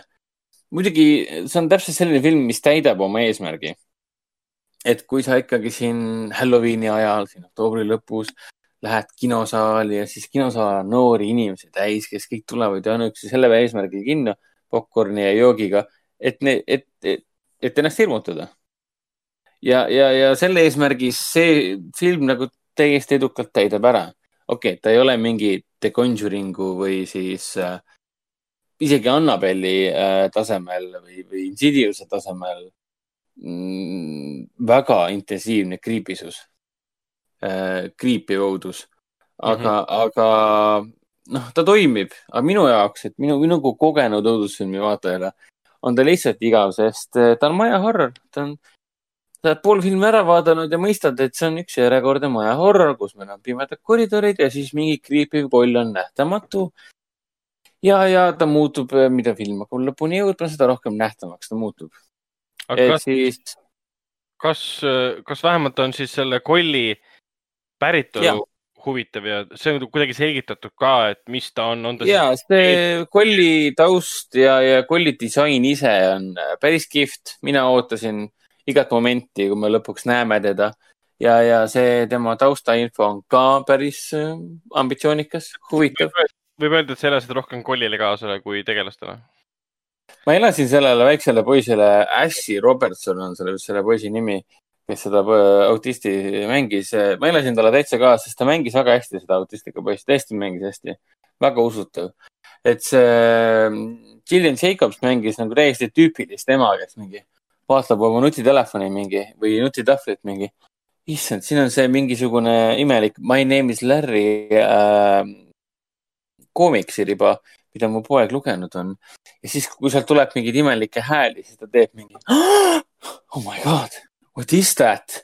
ja siis see kõik on nii nagu sihuke tunne ka, kui ta ütles seda ja vaatas samal ajal kaamerasse, et kui ta ütleb sellise klassikalise majahorrori eh, ema või isa eh, lauseid, kes lõpuks he's going, he's starting to believe moment nii-öelda, siis ma nagu mõtlen, et jah, see on täpselt sihuke, tal on vist endal ka naljakas, sest ta on ise ka vist elu jooksul õudusfilme vaadanud ja see kõlab nagu Mhm. väga tuttavlikult nii-öelda aga see poiss teeb väga head tööd, see koll on väga vinge ja, ja need õudusmomendid tegelikult väga hästi toimivad ja see draama osa nagu toimib ka. filmi lõpus on ka päris põnevad pöörded see, selle koha pealt, et noh, õudusfilmina ta on äh, sihuke mm, väga pehme värk nii-öelda, iga kogenud õudusfilmi vaataja, ma ütlen, pigem igavleb, aga, aga kui sa tahad äh, meelelahutust saada, siis film peaks nagu toimima tegelikult küll. kui sa oled vähegi nõudlikum meelelahutuse soovija, siis on, võib tekkida probleeme. ma arvan, et Raikol võib probleeme tekkida. ja Ragnaril ka, okei, aga nagu. probleemidest Aga no- rääkides, siis äh, hea, et sa mainisid Raikot ja Õudukat, sest Raikol on endiselt nägemata Antabellum. jah, seda enam ei jookse kahjuks. see on äh, homme, homme õhtul täitsa kinos olemas. ongi või? ja meil on äh, laupäeval on ju Halloween ja meil on Coca-Cola Plazas korraga seitse fantaasia ja, ja õudusfilmi. aga need on siis vanemad, mis on juba kavas olnud. ja me tõime Rong Pusanisse kaks tõime tagasi, siis see venelaste keelutsoon. Antebellum on tagasi, Scamplay on kinos, Nõiad on kinos, siis The Craft Legacy eellinastused on nädalavahetusel uh,. ja rohkem vist ei tohiks uldukaid olla. Antebellum on jah homme kell kakskümmend üks, nelikümmend viis. Antebellum mulle tegelikult väga meeldis, mida aeg rohkem mööda läheb, seda rohkem ta mulle meeldima hakkab ma-. ma tahaks, tahaks vaadata küll jah seda, aga kas ta pärast homset, tõenäoliselt pärast kolmekümne esimest ta rohkem vist kinos ei, filmi ei näe? ei, homme, mingi väike, mingi väike šanss on. homme peaks tegelikult sobima, ma iseenesest, nüüd ma saan ju jälle inimese moodi liikuda, et kuule, uued mutandid on ka siis kolmekümne esimesel, mul on see Ah, nägemata. vabandust, jaa, Uued mutandid on ka äh, tagasi kinos. ta juba Ai. siin äh, kooli vahel tuli tagasi kinno. et nüüd t- muidugi Halloweenil peab ka mutante näitama. Et siis, et siis loodame, et Raiko leiab selle hetke, et vaadata ära Antabellumit, siis ma tahan kuulda emba-kumba, kas tema räuskamist selle filmi teemal, et üldse ei meeldinud või siis hea film eh, ja, sest meie eelmine kord, mida me ütlesime, et ta on hea film, aga tal on teatud probleemid, aga pigem me jääme sinna yeah. hea, hea poole nagu äh, varju. huvitav on see, et sa mainisid seda Ashley Robertson Robertson, jah. Ja ta mängis seda perepoissi seal Marriage Story's. sellepärast ta ongi tuttava näoga või? jah, ta mängis seal seda perepoissi. ja teine asi ka huvitav, et äh, enne kui see üldse see gameplay välja kuulutati, mina nägin siin aasta tagasi seda lühifilmi äh,. viis minutit kestis Larry, kaks tuhat ja seitseteist., ja see, seda ma unustasin mainida ennem, jah. ja see on huvitav, et tüüp tegi lühifilmi Larry, mis ilmselt äh, äh, siis stuudiobossidele meeldis nii väga, kui ta pitch'is neile siis täispikka ja ta sai teha ise täispikka filmi, et see on selles mõttes eeskujulik, et sa näed vaeva, teed viieminutise lühifilmi, mis töötab põhimõtteliselt pitching una ja siis keegi stuudios vaatab, et kuule, see mees teeb ägedat asja ja andis siis õiguse teha siis täispikk film ka. aga Larry ise ei olnud väiksest lapsest ega midagi, see oli lihtsalt ühest mehest, kes töötab äh, klassikalises äh, parkla putkas ja siis ta ühel hetkel hakkab äh, Larry kohta raamatut lugema siis Larry tuleb tal akna taha. see oli päris creepy film, mina ehmatasin seda vaadates päris korralikult aga kas selle autor on seesama Jacob Sage või? tema Aisher, jah. aa, okei okay.. aga see o tõenäoliselt kõlab hästi, et see, see on umbes sama teema nagu selle, kusjuures kõige hullem sõimusõna, mis ma muidugi võin, see võib kõlada sõimuna muidugi, sõltub, kuidas teil on.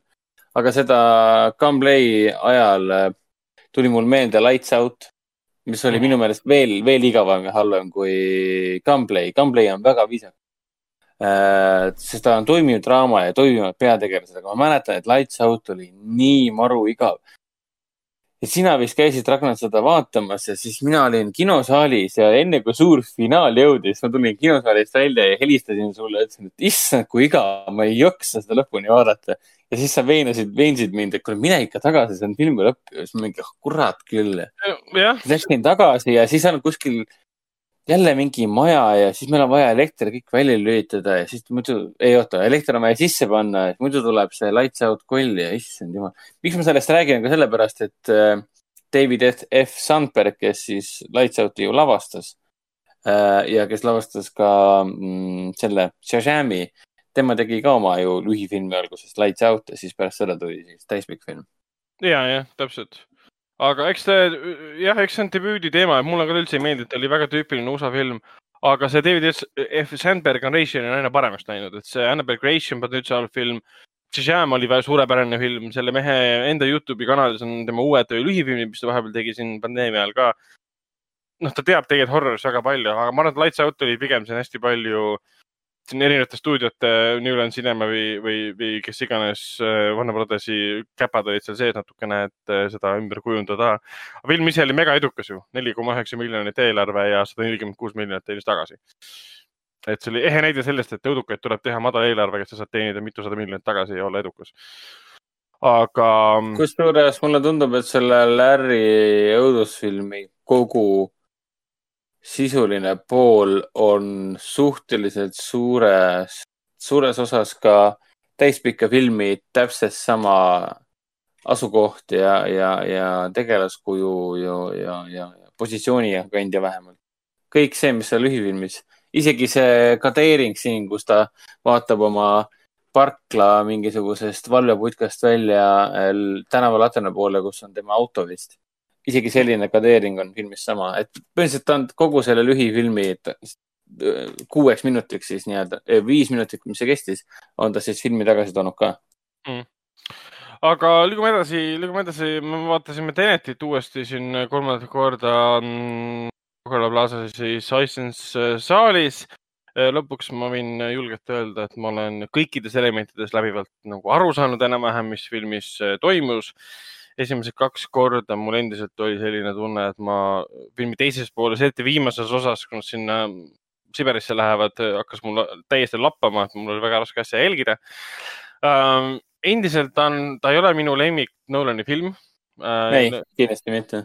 tal on võib-olla see, et, et ta nagu kirjutas seda stsenaariumit seekord siis ise või siis ilma oma vennata Jonathan Nolanita, kes on siin hõivatud Westworldi loomisega HBO jaoks ja nii edasi et tal on mingid eh, probleemid, et kui vanasti võib-olla Nolan selgitas rohkem asju, oma suuri eh, originaalideid, oma kontseptsioone, ta tegi selle rohkem loetavaks, eh, loetavamaks nagu vaadatamaks, siis seekord ta ei üldse ei vaevu, et siin on nii palju neid kohti, kus tegelased ütlevad midagi nagu mingi, mis see oli, see pincer movement.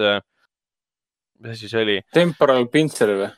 Öeldakse temporal pincer movement, kasutatakse seda lauses ja siis liigutakse edasi keegi rohkem midagi selgita, mul on see, et kus ma pean olema sõnaraamat, et aru saada, millest te räägite, et see ei ole tegelikult okei. Okay..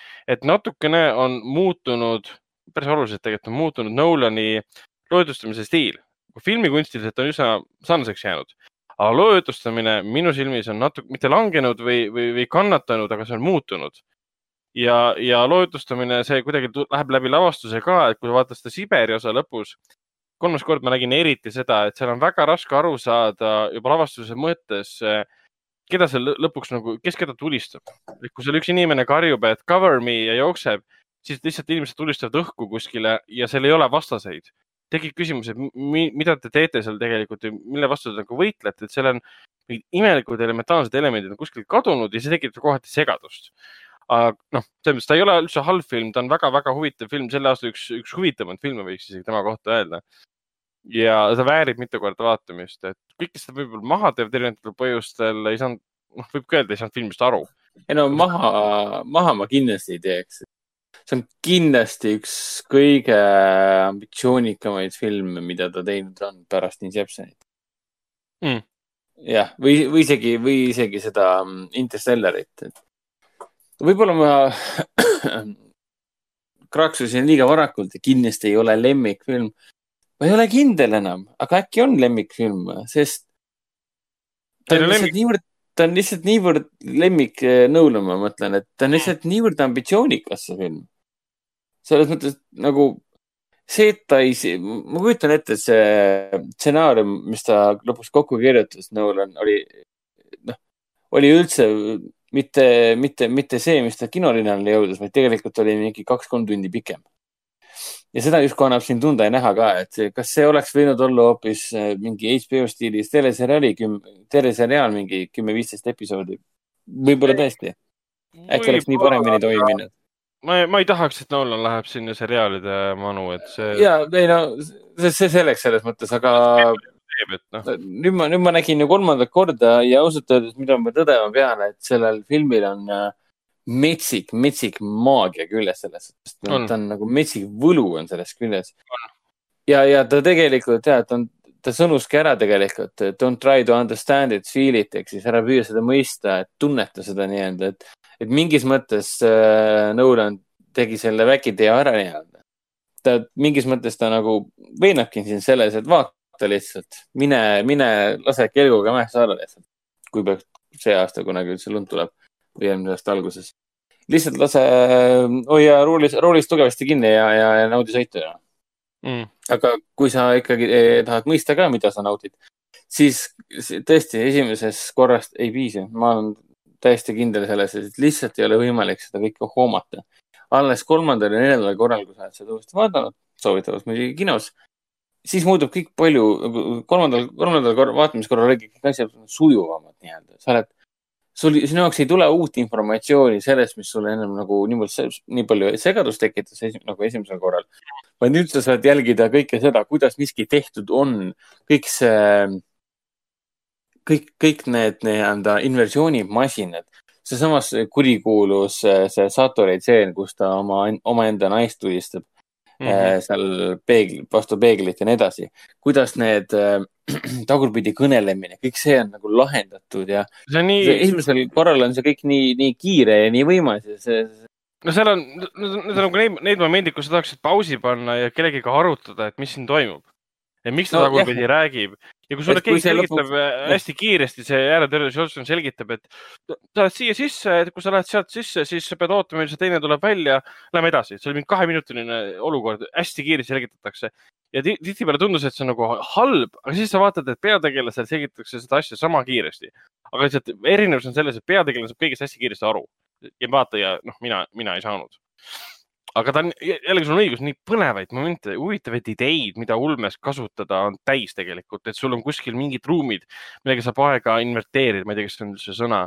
ja, ja nii palju, nii palju ägedaid ideid, et kasvõi see, noh, viimane vaatus Siberis, sul on kaks osapoolt, kes täidavad sama missiooni, üks õiget pidi, teine valet pidi. Ja see, kuidas see, nagu vähesed reisijad suudaks sellist asja üldse kokku panna, veel vähem siis kirjutada stsenaariumiks ja veel, veel vähem lavastada arusaadavalt. et ta võib-olla ei õnnestunud sellega sada protsenti, aga ma arvan, et keegi teine oleks teinud väga-väga halva töö selle juures. absoluutselt, selles suhtes, et nii nagu briljantne film, aga samas äh, kui ta poleks Nolani film, oleks kõik mingi põhimõtteliselt nagu vau wow,, milline, milline, milline, milline võimas film, saavutus nii-öelda mm aga kui ta, kui ta on Nolani film, siis kõik hakkavad automaatselt võrdlema sellega, mis ta varem teinud on ja siis kohe hakkavad see skrutiini tuleb peale. aga see ja, kõik on mõistetav ka. sellest Aga- sõltumata, ma ei tea, selle sajandi, selle, selle aastatuhande tõenäoliselt ambitsioonika, ambitsioonikam asi, mis on meie maailma tulnud pärast Jeesus Kristuse sündi. no aga vahe on selles, et, et Tenet on olemas. jah, ma tahtsingi sinna jõuda, et samas nagu Tenet on päriselt eksisteeriv film. mitte lihtsalt mingi muinasjutt. aga Kristuse pealt on oluliselt rohkem raha teenitud öö, kui Teneti pealt, et öö, Tenet on kolmsada nelikümmend üks koma kuus miljonit hetkel teeninud, eelarve oli kakssada. et film oleks öö, kasumlik, sest kui Vikipeedias on kirja pandud kakssada miljonit eelarve, siis sinna pole sisse arvestatud turundust. turundus võib olla veel mingi kolmkümmend miljonit. Ja ta peaks vähemalt kuussada või seitsesada teenima, et nagu täielikult oma eelarveraha teenida, pluss sama koguse veel otse teenida. Ja seda ei juhtunud ja Warner Brothers ise ju hiljem tunnistas ka, Warner Brothers juhid siin, AT&T juhid, et, et see võis olla viga, et nad lasid välja Teneti, sest see omakorda pani tööle sellise, sellise mm, all, noh, nii-öelda allakäigutrepi, kus väga paljud võtsid eeskuju, et me ei lase välja, sest isegi Nolan ei suutnud inimesi kinno meelitada äh, pandeemia ajal. Aga, aga räägime korraks siis ka mm, põleva tütarlapse portreest, et mina olen temast äh, rääkinud sellest filmist äh, siin saates, aga Hendrik veel ei ole. Hendrik nüüd nägi seda eelmisel, üle-eelmisel nädalal, et räägi natuke oma muljetest.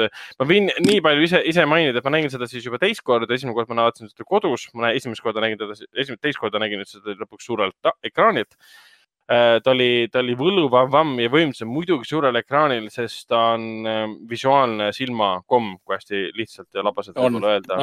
ta näeb välja on nagu tõesti. maalitud kunstiteos, seda peab vaatama rahvaga koos, siis sa kuuled võib-olla rahva ähm, Jaa. reaktsioone rohkem, helimaastik, eriti kuna selle filmi heli, ta ei ole küll vaikne, aga seal ei ole palju, ütleme, lärmakaid helisid ja kui ühel hetkel see nii-öelda lärm või siis äh, helinivoo tõuseb, see on hästi tähelepandav, see on hästi rabav moment, kus sa vaatad, issand, see on kau- kaunis film tegelikult. ja lugu tegelikult on Põlev töötualasse portreel äh, lihtne. lugu on siis, lugu on siis maalikunstnikus, kes läheb äh, ühte õukonna neiut, keda on määratud siis abielluma maalima äh, saarel asuvasse Häärberisse Äh, probleem on selles, et ta ei saa lihtsalt maha istuda ja panna tema siis poseerima ja hakata teda maalima, sest äh, tütarlaps äh, keeldub, ta ei lase ennast maalida, eelmised maalijatel üldse ei õnnestunud korralikult maalidagi, keha maaliti ära, aga nägu oli näiteks valm, valmimata.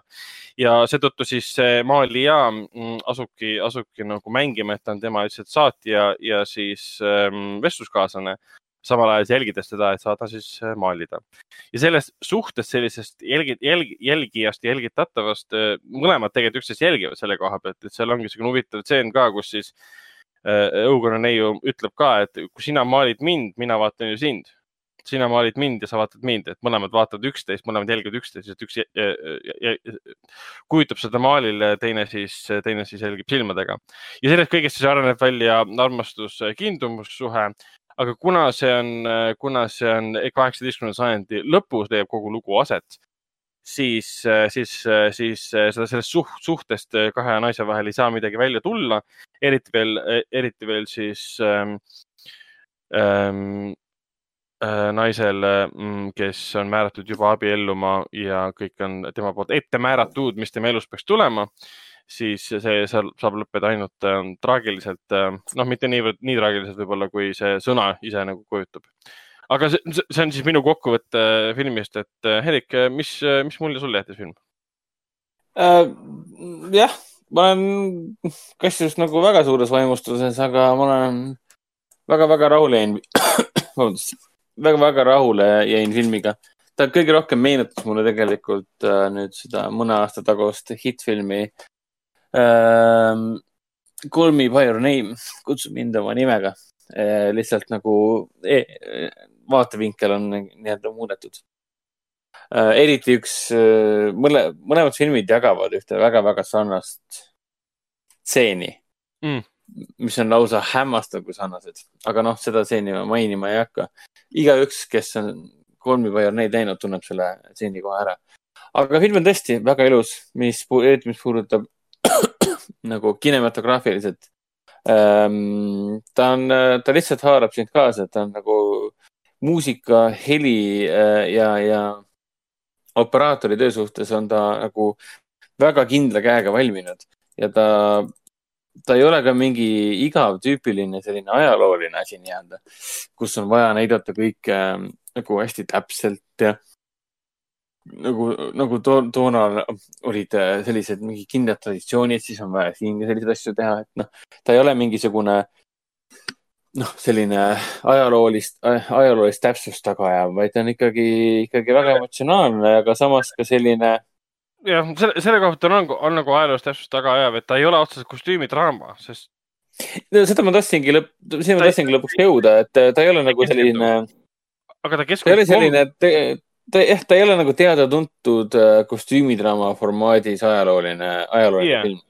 aga aga ta keskendub äh, käitumismallidele, keskendub kombestikule, kommetele, kuidas naine, tüdruk peaks käituma teise inimesega Jaa, koos, oma jaa. emaga, oma perekonna, kuidas teine tüdruk peab käituma ja kuidas see äh, kohustus ühiskonna poolt kaheksateistkümnenda sajandi lõpus, kuidas sa pead olema inimesena, loob tegelikult selle lõhe, kuidas inimesed ei saa tundeid väljendada, sest need, need on noh, nullist üles kasvatatud, nende vanemad ka juba, et, et sihuke asi on keelatud ja seetõttu see, see suhe ongi niivõrd huvitavalt kujutatud. ja, eriti veel need äh, võimsad näitlejad ka. see on täiesti crazy, mis näitles, näitlejannast siia valitud on. Adele Ha- Haenelli, kes, kes siis kehastab, kehastab Heloiisi, kes on siis see, keda maalitakse ja siis Noemi Merlant, kes kehastab Marianne'i, kes on siis maalija, malikunstnik. jah, täpselt neid nimesid ma mõtlesingi. ja täpselt, ma teadsin, et sa teadsid peast neid. nii, et aga jah, suurepärane, suurepärane töö näitlejate poolt ja mulle väga meeldis ka story, kurat, loo arenemine selles suhtes. lugu ise äh, areneb väga, väga pingsalt ja küllaltki kiiresti äh,. siin filmis on kuskil keskel ka üks väga hullult imeilus lihtsalt see muusikaline moment äh,. seesama, sedasama laulu saab kuulda ka minu meelest filmi treileris, vähemalt see treiler, mis on, mis on, mis on Artise koduleheküljel. jah, see on, et või on see rahvusvaheline treiler ja see laul on see niikuinii kuulda ja kosta? see on, see on, võib öelda, et rahvusvaheline treiler ka jah. jah, et äh, põhimõtteliselt, et see oli see, see oli see keskmine moment, mis nii-öelda, mis pani mind, see laulu, see muusikaline moment pani mind täielikult selle filmi ära armuma nii-öelda. et äh, ma võiks täitsa võrrelda teda Kolmi Pioneer Name'iga, et Kolmi mulle meeldib palju-palju rohkem äh,. ma ei tea, miks, aga tõenäoliselt sellise suvise, suvisuse pärast nii-öelda. kuna ta on niisugune lahtisem ja inimlikum ja, ja kuna see on niisugune prantsuse film ja siis nad on kõik siuksed noh, üksikul saarel ja külmad tuuled ja, ja, ja külm on niisugune kauge ja siis vaoshoitud emotsioonid ja kõik varjavad oma tõelisi olemusi ja tundeid ja nii edasi. aga sellest sõltumata väga vajalik film, mida siin tänapäeva Hel-, Helme ajastul vaadata siin Eesti rahval. kas viskasid, viskasid pu- pulki, pulki puid alla praegu või? Kes ma, mis, mis, mis, mis, mis, mõttes, sa kuulsid valesti, ma ütlesin äh, helbekeste, ma ütlesin lume, lumehelbekeste. Helme. mitte Helmekest. ja et äh, ma just vaatasin aknast välja ja lumehelbekesed hakkasid, hakkas langema.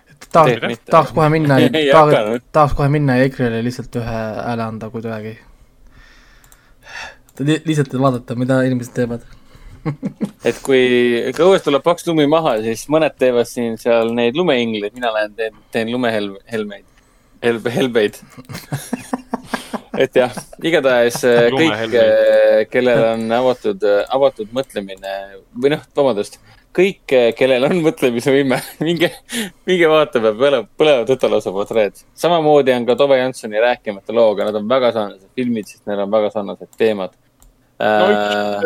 ütleme, et kui põlevale tuleb see portree on otseselt, otseselt ähm, kahe naise suhtes sellel ajal, siis Tove Janssoni rääkimatu lugu ei ole otseselt ähm, tema suhetest naistega, see on tema loomingust ka.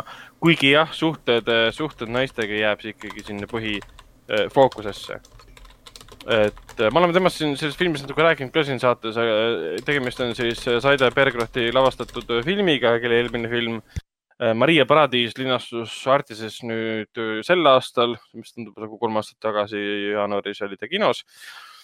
Tom Hanson muidugi siis Muumide looja, Muumide maalija, joonistaja ja raamatute autor ja film siis Alma Pöisti peaosas kujutabki tema elu noorest kunstnikust, kus ta tahtis olla kunstnik selline, nagu tema isa soovis, et ta oleks, ehk siis traditsiooniline ja klassikaline tema tahtis aga midagi muud ja see muu väljendus siis äh, muuhulgas ka Muumides ja muuhulgas ka isiklikus elus, mida toona muidugi jälle, jälle nagu meile äh, Tove Jansoni vennatütar äh, siis esilinastusel, kinnisel esilinastusel artis rääkis ka, et toona oli see kõik isegi seadusega keelatud, naistevahelised suhted et kõik eh, Soome meedia nagu teadis eh, sellest, aga otsustati sellest mitte rääkida, sest seda asja austati ja armastati niivõrd, eh, niivõrd palju. aga film ise mõnevõrra on selles mõttes väga mm, traditsiooniline biograafiline lugu, mida lihtsalt ülendab fantastiline osatäitmine Alma Piosti poolt, kelle kohta ma hiljem lugesin ka, et ta on Soome teatris mänginud varem ka Tove Janssoni, et see pole üldse imeks pandav, et ta uuesti nüüd mängis seda ka filmis, et see on täiesti, täiesti, täiesti loomulik äh, samm äh, tema karjääris. ja, ja kindlasti, keda ma tahan kiita, on äh, filmis on Krista, Krista Kosonen, keda viimati sai samuti sel aastal näha Koerad ei kanna pükse Jukka-Pekka Valkepäe filmis mis tuli ka siin enne, enne koroonat äh, välja, kus ta mängis seda Dominatrixit. Äh, ja siin Tove filmis ta on niivõrd silmapaistev, ta on, ta meenutab mulle natukene siis äh, põleva tütarlapse portree seda Marianne'i ehk siis Noemi Melanti mm, karakterit ta on hästi selline salakava karakter muidugi, kes põhimõtteliselt tema karakter ongi siin selleks, et aidata siis ähm, Tovel läbi elada erinevaid olukordi, nii häid kui ka halbu, et ta nagu leiaks ennast, kes ta inimesena ja kunstnikuna on. aga Hendrik, räägi, räägi enda muljetest äh,. ma jäin väga rahule, sõltumata sellest, et äh, otseselt muumide loomisest nagu midagi teada ei saanudki. kuigi mulle meeldis see, kuidas ta terve filmi aja tegelikult seda mm, muumide tegelasi ja, ja, ja neid lugusid tegelikult lõi. muud jah, noh, scratch'is nii-öelda, sketšis. Äh, samal ajal, kui ta elas oma, oma tormilist elu nii-öelda. mulle see tegelikult väga meeldis ja see mõjuski palju loomulikuma tegelikult. aga miks ma ütlesin, et midagi teada ei saanud, oli noh, midagi väga konkreetset meile nagu ei öeldud tegelikult,. et ma, nüüd ma pean ikkagi ise lugema sellest, et kus, kust see muumi tuli ikkagi, et oli, oli see siis nii, nagu filmis oli kirjeldatud, et lapsepõlvest saadik kuskil äh, kaustikutesse joonistatud, mille kohta, jooni, joon, mille joonistuste kohta alati isa ütles, et see ei ole kunst. ära seda küll tee. kuigi mulle see suhe tema isaga seal, kuidas seda oli kujutatud, seda oli küll vähe, aga ta oli väga selgelt äh, välja joonistatud, see mulle nagu väga äh, meeldis, kus tema isa siis esindas kõike seda, mis on, oli nagu toonases Soome ühiskonnas teise maailmasõja ajal hästi traditsiooniline, isa oli skulptor, kõik armastasid teda, ta sai Soome instituudilt, äh, riigilt äh, raha, toetusi, ta oli kõigega hästi ja tütar samal ajal tahtis olla teistsugune, ei saanud riigilt raha, ta oli vaene, ei tahtnud isa armust ega toetust. isa oli seetõttu siis tütre peale ka vihane ja iga kord ta tegi siis maha, et õige kunstnik ei joonista mingisuguseid olendeid kuskile paberile, õige kunstnik teeb maalikunsti ja siis ta tegelikult Tove nagu teeniski, ma ei teadnud tema elust niivõrd palju, et see oligi nagu huvitav, et ma, et saingi nüüd teada, et ta oli tegelikult maalikunstnik ka ja ta oli noh, muidugi kirjanik ja, ja, ja illustreerija ja et Muumid said alguse rahvusvahelise, Muumide edu sai alguse rahvusvahelises lehes ähm, iganädalase äh, koomiksina näiteks, et see oli ka uus info minu jaoks. ja siin infokild tegelikult, äh, kui sa soovid midagi saada, siis Tove Janssoni elu kohta teada, infokild tegelikult jagus, olgugi nendel kõikidel väga nagu põhjalikult nüüd ei, ei peatutud. aga see isa, isa roll ähm, töötas äh, nii näitlejana kui ka siis äh, loo mõttes, eriti lõpus. see oli minu arust väga, väga liigutav äh, kui ta sai, noh, pärast isa lahkumist äh, sai teada, et isa oli siis äh, väike spoiler siis äh, kogunud siis äh, tütre, tütre koomikseid ja joonistusi mis on igal pool ilmunud ajalehtedes, nende väljalõiked olid tal karpi kogunenud. et ta tegelikult oli tütre üle uhke, aga kuna ta oli nii tõre ja vastik tema vastu juba olnud, siis ta seda kunagi talle ei väljendunud ja siis Tove näeb, et yeah. Isa tegelikult muidugi armastas teda, sest ta on ju ikkagi isa. no tütre isa muidugi inimene armastab. võib-olla ta ei suutnud üle olla mingitest asjadest, nii nagu Tove ise ei suutnud üle olla teatud asjadest, ta oli väga põikpäine kohati um, jah, väga ilus film, mida praegu Artises meeletult, meeletult hulgal vaadatakse. Artises üldse on kõige vaadatud. äh, kinodes ka. ära, ära, ära räägi Kus... ei, Tove jookseb meil äh, väga kenasti koos kuidas... selle järgmise ringiga. mulle praegu... meeldib, mulle meeldis, kuidas te tegite praegu selle, äh, kuidas teil oli üleminek, et kõigepealt Hendrik ütleb, et ei ole nagu Äh, et, et isa ütleb Tove piltide kohta, et need ei ole nagu kunst, et need pole korralikult tehtud ja siis Ragnar alustab oma juttu, et kuidas isa äh, on nii selgelt välja joonistatud. No nagu filmis. okei, ja, ja, ja. ei, see on sõnakasutus on äh, hämmastav selle koha pealt ja ma olen sinuga nõus. et et äh, ja, ja. et Tove on tore, tore on ta, tähendab, oh jumal Tobe on tugev film selle koha pealt. aga, aga, aga pigem, pigem jääb ta sinna sellesse, ma ei tea, Skandinaavia alažanrisse või, sinna, kuhu kuulub ka Astrid Lindgreni iga äh, rääkimatu lugu. Lindgreni film mulle meeldis rohkem tegelikult, et äh, aga need, nad on sisuliselt täpselt samasugused filmid, nad räägivad, räägivadki tegelikult selle rääkimata loo ära. et väga lihtne oleks rääkida ainult sellest äh, seda, mida sa tahad näha, aga ta räägib sulle seda, sellest, mida, mida sa tegelikult peaksid teadma no.... ma praegu tegin, tegin Nolani Dark Knighti referentsi. Aa, ja täpselt. aga ei, selles mõttes, selles mõttes äh, Astrid Lindgreni rääkimatu lugu ja Tove Janssoni rääkimatu lugu on tegelikult äh, Skandinaavia, Euroopa autorite äh, shared universe filmid, et ühel hetkel siis kümne aasta pärast tuleb üks film, kus need kõik autorid saavad kokku omavahel ja siis hakkavad Thanosega võitlema või midagi Ehm, see võiks isegi, isegi juhtuda, aga Unga Astrid ehk siis ähm, Astrid Lindgreni lõppematu, rääkimatu lugu. See, see mõjus mulle emotsionaalselt muidugi oluliselt võimsamini, eriti, eriti lõpus, kui see vaene Astrid Lindgren oli kõik oma elus läbi elanud, mis ta läbi elama pidi. Siis lõpus oli see laste koori esitatud äh, lauluke äh, mis läks nii hinge mulle, et see oli nii tore, kuna seal olid inglisekeelsed tõlked ka juures, siis kuidagi toetas filmi väga hästi. aga Hendrik, räägi meile, räägi meile nõidadest, räägi meile Roald Dahli äh, nõidadest, mis on lavastatud äh, Robert Zemeckise äh, poolt, mille peaosades on nüüd Anne Hathaway, Octavia Spencer, Stanley Tucci. siin löövad kaasa veel näitlejatest, keda ma tean, ega rohkem midagi nojah, aga ja, et siin Robert Zemeckis, me oleme siin paar aastat tagasi juba rääkisime ka, et eh, mis selle mehe karjäärist on saanud. Eh, ja siin tegime väikseid ennustusi, et kas siis, eh, kas siis ähm, Witches on järjekordne tagasiminek äh,, nii nagu seda oli näiteks Welcome to Marvel. no päris selline tagasiminek ta nüüd ei olnud, aga, aga ütleme niimoodi, et siin selles Witchesis, Roald Dahli nõiad siis Äh, sa ei tunne küll seda Robert Zemeckistelt ära.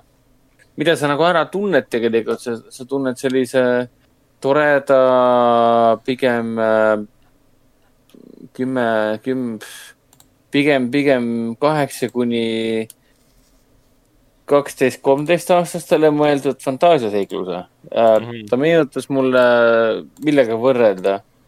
Mm, üks oli see Goosebumps kaks oli näiteks üks, mis nüüd paar aastat tagasi oli.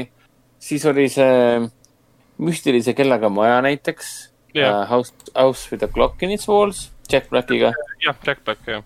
ja, ja ma nagu nendega nagu saakski võrrelda seda nõidu ka, aga nõid on, nõiad on nagu veelgi rohkem lapsemeelsem. fantaasia seikluslikum ja kõik siuksed asjad. et ta nagu selgelt on ta Äh, kohati sihuke tunne, nagu oleks Disney lava, Disney teinud selle filmi. Äh, et sihukene, olen, olen sünge ja tegelen musta maagia teemadega, aga samal ajal olen äh, sihukene vahva lastele mõeldud seiklus. kuigi, kuigi ta on kohati päris friiki.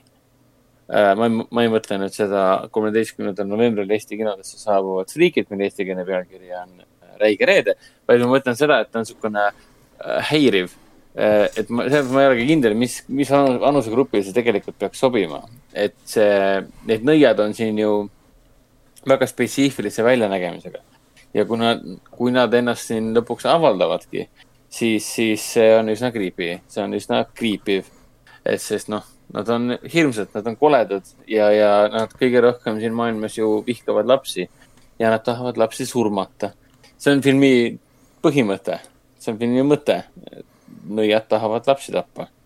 noh, nõiad ei taha, et lapsed olemas oleksid, kuna lapsed haisevad. see on nagu põhiteema. nõidade jaoks, ei, nõidade jaoks lapsed haisevad.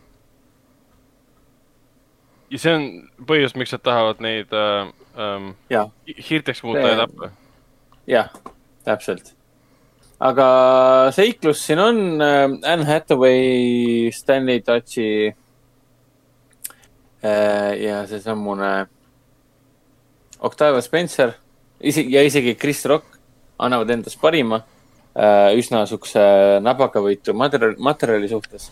Nemad tõesti annavad, annavad endast parima, aga mate-, aga materjal ise, kogu see lugu, selle loo areng äh, selle filmi vajalikkus ja kõik siuksed asjad, et see kõik ähm, noh, taandubki ainult sellele ühele asjale, et äh, järelikult sellel kümneaastasel poisil või tüdrukul, kes seda filmi koos vanematega kinos vaatab siin äh, Halloweeni nädalavahetusel, tema on oma eluga väga rahul, kui ta filmi ära vaadanud.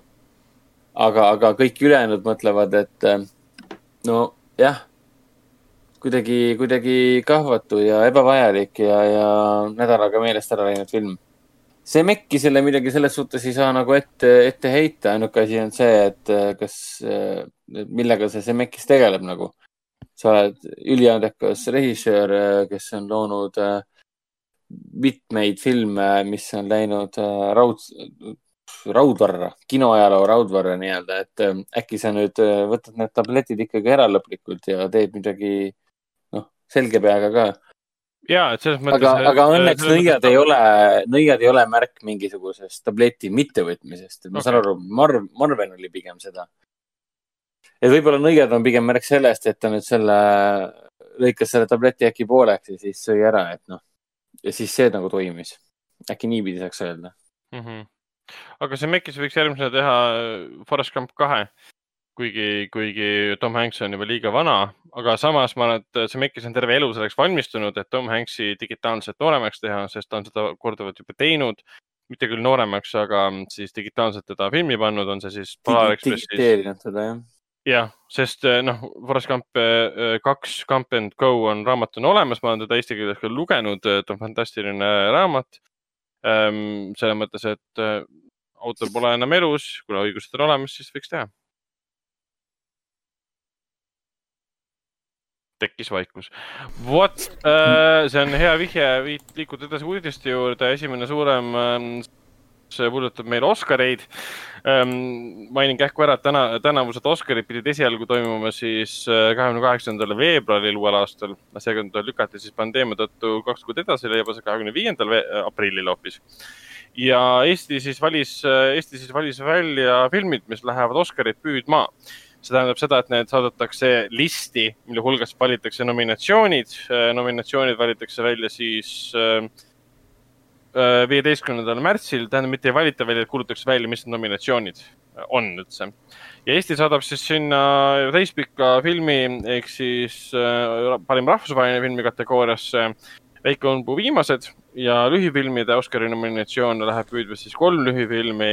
German Kolubi lühimängufilm Mu kallid laibad, mis juba tegelikult võitis siin Tudeng Oscari filmi, Tudeng Oscari tähendab Äh, mille eelmine kord võitis siis Tanel Toom oma filmiga Pihtimus, mida ta ei teinud küll Eestis. ta tegi seda Londoni filmikoolis, German Kolub tegi oma filmi Kallid laibad ikkagi BFM-is lõputööna.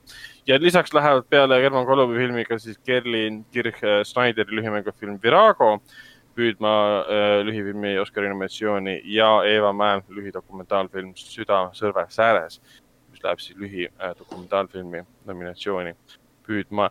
lühifilmides mul on raske kommenteerida, aga kuna ma Väike õnpuu viimased olen näinud, siis mm, ma ise kahtlustan, võib-olla ma olen halb ja kuri inimene, kui seda ütlen, et ähm, Veiko Õunpuu filmi viimastel ei ole mingit šanssi tänavustel Oscaritel saada parima rahvusvahelise filmi nominatsioonide hulka. ta võib jõuda mingisse listi, aga ta, mm, ta ei ole selline film lihtsalt. asi pole selles, kas ta on hea või halb, mulle ta meeldis väga isegi. aga ta pole selline film nagu, nagu Tõde ja õigus sugugi mitte. ja ta pole selline film, mida ma olen harjunud nägema siin Oscarite parimate rahvusvahelise filmide ja äh, nominatsioonide ees.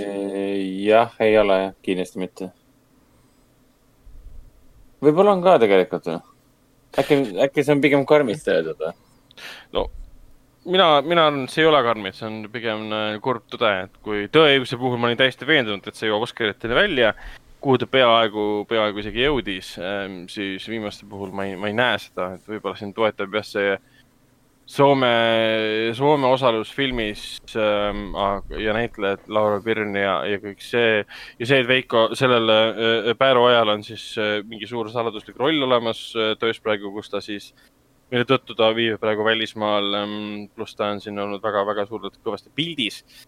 ehk see pildis olemine ongi tegelikult Oscaritel olulisem kui filmi enda kvaliteet. Äh, jällegi ma ei vihja sellele, et viimased oleks halb film, mulle ta väga meeldis aga ma, ikkagi ei näe, ta on liiga teistsugune ja veider võib-olla, et olla, jõuda, jõuda sinna um,. Teie kommentaarid, kui on? peale selle, et ei lähe um,? tea, ma ei ole näinud seda filmi, ma ei oska öelda ta veel jookseb kinodes, mõnes kinos, ütleme nii et ta on päris ei tea, ei tea, no mina praegu olen natukene iga aasta kaotan järjest rohkem usku Oscaritesse, et ma korraks nagu äh, taastasin usku, kui, kui nüüd see Lõuna-Korea mm. film võitis parima filmi Oscari, aga siis nad hakkavad, hakkavad tegema jälle igasuguseid kahtlaseid trikke ja, ja põhimõtteliselt äh, kä-, kägistama neid definitsioone seal äh,, määrama asju liiga palju, siis väga nagu ma ei tea ei oska isegi ette kujutada, mis nad seal nagu teevad. noh, muidugi me ei tea, kui palju see puutub üldse, üldse siis ähm, rahvusvahelise filmi kategooriat, et ähm, sinna muidugi praegu ennustatakse, et jõuab kindlasti siis Toomas Vinterbergi järgmine ring, mis on meil kinodes. et sinna jõuab Charlatan, Agnieszka Hollandi film, mis, mida me näeme siis ka PÖFFil sinna jõuab eh, veel kolm filmi, millega ma ei ole otseselt kursis. Nocturno, My Little Sister ja Collective. aga eks, eks, eks vaatame, aga ma arvan, et noh, jah. et noh, Veiko Õunpuu ei ole ju selline režissöör, kes teeks äh, rahvusvaheliselt armastatud armastatud filme. ma ei mõtle jällegi seda, et nad ei läheks peale inimestele, vaid nad on, nad on liiga no, nišikad, teistsugused ja et võib-olla, no ega siin paremat varianti ka tegelikult ei olnud, et, et noh, Rain tegelikult äh, oleks ka sobinud, aga Veiko Õunpuu, olgem ausad, ta, ta on rohkem filme teinud, Rain oli siiski Jano Jürgensi äh, debüütfilm. okei okay,, Tõdeõigus oli ka äh, debüütfilm ähm,, Tõne ähm,, Tanel Toomi jaoks. vot, selline uudis seoses Oscaritega. no nii aga..., nüüd tuleb äh, Sony, Sony Enters the building Äh, vahest kõige olulisem uudis, millest oskab võib-olla rohkem rääkida Raiko. nimelt käivad jutud, et äh, Sony soovib ära osta peaaegu ühe miljardi dollari eest siis äh, Crunchi, Crunchi rolli, mis on siis ülipop-, ma ei tea, kas ma sõnastan seda õigesti, aga ülipopulaarne anime streaming äh,, anime voogedastusteenus. ta on kõige populaarsem tal on seitsekümmend kolm miljonit aktiivset igapäevast kasutajat, see on nüüd igapäevane kasutajate arv, mitte üldine kasutajate arv Nad wow., nad, nad üldised kasutajad, nad ei tea sellepärast, et sa ei pea tegema kontot, et vaadata seda sisu mm. on ju, aga need on inimesed, kes on teinud kontot ja vaatavad iga päev. või noh, nagu daily users, eks noh nagu. ehk siis jah, et nendel on kolm miljonit äh, vist oli maksvaid inimesi, kes maksavad iga kuu ja ülejäänud on siis need, kes vaatavad nagu tasuta kasutajad ja, ja noh, lõpuks ühesõnaga päris suured vaatajanumbrid on nendel, nendel noh, nagu ise võite ka mõelda, juba nagu lihtsalt äh, mm. ainuüksi kasutajate järgi. no kui sul on seitsekümmend miljonit kasutajat, siis äh, see vaatajanumbrid saavad ainult suured olla no,. aga jah. kas see, kas üheksasada viiskümmend seitse miljard, miljonit tähendab äh, see tundub on vähe, tundub mulle vähe, tundub mulle vähe, aga noh, ma räägin praegu nii palju kuulujuttu selle kohta, et siin foorumid kõik pläkut-, pläkutavad sellest mitte ainult Sony äh, PlayStationi omad, vaid ka lihtsalt nagu anime omad. inimestel on hea meel, et Sony ostab ära, osadel äh,, sest. Crunchyrollil on tegelikult olnud omajagu muret sellega, et et nendel nagu on ressurssi, aga nad ei oska sellega midagi nagu teha või on näha, et nagu nad vajaks nagu võib-olla rohkem juhtimist, sest nüüd noh, inimesed, kes kunagi teile tegid, nad tegid edukal platvormi, aga neil võib-olla pole nii suuri oskuseid, võib-olla, et noh, olla veel parem, võib-olla veel suurem. inimestel oli hea meel, kui Sony nüüd liitub, Sony on ju Worldwide Studios, nendel on oma filmistuudiod, nendel on Playstationid, nendel on noh, nagu ressursid ja rahad, on ju. et, et kasvatada seda veelgi suuremaks, samal ajal Sony on Jaapani firma, mis annab sellele niisuguse nagu loogika sinna taha, et miks nad tahavad saada Crunchyrolli. teisalt äh, see uudis kinnitab seda, mida me oleme varem maininud, rääkinud seda kuulujutud, et Sony tahab teha enda äh, voogedastusplatvormi äh,. mis ka tundub loogiline, sest nendel on endal ju väga suur kasutajate baasiga äh, konsool, PlayStation neli just kinnitas, et nad on müünud sada neliteist miljonit koopiat, on ju, mm. tükki. PlayStation viis kohe tuleb välja, mis müüs kaheteistkümne tunniga viis koma viis miljonit ühikut mis, mis on jah, äh, oluliselt suurem number kui PlayStation nelja mingi kaheteistkümne kuu jooksul. Mis ületas äh, igasugused ennustused, mis olid tehtud. kui nad, kui nad ennustasid kümme miljonit koopiat esimese kvartaliga, peale seda, kui ta on kõikidele kättesaadav, siis äh, nüüd nad müüsid kaheteist tunniga viis koma viis, mis tekitaski selle, mis praegu on, et ta kuskilt osta ei saa, on ju. et Sonyl on kõik tegelikult olemas, nendel on oma filmistuudiod mitte ainult üks, nendel on mingi, ma ei tea, vaata, Vikipeedias on terve list kaheksateist tükki või palju neid on seal, palju Sony omab. Noh, nendel on platvormid, nendel on kõik asjad tegelikult olemas, et äh, teha oma asja, nad tegelikult varem näitasid huvi üles ka, kui nad tegid Powersi äh, seriaali näiteks, on ju. jaa, täpselt äh,. PlayStation Vuuse tegelikult oli ju ka niisugune huvitav komplekt, ütleme noh, mis näitas tegelikult nende huvi kasut-, kasutada, kasutada Playstationit kui niisugust meelelahutuskeskust. ja PlayStation viis tegelikult tulebki ju meelelahutuskeskust, ta tuleb koos puldiga, on ju, äh, puldil on programmeeritavad nupud ka, kuhu võid tegelikult programmeerida äppe, mis on tegelikult convenient, et kui sa kasutad hästi palju Netflixi, siis PlayStation on igavesti rest moodi peal, vajutab puldi peal nupp A, kuhu oled näiteks programmeerinud Netflix, kohe telekasse tuleb Netflix vajutad B on ju, saad aru, noh nagu whatever, noh nagu, või siis lihtsalt võtad PlayStation lahti ja hakkad vaatama, noh, ise valid, mida sa tahad vaadata. Nii et, et äh, inimesed on äh, excited. Või noh, nagu ele-, elevil siis sellest, ütleme tegelikult uudisest. Ja mina olen ka. sest äh, noh, Crunchyroll on nüüd hakanud muidugi viimasel ajal tegutsema, me oleme, ma olen tegelikult rääkinud siin juba omajagu mitmest originaalsest seriaalist, mida nad on teinud, God of High School oli see viimane, mis ma siis siin rääkisin. ja, ja neil on tegelikult hetkel käimas veel mitu, neil tuleb mitu äh,, Crunchyroll on suur pood ka, kui keegi ei tea, Crunchyroll on hästi suur anime äh, maailmas, noh nagu suur müüja. Nendel on tohutus koguses äh, figuriine, mis äh, mulle ka läheb jälle teemasse, on ju. Nendel on tohutult animega või noh, nagu anime, Jaapani animatsioonidega seotud fännikaupa väga, väga, väga suur pood on nendel ja, ja, ja, ja Sony otsus omab ka teistpidi loogikat, ta kõrvaldas ära konkurendi. kui inimesed ei tea, siis Ameerika, Põhja-Ameerika suurim äh, animatsiooni voogedastuse Funimation juba on Sony oma. on jah? aa. jaa, ehk siis kui Sony nüüd nii-öelda paberile alla kirjutab, saab endale, siis need turg on nende käes et äh, terve lääne turg on siis Sony käes, mis kontrollib animatsioone, Jaapani animatsioone. ja see, seda ei tasu kuidagi alahinnata, kui võimas positsioon see neil on. Et, et äh, päris nagu äh, huvitav, kas üldse Konkurentsiamet lubab näiteks ostagi ära, on nüüd teine asi.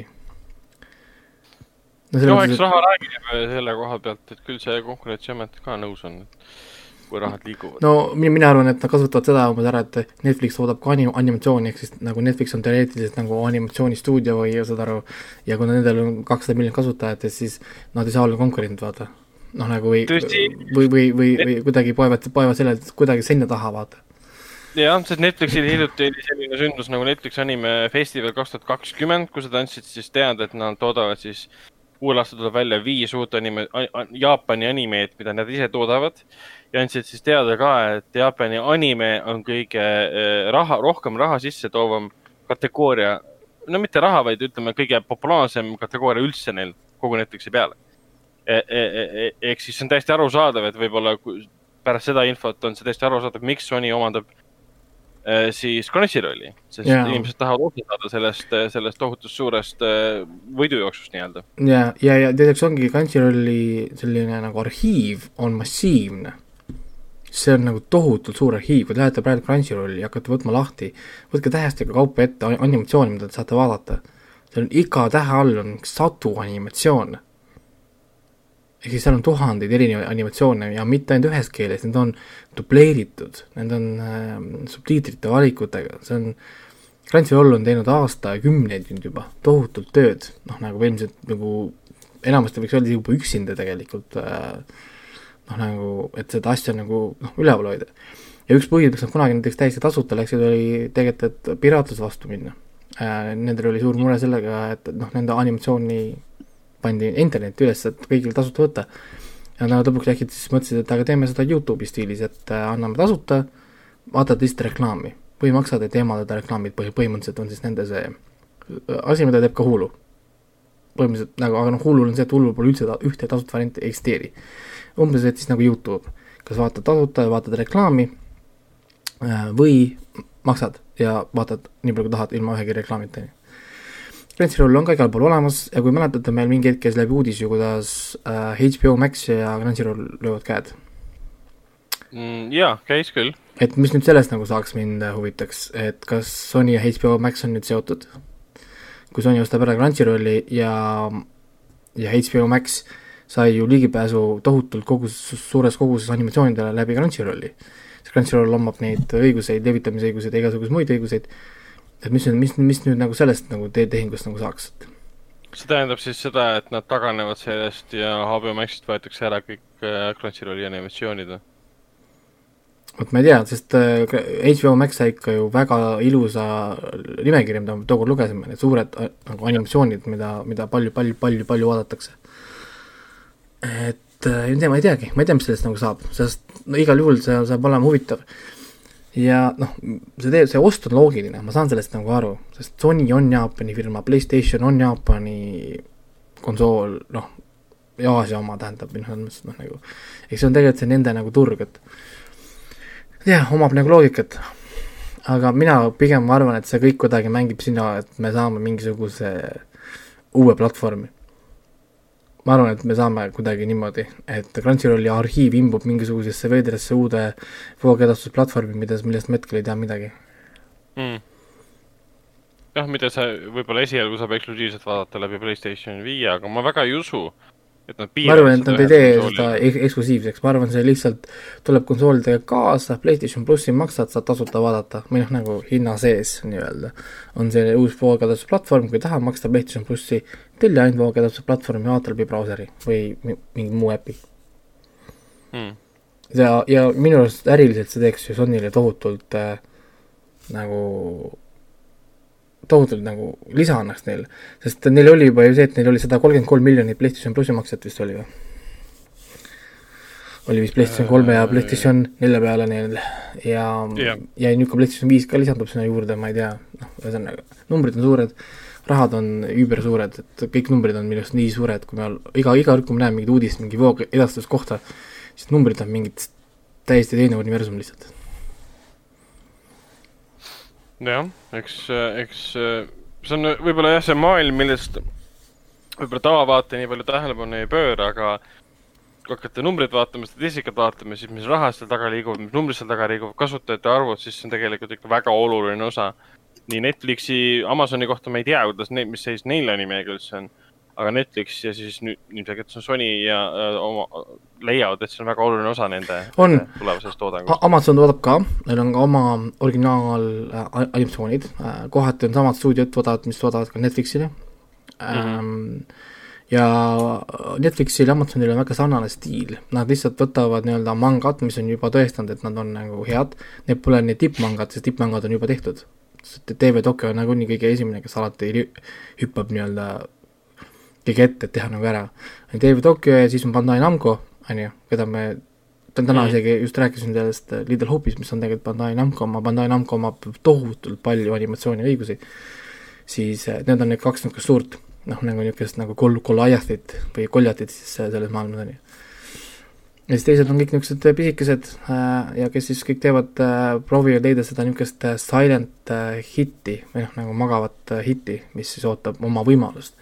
Ja me oleme näinud siin küll ju, kuidas Netflix on leidnud väga häid animatsioone veidratest kohtadest, Amazonis me oleme vaadanud, siiamaani on olnud kõik niisugused kesised, enamasti mitte, mitte nagu produktsiooni koha pealt, vaid lihtsalt see valgmaterjal ei ole see mis nagu noh, lüüakse ette.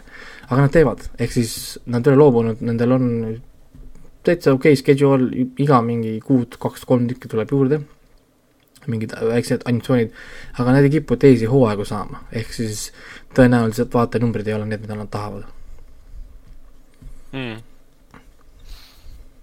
nojah, ei täitsa huvitav, huvitav, huvitav, huvitav seis on praegu selles vallas ja vaatame, mis sellest saab, sest esialgu see on esi-, noh, tundub kuulujutu tasandil. ühel hetkel see uudis tuleb kindlasti siis saab ametliku kinnituse ka. ei noh, praegult on ta äh, tegelikult, tegelikult juba nii paljudes kohtades käinud läbi, et ma enam ei usu, et see okay. on kuulujutt. Et ikkagi lekkinud info lihtsalt, et see kuulutuks. ma, ma, ma eeldan, et see lihtsalt, me saame nüüd mingi kuu, järgmise kuu jooksul ehk siis enne PlayStation viite, PlayStation viie ajal mingi uudise mm, -hmm. et Sony has signed the contract to buy Crunchyroll and what it means ja siis tuleb mingi uus nimi, uus logo ja, ja kuidagi see kõik seob kokku mm.. jah, eks, eks vaatame. kuulujuttudest saame natuke veel rääkida, et siin, siin Hollywoodi filmitööstuse tegijate hulgas liiguvad siis jutud, et uh, uus James Bondi film, mis pidi nüüd siin viimati novembris linastuma sel aastal uh,, mis lükati siis eelmise aasta aprilli peale, see olevat olnud müügis tähendab, ise nad väidavad, produtsendi filmistuudiod, et müügis ta pole kunagi olnud, ma ei tea, millest te räägite.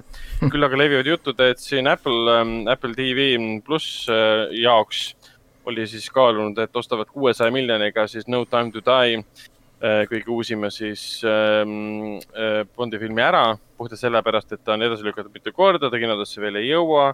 äkki siis MGM kardab, et ähm, ta ei jõuagi kunagi kinodesse, siis on nagu liiga hilja, ei teenita piisavalt ja, ja muidugi Apple pole väidetavalt olnud ainukene, et siin Amazon ja Netflix olevat ka välja pakkunud äh, summasid, millest olevat kõik keeldutud. aga noh, tõenäoliselt see info lekkis taaskord umbes nii nagu Crunchyrolli uudis mingite inimeste kaudu ja ametlikult keegi seda ei kinnita. et ühelt poolt ma saan sellest aru, et ähm, taaskord noh, MGM on juba väga palju raha kaotanud sellega, et nad esialgu promosid filmi esialgsele kuupäevale väidetavalt kolmkümmend kuni viiskümmend miljonit ähm, on siis äh, raha tuulde raisatud äh, turunduse peale, mida, noh, kuupäevadele, mida film kunagi välja ei tulnud. ja juba kakssada viiskümmend miljonit maksab ise film, noh, summad kokku arvutades, see on päris korralik summa. et kuna, kui sa kuussada miljonit saad, siis sa tegelikult jääd selle filmiga kasumisse. aga siis Barbara Broccoli ja siis ähm, põhiprodutsent Ion äh, Production siis ütles, et küll, et see on kõik jama, et see on ikkagi kinofilm, see tuleb kinos välja aga noh, ma, ma ühelt poolt ma arvan, et ühelt poolt ma arvan, et see on lihtsalt ähm, kuidas nüüd öelda, varasemate müükide mõju. et siin ju Sony film Greyhound osteti Apple'i poolt ära mitmekümnete miljonite eest. siin siis, mis see nüüd oli, see Coming to America kaks äh,, Prints Sammundast kaks, mis pidi ka kinodesse tulema, see müüdi ka stuudio poolt maha äh,. tuleb vist otse Netflixi siin on näiteid mm. küll ja küll ja küll, kus on tohutult suurtes summades filmid ära ostetud, mis esialgu pidid kino tulema, hakati edasi lükkama, siis ostsid väiksed, mitte väiksed, aga levitajad, see mm, voogedest ostsid ära. aga no antud puhul see, see No Time to Die on um, umbes nagu, umbes nagu oleks uudis olnud, et Teneti puhul oleks tahtnud see maha müüa. see on, tundub sama võimatu, ma ei usu, et see juhtub või mis sa arvad, Raiko, et kas see on, kas see on võimalik, et nii suur film nagu No Time to Die müüakse lihtsalt maha kuuesaja miljoni eest, et seda näidata väiksel ekraanil? see umbes nagu Tenetiga ei oleks see juhtunud või? ainu raha eest ikka läheb, ma lihtsalt arvan, et täna äh, keegi ei osta seda kuuesaja miljoni eest. sellepärast, et konkurents on nii suur ähm, nagu nende erinevate streaming service ite vahel, ma ei usu, et keegi praegu ostab. muidu nad ikka müüks, kui oleks pakkuja neil, kes maksaks kuussada miljonit, ma olen kindel, et nad müüks selle Mm. tegelikult maha. Saaksid nad filmist ei- äh, lahti, nad ei peaks enam seda promoma, nad saaks Jah. mingi raha juba kätte, sest praegu on rahad kinni ja nad on kinni mingisuguse küsimärgi taga, kas nad üldse, no mis nagu saama hakkab. mm.. Noh, kuigi et Apple, Apple, Apple käis kuussada miljonit välja ja, aga nad olid siis keeldunud. ilmselt mitte sellepärast, et see summa oleks liiga väike olnud, vaid ilmselt sellepärast, et äh, film kuulub suurele ekraanile. kaua oleks äh, no ma saan aru, okei okay,, kui isegi Apple'i puhul ma saan aru, miks nad käiksid kuussada välja, sest oleks nende jaoks tasuta reklaam. vaata, kui palju nad said reklaami selle Greyhoundiga, kõik räägivad sellest Apple teeb ostis mm., ehk siis nüüd kõik suured väljaanded räägiksid sinust. ehk siis see oleks nagu selle hinna sees põhimõtteliselt Mm. ehk siis noh, kolmsada filmi eest ja kolmsada siis nagu reklaami eest, mis muidu läks välja ja siis kõik räägivad Apple TV-st. noh, miks mitte, Bond on nii suur film, milline väljaanne maailmas ei räägiks siis Apple TV-st. No täpselt ja, ja see Apple- TV-st ju räägiti oluliselt vähem, kui seal tulid välja nende originaalasjad, aga hakati oluliselt rohkem rääkima, kui nad ostsid sinna suure filmi. jah, jah, ehk siis see on see minu loogika, kui ma üritasin endale seletada, et miks peaks nad ostma niisuguste summadega mm. Mm. kont-, noh nagu seda sisu endale sisse. kui nad saaks ju toota selle raha eest mingi kümme filmi ju vähemalt, on ju. no täpselt., aga ma ei tea, kas see on ära tasunud, et äh, mis need Apple'i vaatenumbrid on, seda infot muidugi ei avaldata. Nad ei ükski jaga, jah seda,, ükski voogedastus ei jaga tegelikult, Amazon, Netflix, Netflix jagab ka oma numbrid, aga need muutuvad kogu aeg, mille alusel need numbrid kokku panevad, et sellest on raske nagu kinni võtta, et äh, viimased numbrid, mis neil oli, et ähm, kõige vaadatum film sel aastal on olnud siis ähm, äh, Sam, Sam Burton, Adam Chris, Sandleri Chris oma, Hemsworthi äh, Extraction aa, Extraction oli okei okay,, ja, ja äh, numbrid olid mingi üüratult suured, aga siis hakkad vaatama, mille alusel esimese, kas selle esimese Kahe kahe, minuti- minuti, kahe- kaks kahe minutit. kaks minutit vist oli, pidid, pidid, pidid vaatama, et läheks, läheks vaatamine kirja, see on nagu Youtube'is on viisteist sekundit pead vaatama. aga, aga kaks minutit film on põhimõtteliselt see, sa vaatad algust tiitlit pead kinni. no aga see on nagu, see on nagu nagu Youtube'is. tunni ajaline Mm. video, sa vaatad viisteist sekundit, sa annad talle vaatamise. jah, aga see lihtsalt devalveerib selle, selle vaatenumbrite väärtust veits. et äh, ma tahaks teada, no muidugi elu sees ei avalda neid reaalseid numbreid. et No, mis on need miljonid, kes vaatasid filmi algusest lõpuni. kuidas võtta, aga mina isegi panin käima asja, mis mul oli huvi paku. saad, noh, Mm. saad aru, ehk siis noh, midagi, mingi asi peab olema isegi, et seda klikki saada nii-öelda. noh, kaks minutit on Mm. tegelikult pikk aeg, et vaadata mingit asja, sa võid mõelda, kaks minutit on lühike aeg, on ju, aga, aga pane mingi asi tööle, kaks minutit vaata ära. see ikka noh, on kaks minutit. jah, seda küll, jah. et sa saad, sa saad selle va-, vaatamise kätte, et mina, ma, ei, ma ei tea, ma, ma ei oska öelda. ma arvan, et need vaatenumbrid on ikka debiilselt suured, väga suured on tõenäoliselt, on, et ja noh, Amazon vahepeal avaldas ka, nad ei avaldanud numbreid, nad lihtsalt ütlesid, et äh, Brat kaks oli siis nende kõige äh,, kõigi aegade kõige edukam avanguga film üldse. Mis iganes see tähendab, sest numbreid pole nad meile öelnud, lihtsalt ütlevad seda, et peame nagu sellest No, kinni haarama. see oli Borat, Borat kaks, siis sest ta kõlas jälle mulle nagu Brat kaks. ja mul kõlas ka praegu, aga siis mul tuli meelde, et ma ise ütlen seda samamoodi. Borat, Borat kaks, Brat kaks. aga palju, palju need Boratest maksid siis, kaheksakümmend vist oli see summa või, kaheksakümmend miljonit või? Äh, jaa, kaheksa, kaheksakümmend miljonit oli Borat, Borat, Borat kahe eest. ja see oli siis Saša Baron Coheni enda see stuudio ja kõik see, kes selle raha ära korjasid. et ähm, hea deal lõpuks, selles mõttes. Baron Cohen sai oma raha. ikka on ja, ja noh, suured vaatenumbrid ja asjad on ju taga, kõik, kõik näevad seda kohe instantselt, sa ei pea ootama mingi kuid ja kuid, et äh, inimesed näeksid, kõik näevad kohe. Mm, täpselt, ja isegi Eestis meie. aga see oligi kaval trikk ja sellepärast nad panidki selle valimiskampaania sinna, kõik näevad ju kohe. muidu poleks mõtet seda panna all sinna. jaa, sest Baron Coheni esialgne eesmärk oligi filmiga välja tulla kinodes äh, valimiskampaania ajal. ja kuna seda võimalust ei olnud, siis tal ei jäänud muud üle, kui lihtsalt andagi Amazonile raha eest. ja kes iganes oli veel pakkujaid, kindlasti ta kaalus, et ajastus oleks õige ja noh, nagu näha, see ajastus on õige. mm. -hmm. nii, aga, aga äh, lähme, lähme edasi. Äh, ajastusest rääkides, siis äh, Michael Bay, meie armastatud Michael Bay produtseeris vahepeal siis äh, põneviku nimega Songbird, mis on eriline sellepärast, et see on esiteks võetud üles pandeemia ajal ja eriline ka sellepärast, et see on sõna otseses mõttes meie praegusest pandeemiast, aga siis ülevõimendatud kujul. filmis möllab siis maailmas Covid kakskümmend kolm kus. kakskümmend kolm. ja Covid kakskümmend kolm, mitte kaks, Covid üheksateist. ja Jah,, ja jah. lok-, maailma lockdown ja USA lockdown on leidnud aset juba neli aastat. Covid kakskümmend kolm on väga-väga ohtlik selle koha pealt, et seal on mingi viiskümmend protsenti inimestest sureb kohe ära või midagi laadset. lugu leiab aset aastal kaks tuhat kakskümmend neli ja räägib siis eh, kahest em, noorest eh, mees ja naine, kes siis põhimõtteliselt räägi- suhtlevad omavahel ainult siis telefoni teel või virtuaalsel teel, digitaalsel teel ja nad tahavad üle kõige omavahel kokku saada, aga see on võimatu, sest pandeemia ei luba. peategelane on siis immuunne, nagu ühes stseenis treileris oli aru saada, naine siis ei ole. Ja kogu lugu peaks aset leidma siis eh, nii mehe kui ka naise vaatevinklist, naine, kes istub kogu aeg oma korteris, mees, kes on immuunne, saab kogu aeg ringi liikuda. ja väga paljud on juba seda maha teinud, et lihtsalt Michael Bay vaatas ja kasutas võimalust lasta produtseerida sellist praegust pandeemiat ekspluateeriva versiooni mina ka ütlen, et kui ta suutis äh, teha pandeemia ajal sellise filmi, ilma et oleks ühtegi reeglit rikkunud ja ühtegi mingit äh, üht positiivset testi saanud selle jooksul, kuigi vahepeal käisid jutud, et ta eiras reegleid küll, siis on päris suur saavutus, et ta suutis praeguse olukorra ajal korraliku, korraliku filmi üles võtta. no treileri põhjal ta nägi välja väga digitaalse look'iga, mis veits lisas sellist odavust, aga kuna niikuinii ta on digitaalses suhtluses, siis see digitaalne look nagu pigem töötab filmile kaasa ma ei tea, millal ta täpselt äh, välja tuleb, et minu arust seda ei. tal ei, tal ei Äh. ole mitte mingisugust väljalaske kuupäeva hetkeseisuga.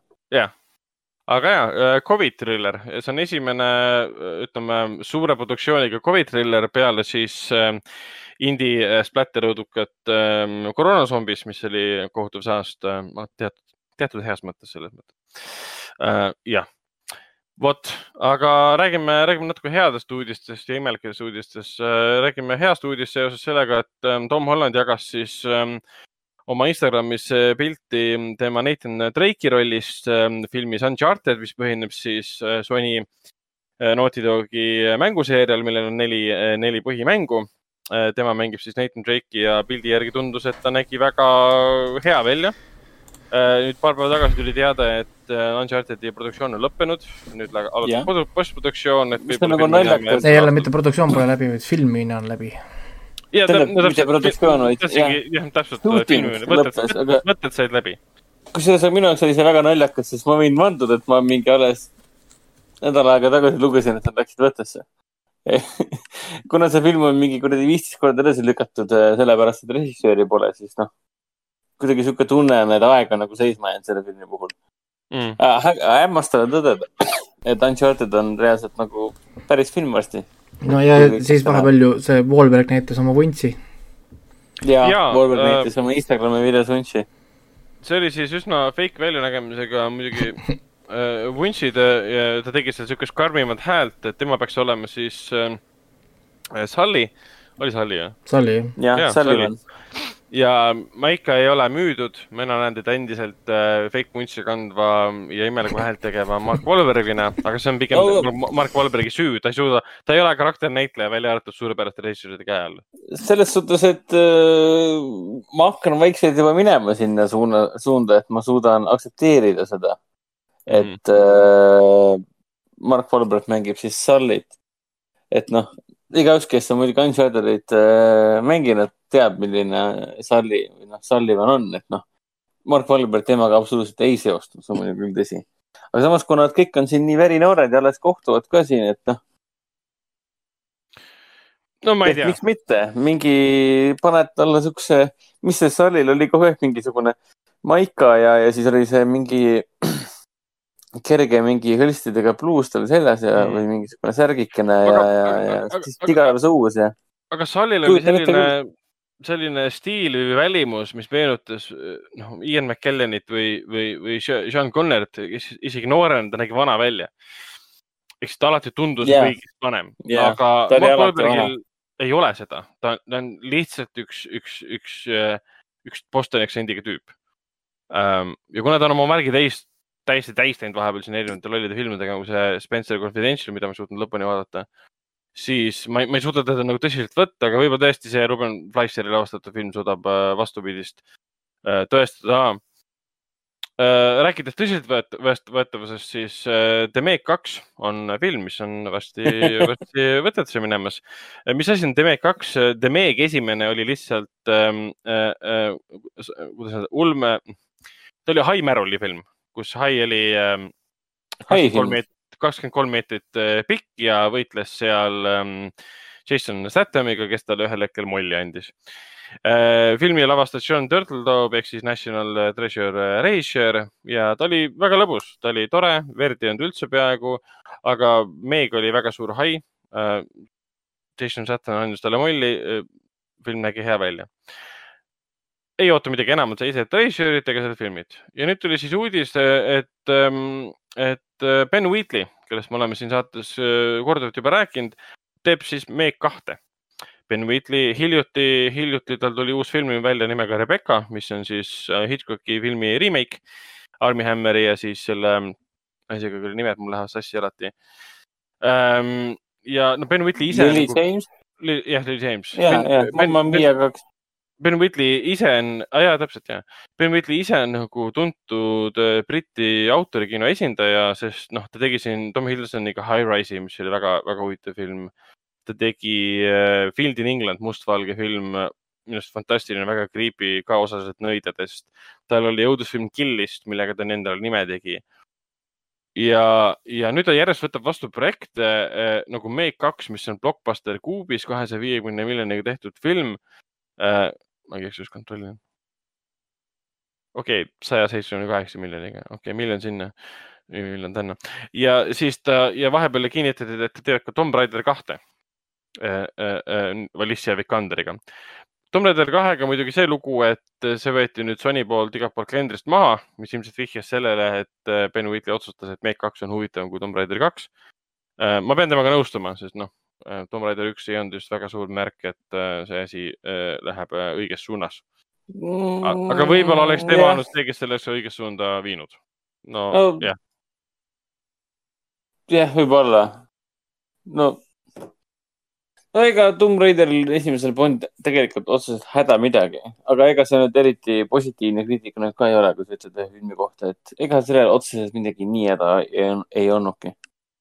et noh, jah, tõsi, see on, see on nüüd on noh, võimalik ainult paremaks minna või siis äh, ainult halvemaks. emba-kumba, kas tuleb Briti autor äh, ja teeb suurepärase filmi blockbusterist äh, ainult sellepärast, et ta on väga hea käega reisijal või siis ta mandub, läheb, jääb alla siis äh, stuudio erinevatele protsessidele ja teeb väga keskpärase filmi, aga tal on suurepärane nimi juures vähemalt.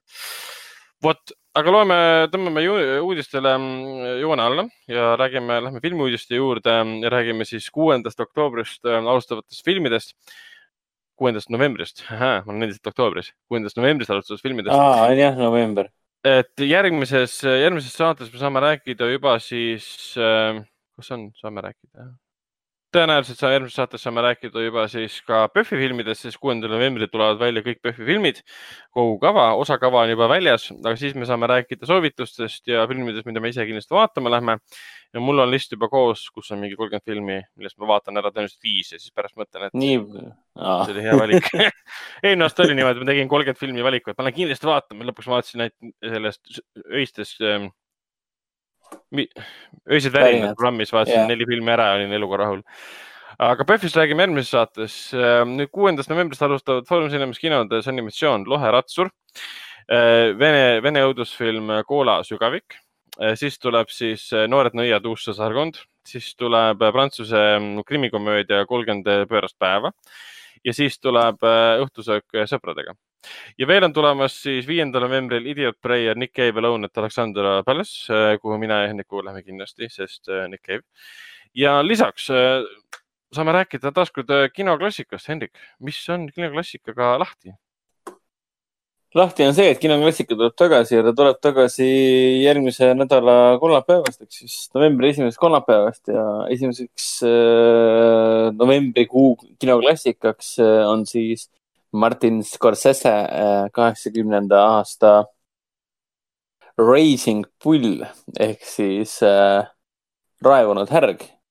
peaosas siis Robert De Niro ja seal on ka siis veel see Joe Pesci ja ja ehk siis äh, maailmakuulus äh, küllaltki, küllaltki masendav äh, nägemus tegelikult äh, poksijast ja suurtest, suurtest unistustest, mis võivad sinu enda ego tõttu täielikult ära laguneda. Ja, ja detsembris tuleb siis kui meie kurikuulus pinge ehk siis Michael Manni pinge tagasi. aa, ma mõtlesin, et äh, Melissa McCarthy pinge. ja, see, see, see on kinoklassika. aitäh sulle, Ragnar. see oli, see oli Strike kolm praegu äh, toome ta ikkagi tagasi, möödunud korral jäi ta meil poolikuks, ei, ei olnud võimalust seda lõpuni näidata, sest noh, Covidi aeg on selline nagu Covidi aeg ikka on. kunagi täpselt ei tea, mis saama hakkab aga me teadsime, et pinge on lihtsalt nii pinge, et kõik ootavad seda pinge ja me peame seda pinget kuidagi lahustama ja pinge ikkagi ära näitama. Äh, mis jaanuarist hakkab saama, seda me veel ei tea. ja seda me hoiame, tähendab, me teame, aga me hoiame äh, saladuses nii-öelda, et tekitada pinget. esimene Kiired veased. see on kinoklassika. jah, see on äh, see on asi, mida inimesed kinos vaatavad. esimene Robocop. ei, okei. Okay.. sa võid siin pakkuma jäädagi, selles suhtes, et mm.. okei okay,, aga siis äh, kummise asemel edasi, et kinos Artis alustab nüüd siis äh, kuuendal novembril äh, dokumentaalfilm Forman Formani vastu, mis muidugi räägib meie hulgas juba lahkunud äh, Milos äh, Formani äh, elust ja, ja karjäärist. kes ei tea, kes on Milos Forman, siis kindlasti teavad filme nagu Lendas üle käeopesa ja Amadeus. Ähm, ühtlasi need filmid tulevad näitamisele ka siis meie Milos Formani filmipäevadel, mis leiavad aset siis viiendast novembrist kümnenda novembrini kokku tuleb näitamisele siis äh, täpselt äh, kuus filmi äh,. kõigepealt siis dokumentaalfilm Forman Formani vastu, mis jätkab meil ka kinokavas ja siis äh, Formani kuuekümne neljanda aasta film Must Peeter, kuuekümne viienda aasta film Blondiini armastus, kuuekümne seitsmenda aasta Pritsimeeste pall ja siis muidugi klassikaliselt seitsmekümne viienda aasta Lendus üle käepese Jack Nicholsoniga ja siis tuhande üheksasaja kaheksakümne neljanda aasta film Amadeus. Äh, kes ei tea, kes on Forman, siis tasub kindlasti meie dokfilmi vaadata ja siis tulla äh, tema äh, filmipäevadele. kõikidel päevadel, see on siis viis, kuues, ma igaks juhuks võtan korraks novembri ette viiendal, kuuendal, seitsmendal, kaheksandal saab näha mm, dokumentaalfilmi Formani äh, filmipäevade ajal, äh, mis avab teda kui režissööri ja siis kindlasti näha inimest, kes muutis tervet Tšehhoslovakkia uut lainet koos paljude teiste režissööridega, aga tema oli üks nendest kõige suurematest säravatest tähtedest. Mis meil veel on tulemas, juba mainitud, juba mainitud Pärsitunnid, neljandal, viiendal on tal küll juba esineastused, aga kuuendal ametlikult alustab. Siis tuleb samuti animatsioon Loheratsur ja siis meil tuleb muidugi Federico Fellini sünniaastapäeva tähistamise puhul seitsmendal äh, novembril näitamisele Magus elu ehk siis äh, uskumatu klassikaline film La Dolce Vita, uskumatu ilus ja lõbus film La Dolce Vita. Äh, ta tuleb näitamisele ainult ühel seansil, mis tähendab seda, et meil hetkel on, hetkel on peaaegu, peaaegu üle kaheksakümne pileti juba ära ostetud. mis tähendab seda, et piletid tasub ette osta, sest äh, koroona ei tee enam oma tööd äh, väga põhjalikult, mis puudutab hirmutamist. Äh, filmid on välja müüdud tihtipeale või siis on kõige varem kohad ära võetud. Aga, aga lisaks Milos Formani filmipäevadele meil tulemas detsembris pärast, pärast PÖFFi siis kuueteistkümnendast detsembrist kahekümne teise detsembrini Kim Ki-duki juubelipäevad. Kim Ki-duk saab kahekümnendal detsembril kuuskümmend mis on Lõuna-Koreas väga-väga tähtsal, tähtsal kohal ähm, tähistamine. ja selle puhul äh, toome siis Kim Ki-duki filmidest näite, vaatajate silme ette siis üheksa tema filmi, nii uuemad kui ka vanemad.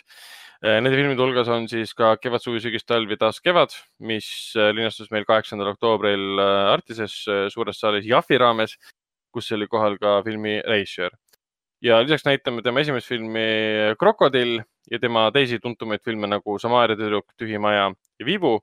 näitamisel tuleb ka veel Aeg, äh, siis dokumentaalfilm Marirang, mis räägib tema enda film, äh, filmikarjäärist ja siis ka tema uusimad filmid äh, Lahustamine ehk siis Dissolve ja siis ka muidugi Pieta, mis märkis Kimi Tuki karjääri teist peatükki, ütleme nii.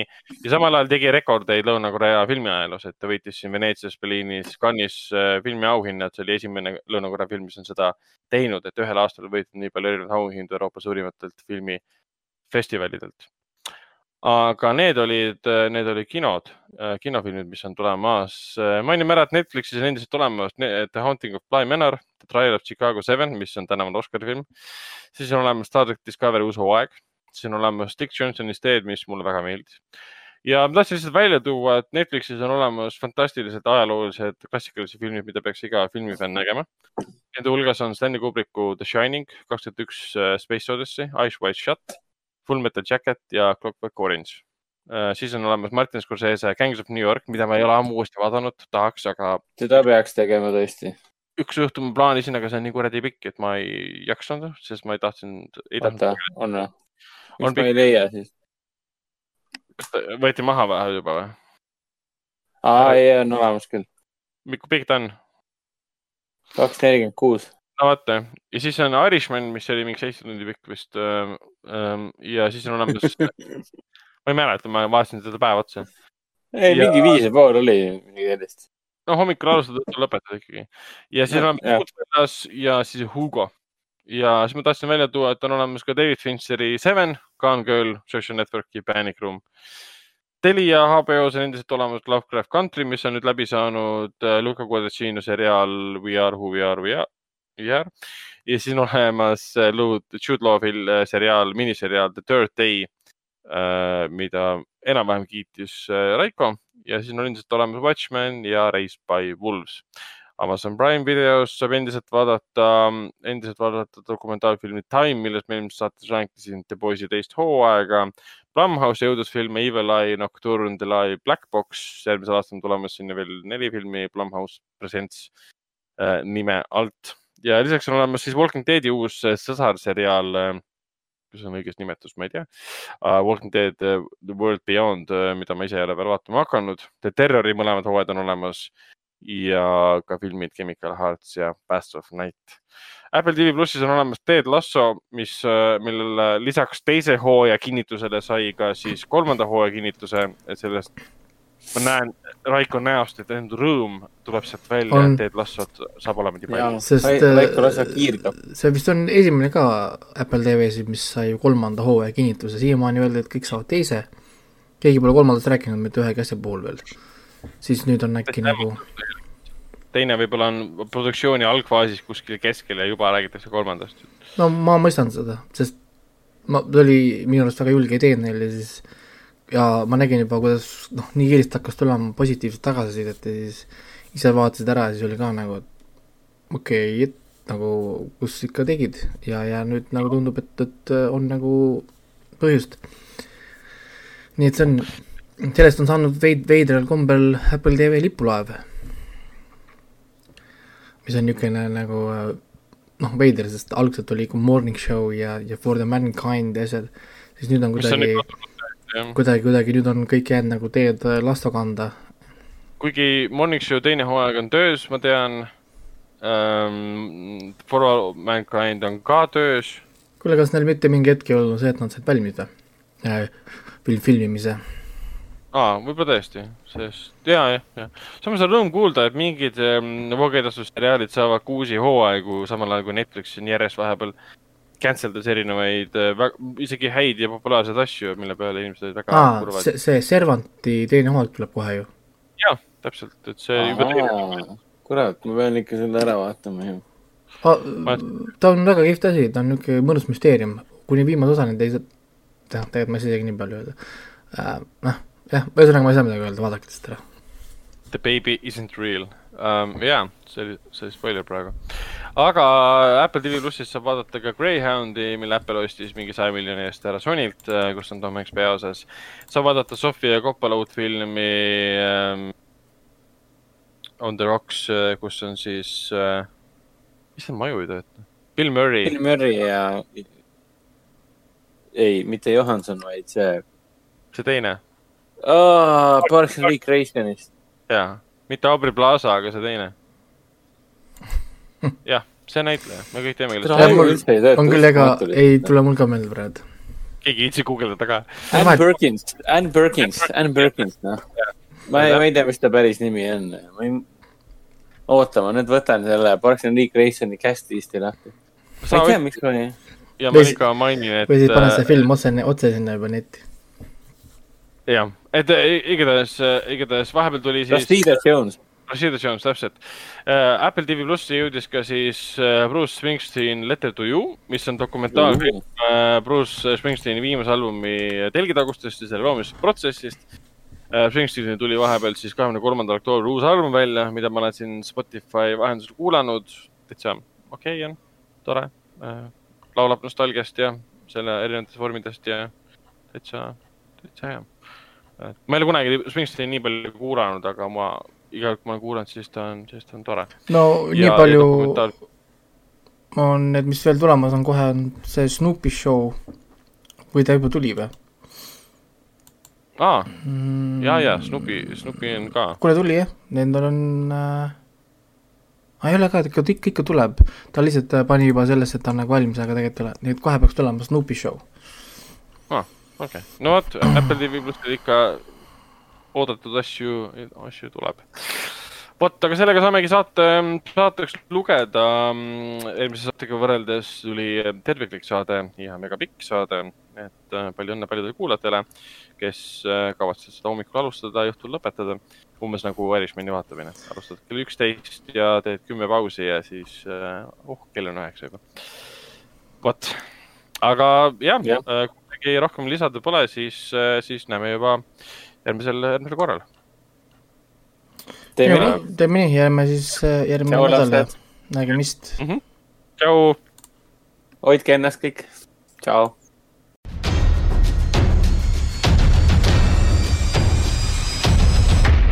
kinoveebi Jututuba podcasti toob teieni Foorum Cinemas.